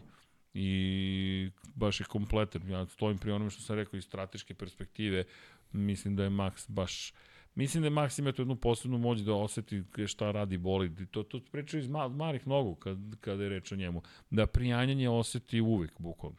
E, kaže, dajte nam anketu da i damo Dekiju, damo jednu desetku. Slažem se. Pa ne treba, nisam ja komentator. Dobro, kako komentarišete Dekija? Dekijeve...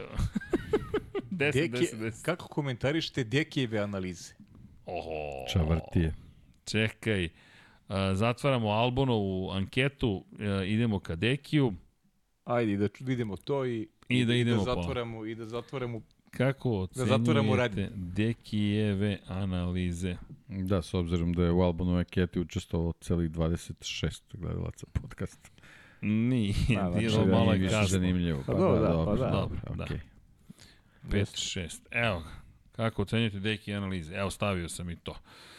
Uh, kaže Logan, molim vas, ispod pet jer nije u nivou niti jednog vozača, također ni nikada vrisa. Deki je da. osveženje pored vas. Smo se ti ja ubuđali. Neki, koji Čekaj, dezodorans koristiš? Mislim da reklamiram. vidi ga kako je. Možda se, možda se kasnije tuširao. Možda. Bar se tuširao, vidi, to je, to je pozitiva. Izvinjam se, izletelo mi je. Majstor Srki. Da. Bilo je nekih čudnih situacija. Voli da začini, voli da začini. E, o, slušaj pitanje. Da li Deki planira da napravi neki podcast o atletici? Opa, Pa, Deki, Zlatna liga, Lepo. Dijamantska liga, Lepo. jeste, kraljica to, to, sportova. to uopšte nije loše. Ideja. Ja mislim da ste pogodili ljubav. Pa da. Ljubav. Ovaj... Pa ne znam, sad ne znam, to je onako baš, baš uska tematika možda, napravimo nešto, neke, neku sportsku priču generalno, pa šta znam. Da. dobro, dobro. Šta se smeje? ništa, ništa, samo Čita, nešto on nešto razmišljeno. čita, da. Vas trojica da napravite emisiju po uzoru od Top Gear, bila bi hit 100%. Samo bih zamislio Dekijevo komentarisanje kad mu se ne dopada. Ti bi bio Clarkson zapravo u najavi. Mislim da bi tenkov U raznao ovoj neki konstelaciji automobile. možda, da. Da. Ali nisam ja, ne, nisam u tom fazonu. Nije, nije, nije. Ne. Pa niko od nas nije u tom fazonu. Kako da bude? E, da, evo, kao što neki napisaše, moramo oceniti vožnju Srke i Dekije na Soniju. Odvojeno ili Petica zajedno? čista, što, Da. da. jednostavno. to je O, baš treba, jednostavno. Treba vežba. E, osjetite se preko ekrana.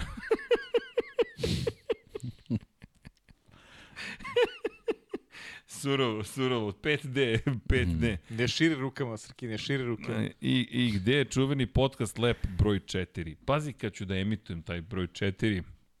Samo da ga Sedim, ne, ne, ali broj 4 je zapravo prouzrokovao pravljanje svega ovoga.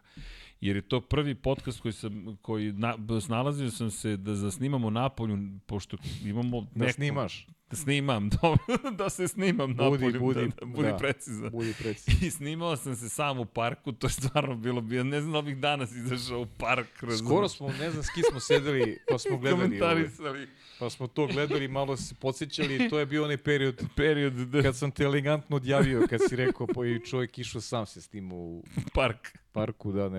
E, ali pravio Neverovatno. sam i gume koje se vrte.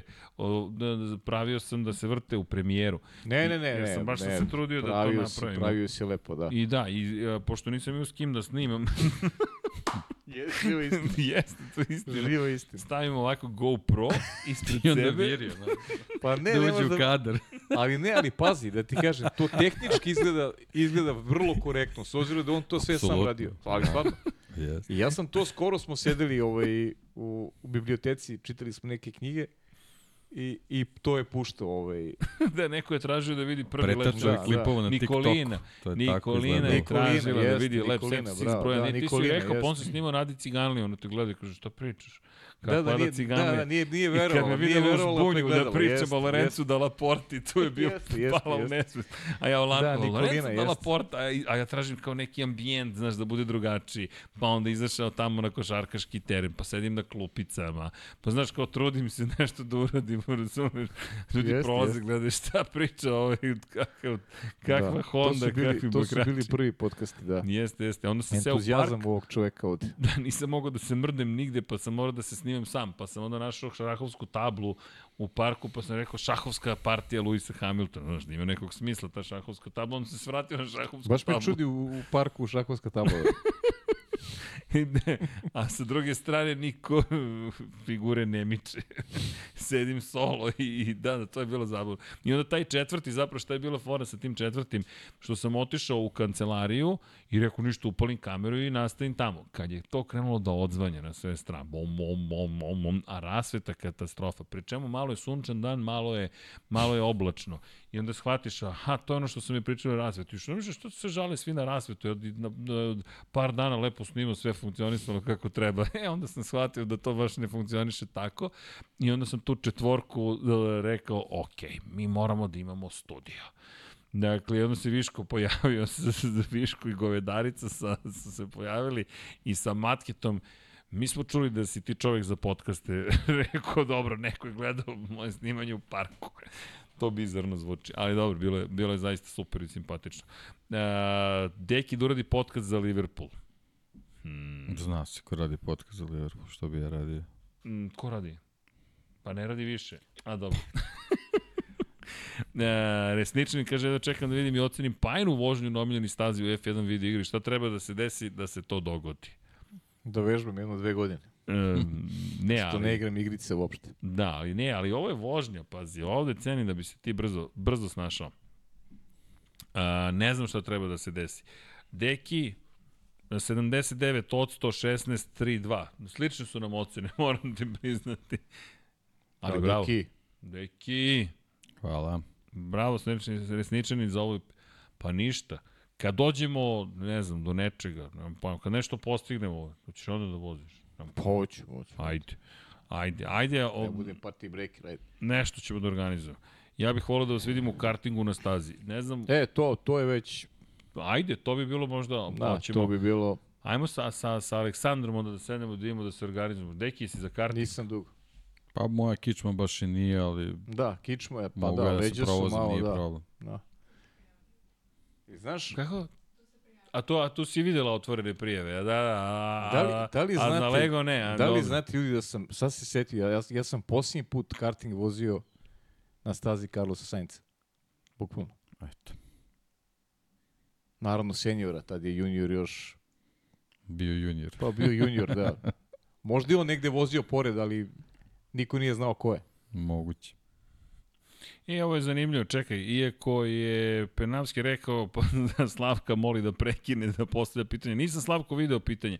Mislim da kada bi počela saradnja između Aston Martina i Honda, da će Aston Martin deliti uh, vazdušni tunel sa Hondom za Hondin MotoGP program. Okej. To, to nije loše razmišljanje. Ajde ispratit ćemo to, bo to će biti zanimljivo. Okej. Ja sam za 2009. godištu kartingu šampion za 80 kubika, Alex Zoma. Alex, pomažite, ali pre dve godine, kakve veze ima, bravo. Uh, evo, kada kanal pređe 500.000 paja, o paji opraštamo šolju, ali da vozi F1. 500, pa be, bezbedno si paja, to 2144. Šta? Kad, To će, bude, to će bude za godinu i za po godinu, dana. da, za godinu i po, dobro, evo, za godinu i po vozi, eto. e, e, kaže, zašto ne bismo zvali nekog mehaniča iz Moto Grand Prix? Ne smeju ni da gostuje. To je čuveni slučaj Aleksa uh, Briggsa iz 2011. godine, kada je tweetovao i pričao stvari koje ne bi trebalo da, da priča i tada su svim mehaničarima manje više zabranili da bez dozvole odeljenja za odnose s javnošću, popularni PR, da bilo šta govore i bilo šta da rade. E, ljudi, ali čekaj, bitna stavka kad smo već ovde, e, a to je da li planirate da idete na neko putovanje? Mi smo bili na jednom putovanju i šta smo uradili pre nego što smo otišli na putovanje? Produžili smo pretplatu za vozi, tako je, vozili smo, jer je to digitalna platforma broj 1 za pomoć na putu. I mi smo vozi, inače možete da vidite nalepnice trajno na našim računarima. Dakle, ko želi na put, molim vas, instalirajte vozi, to je broj 1 digitalna pomoć na putu. Šta to znači? Nije da kažemo digitalna pomoć, već način na koji dolazite do pomoći ukoliko vam zatreba je digitalna. Kliknete na dugme u okviru aplikacije, inače imate paket jednogodišnjih koji izaberete, koji vas pokriva da li u vašoj državi ili međunarodno, dakle uglavnom u Evropi i na taj način ste bezbedni, kao što smo rekli, Kliknite na link u opisu ovog videa ukoliko želite da i vozi zna da ste instalirali aplikaciju tako što ste gledali Lab 76, ali ono što je pojenta jeste da ste bezbedniji i to se radi zbog onog jednog puta kada pomoć na putu zapravo zatreba. Pa eto, ukoliko želite da budete bezbedniji, a podržite i nas, podržite našeg sponzora, zahvaljujući kojima se između ostalog, ali pre svega vi ste naš glavni sponzor, ovo sve događa i hvala voziju na podršci. Instalirate vozi i vozite to bi bilo to. Dakle, kao što smo vozili mi. Nismo bili loši u vožnji. Na putovanju. Nismo bili loši. Nismo bili loši uopšte.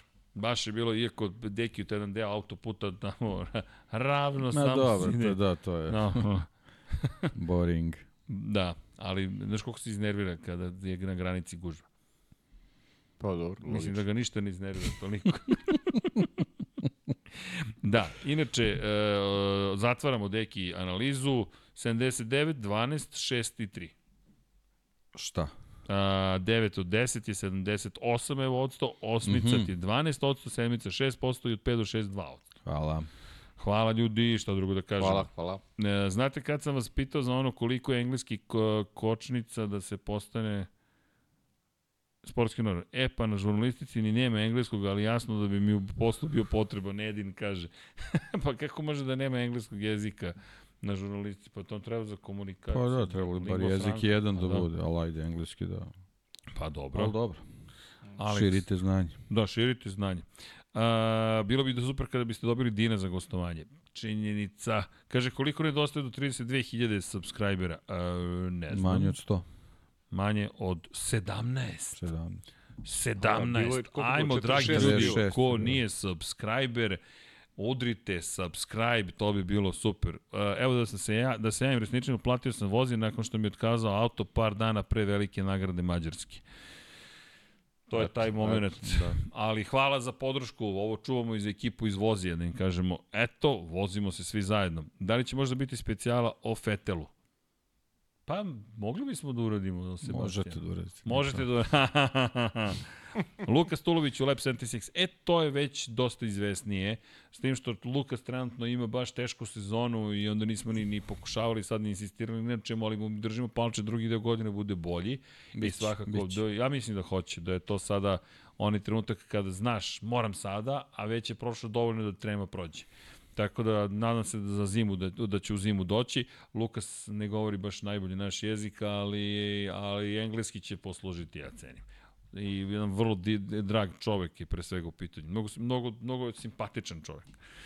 E, da li nastavljamo ocenjivanje? Mislim da nema potrebe da sad oko... Pa, Pa nema, nema. nema šta. Nema. Slagaće To, se s našim peticama, eventualno neka šestica na, Da. Da. na subjektivnosti, to je to. Da, inače, evo, da vidimo, 983. Nijedan novi subscriber. Pa kliknite subscribe. Evo, jedan, 984. Tako Miksa, je. evo, ja sam učinio svoje. Dakle, Miksa ovde postavlja, da kažem, KPI-eve i šta se, šta se sve e, da postaviti kada upravljate celim studijom. E, u svakom slučaju, mm, ima par stvari koje bih spomenuo, a to je da ima vesti koje uopšte nisu male. Jedna od vesti je da je Formula 1 i dalje protiv toga da se uvede 11. ekipa u Formulu 1. To su negde, moje mišljenje, ne znam da se slažete, pregovori i dalje između Formule 1 kao kompanije i Međunarodne automobilske federacije.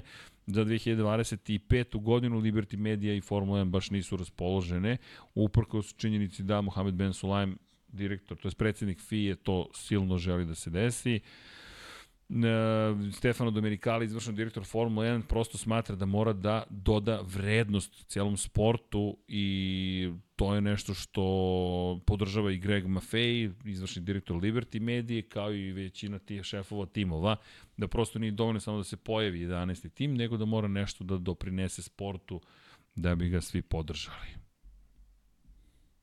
I rekao je, vodili smo diskusiju o ovome, da li se slažemo u potpunosti, ne, ali se nadamo da će stvari prosto se nekako dovesti u red, to je da ćemo uspeti da rešimo stvari.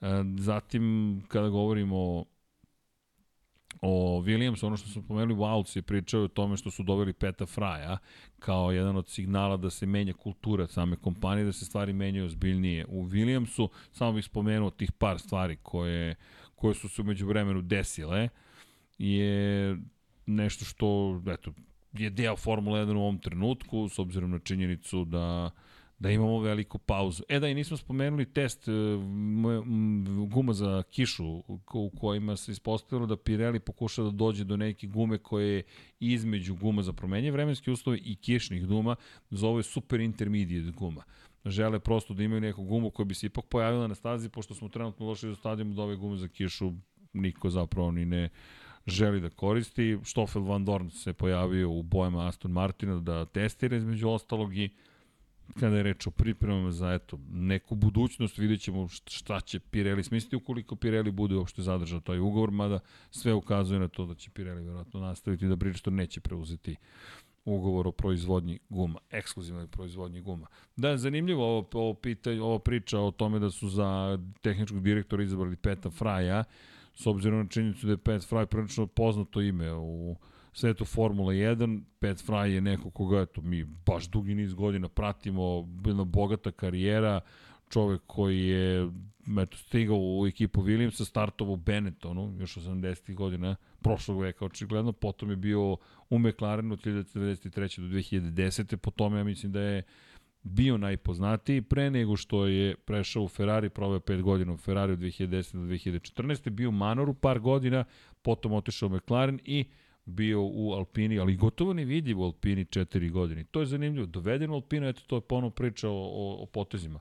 Dovedeš Peta Fraja i onda niko ni ne zna da si ga zapravo doveo. A čovjek igrao važnu ulogu, prilično važnu ulogu u nekim drugim timovima. U svakom slučaju, eto. Inače, čovjek je bio i trkački inženjer Miki Hakine na svoje vremenu. U svakom slučaju, vrlo iskusan čovjek i neko koga vredi imati u svom timu, ukoliko znate naravno nekako da ga, ajde kažem, iskoristite. Ali eto, to je Valcovo mišljenje prosto da je to pokazate koliko su kao tim ozbiljni. Imate nešto dodate? Pa ne, pričali smo, pričali smo o tome i i u direktnim prenosima i u, i u podcastu prošle, tako da Pet Kaže, nije, nije novo, nije novost Williams. Kaže Josip Reštarović, pa vi ste još live, ha, ha, ha, uživajte, vraćam podcast na početak, laku noć. ok, a, kaže Milan Markov, pita za gostovanje Miloša Pavlovića, nije ga bilo, još. Jednog dana, polako drugari, imamo mi neke planove, imamo neke naše ideje pra, pratite. Valentino Rossi u Lab 76 i onako je pauza do početka septembra. pa nema problema. A, kaže Hara M, samo recite koga želite u podcastu da mu zatrpamo direct messages na Instagramu. Hara, pa pazite, to uopšte nije loše razmišljanje. Tako smo do Nika Rosberga došli, pošto ste vi imali inicijativu da dođe u Lab 76. Ajde da da se potrudimo oko toga. To nije loša ideja, mada bojim se da će nas neko tamo obeležiti reći vi spameri. Mislim da će nam zabraniti da ulazimo bilo bilo. da, inače, ovo što se priča da će Matija Binoto doći u Alpinu, pa nema nikakvih potreba. Da, nema čekamo, čekamo da ne bude samo glasine. Ljudi, ajmo polako li sigurno da se odjavljujemo. Evo, pokušali smo da budemo malo pa ekspeditivni. Pa, pa dobro sad, ne razumem sarkazam, ali nismo toliko bili loši. Malo smo se raspričali posle, no vreme je da idemo. Neki od, neki, neki, neki od vas će da, neki od tebe će da putuju sutra ujutru, A, kada je reč o Dekiju, Deki, nemam pojma šta su ti planovi, ne moramo baš sve ni da otkrivamo. Ja odoh, nadam se, negde na more. Ti si tu, ili tako? Tu su. To se čuva kuću, Deki. Čuva Kod njega tvrđavu. su, kod njega su ključevi. Kod njega su ključevi i od magacina i, i od studija. Sve je kod Dekija. Deki je, u, ti si kao u Matrixu, ključar. E, jeste gledali neki dobar film skoro? Si gledao Oppenheimer? Yes. Ja nisam, ali planiram. Pa neki Još. interesantni citati su bili. Da. Ali ono, Ništa nisam sad, da, film. nisam se ja nešto sad pretarano oduševio sa tom čitavom pričom, ali sasvim Pa. pristojno urađen film. Što, što bi se reklo zanatski. Da, Vrlo kvalitetno Downey snimljen. Jr. je bio onako interesantan. Da. Ali moram priznati, nije, Da. da. nije, mislim da su promašili neke teme koje su mogli bolje da pokriju, pričati sada o, o nuklearnom naoružanju posle 70 godina života na planeti koja je obeležena nuklearnim testiranjima i naoružanjem, nije, nije mi delovalo toliko zastrašujuće neko. Pa dobro, ovo je više onako nekako priča da eto, možda neki deo javnosti koja nije baš upoznata kako je to sve se odvilo, eto možda naravno malo je romansirano sve, ali Pa, dobro, generalno Pa film. ima neke Bukvalno. činjenice, eto čisto ljudi da vide da možda neke stvari baš nisu morale tako da se desi. Ali znate da, da čelik ne postoji trenutno van okeana koji nije zapravo, ne samo čelik, ali čelik između ostalog koji nije zapravo ozračen kao i naša tela posle svih testiranja. S obzirom na činjenicu da je vreme polu raspada prilično dugačko. U svakom slučaju šta je poenta? Poenta je da sada postoji cela industrija toga da se izlači zapravo stari brodovi iz drugog svetskog rata i pre drugog svetskog rata koji su od čelika kako bi došli do čistog čelika koji nije ozračen jer sve ostalo iznad površine vode je ozračeno, no u manjoj ili većoj meri. I bit će tako do daljnjeg. U svakom slučaju, možemo nekom lepšom, pozitivnijom temom da završimo večerašnje druženje. Da, eto, juče je bio rođendan ovaj, E, da, pevača Iron Maiden. Ja, juče, podigni, da, da. podigni Ferrari. Da podignem Ferrari. Da, sve smo ti spremili, ali nisi obratio pažnju. uopšte. A, da, da, juče, pošto je sad prošla Pa, ponoć, da. to mi govoriš. E, evo ga, Bruce Dickinson. Ajmo da završimo sa njime. Hvala, Deki, još si mi to bio rekao, ali u onoj jurnjevi sam zaboravio na Brusa Dickinsona, čuveni pevač grupe Iron Maiden. Inače, čovek koji je... 33. rođendan.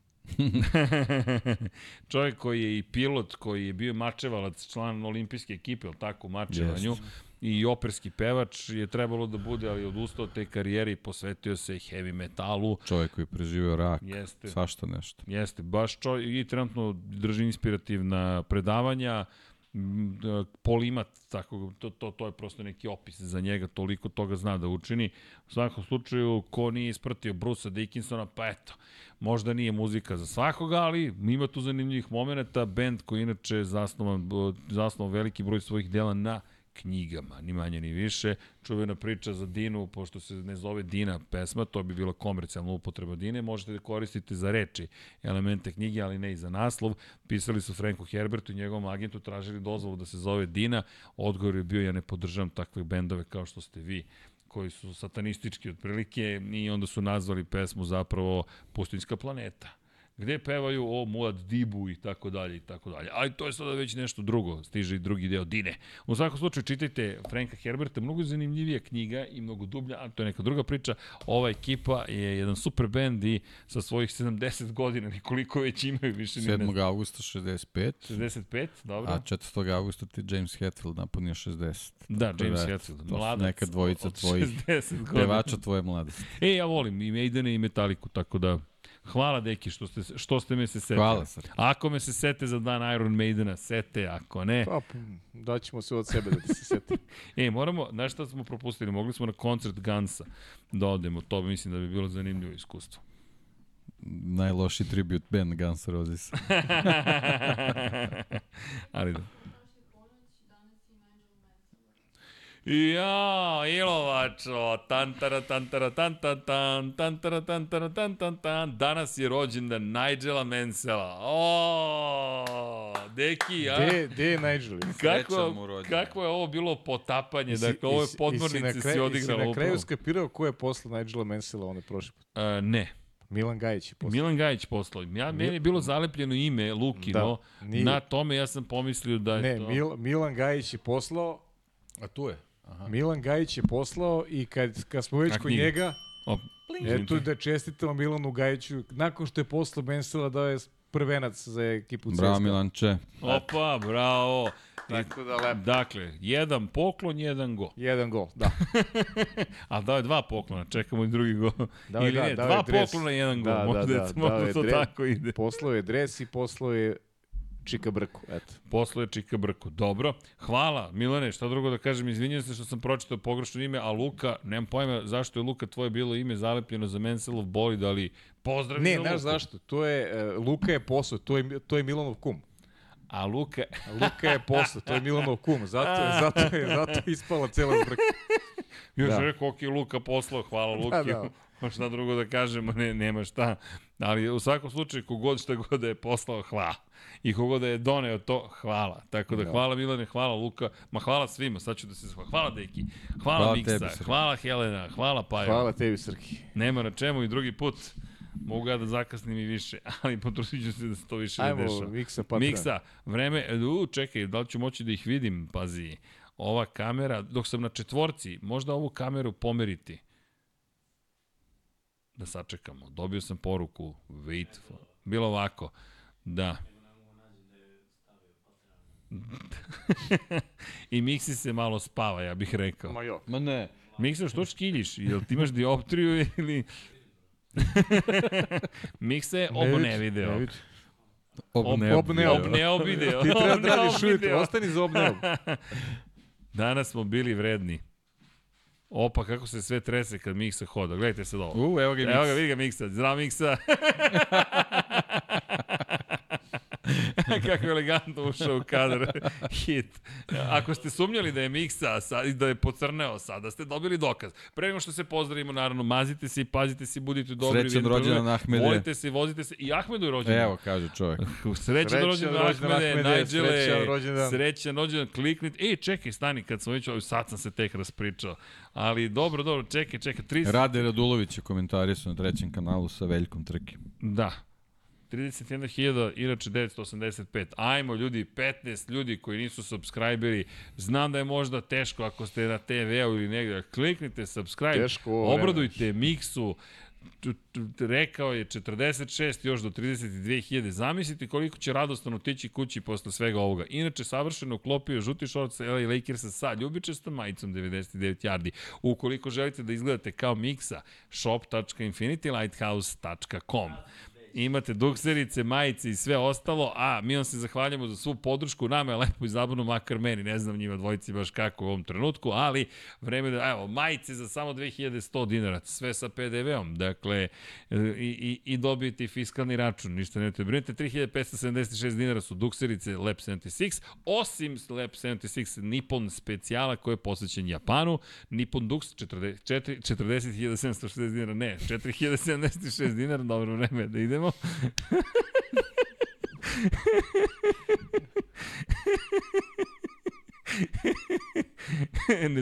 će ti pajo, samo da znaš.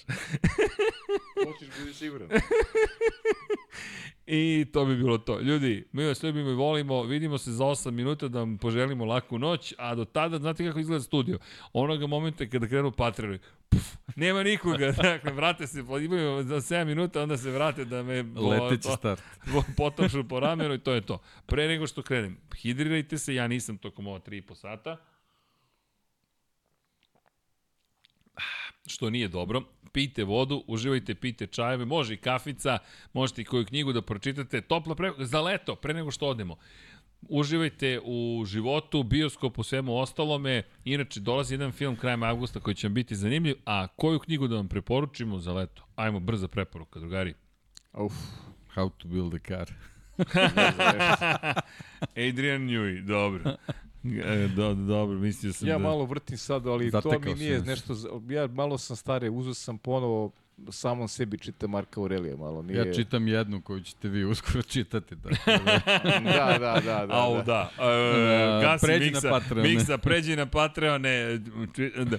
Alen Stojčić, Milan Milašević, Vladimir Filipović, Miloš Broćeta, Crnogorski džedaj, Stefan Ličina, Bojan Markov, Nenad Simić, Katarina, Ognjen Ungurjanović, Stefan Radosavljević, Antonio Novak, Dušan Ristić, Luka Savović, Aleksandar Jurić, Vladimir Petković, Nemanja Zagorac, Sean Hing, Mirina Živković, Deus Nikola, Živojin Petković, Nikola Marinković, Bahter Abdurmanov, Đole Bronkos, Đorđe Andrić, Branimir Rijavec, Luka Klaso, Nikola Božinović, Anonimus, Dona Torus, Žarko Milić, Marko Petrekanović, Dejan Đokić, Marina Mihajlović, Miloš Rosandić, Nikola Grujičić, Mlađan Antić, Ivan Novak Tomić, Ivan Simeunović, Vladan Miladinović, Kovačević, Omer, Stefan Vidić,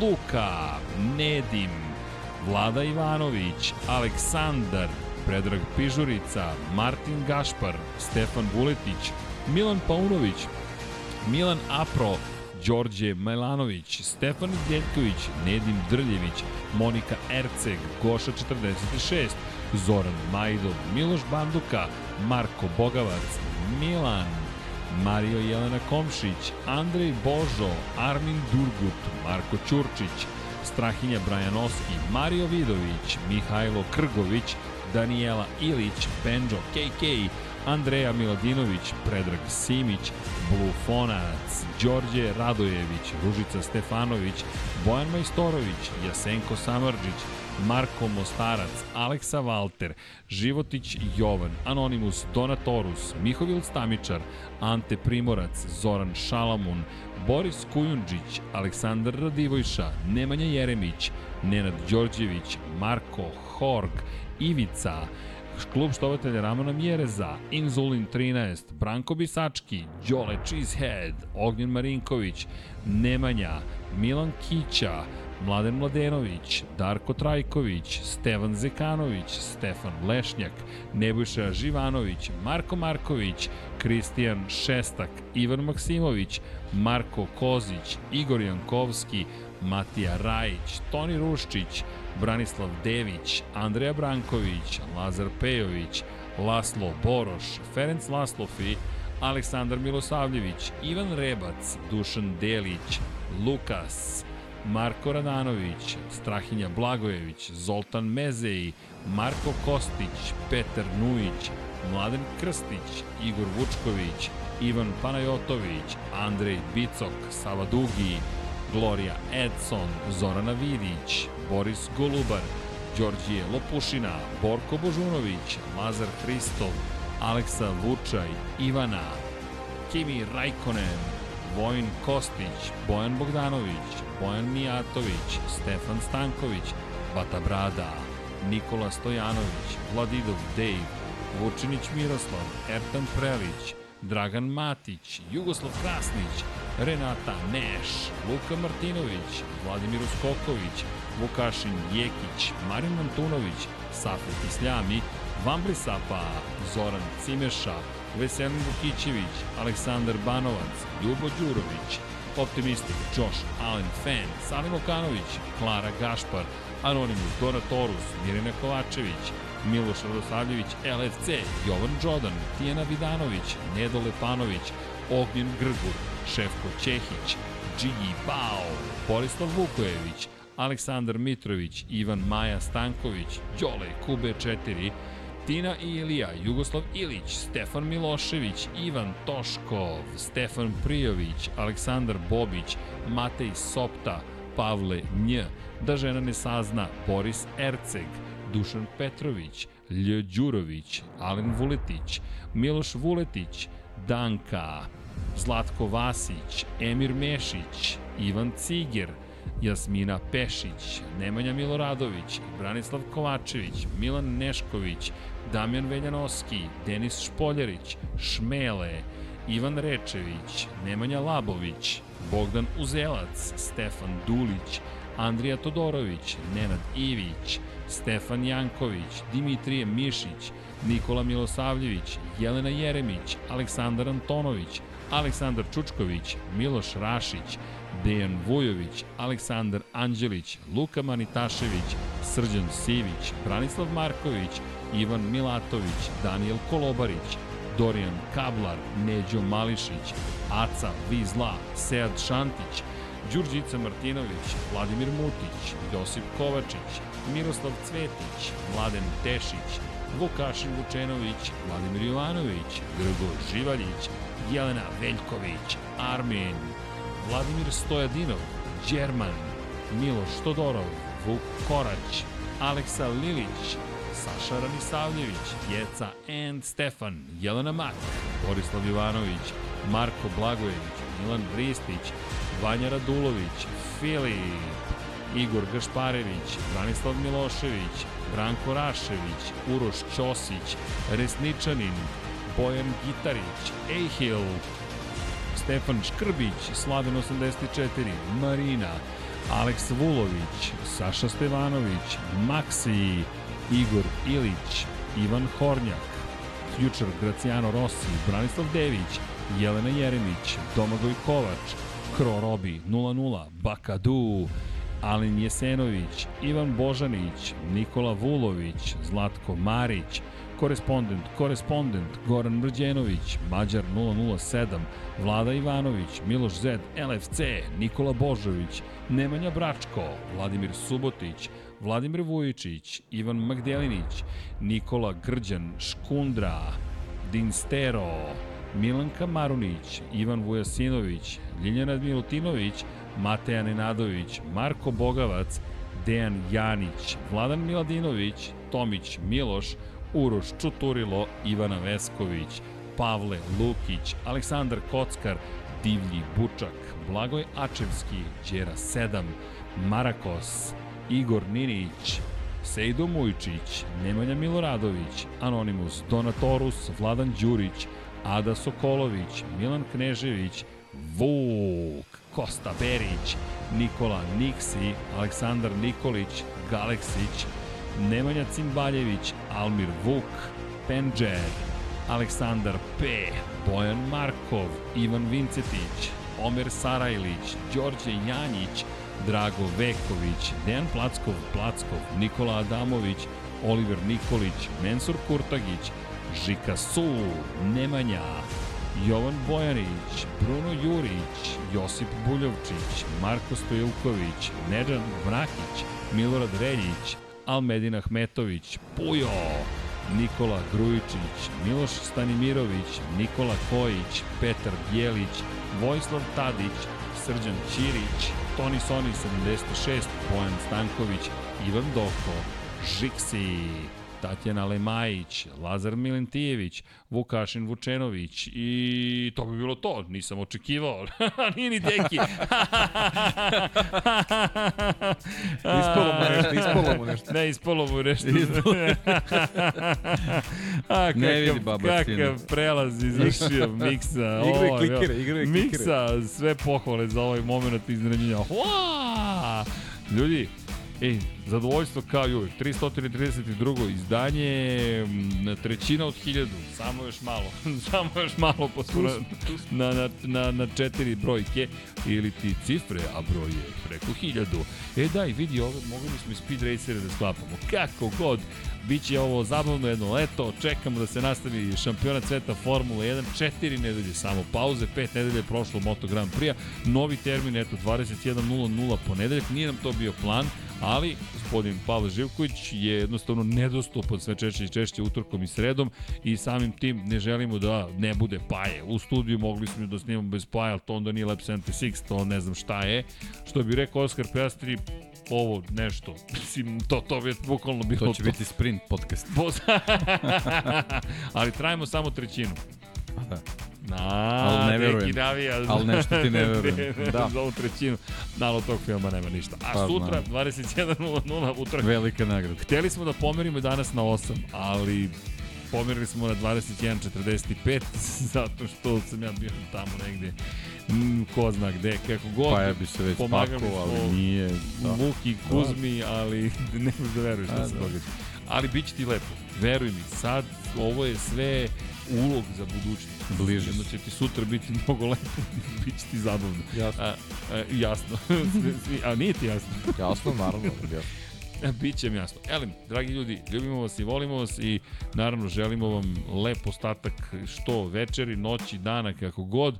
Uživajte, što se tiče Formule 1, vidimo se za dve nedelje ukoliko ovo pravite, pratite u direktnom prenosu. Dakle, za dve nedelje to će biti, bada je sada već Za dve nedelje. 8. do, do 21. avgust, dakle ponedeljak. Zakazujemo novo druženje za Formulu 1. Možda se nešto desi umeđu vremenu, ko zna, ali mislim da, da je to dosta izvesno da ćemo se tad družiti s Formulom 1. A kada je reč o Moto Grand Prix-u, sutra već 21.00 analiza velike nagrade Velike Britanije iz Silverstona Dekijeva analiza. O, to je ono što ste tražili to ćete da gledate i da slušate. Ej, ljubimo i volimo hoćemo na 1, 2, 3 to je najjednostavnije. 1, 2, 3 Ćao Ćao svima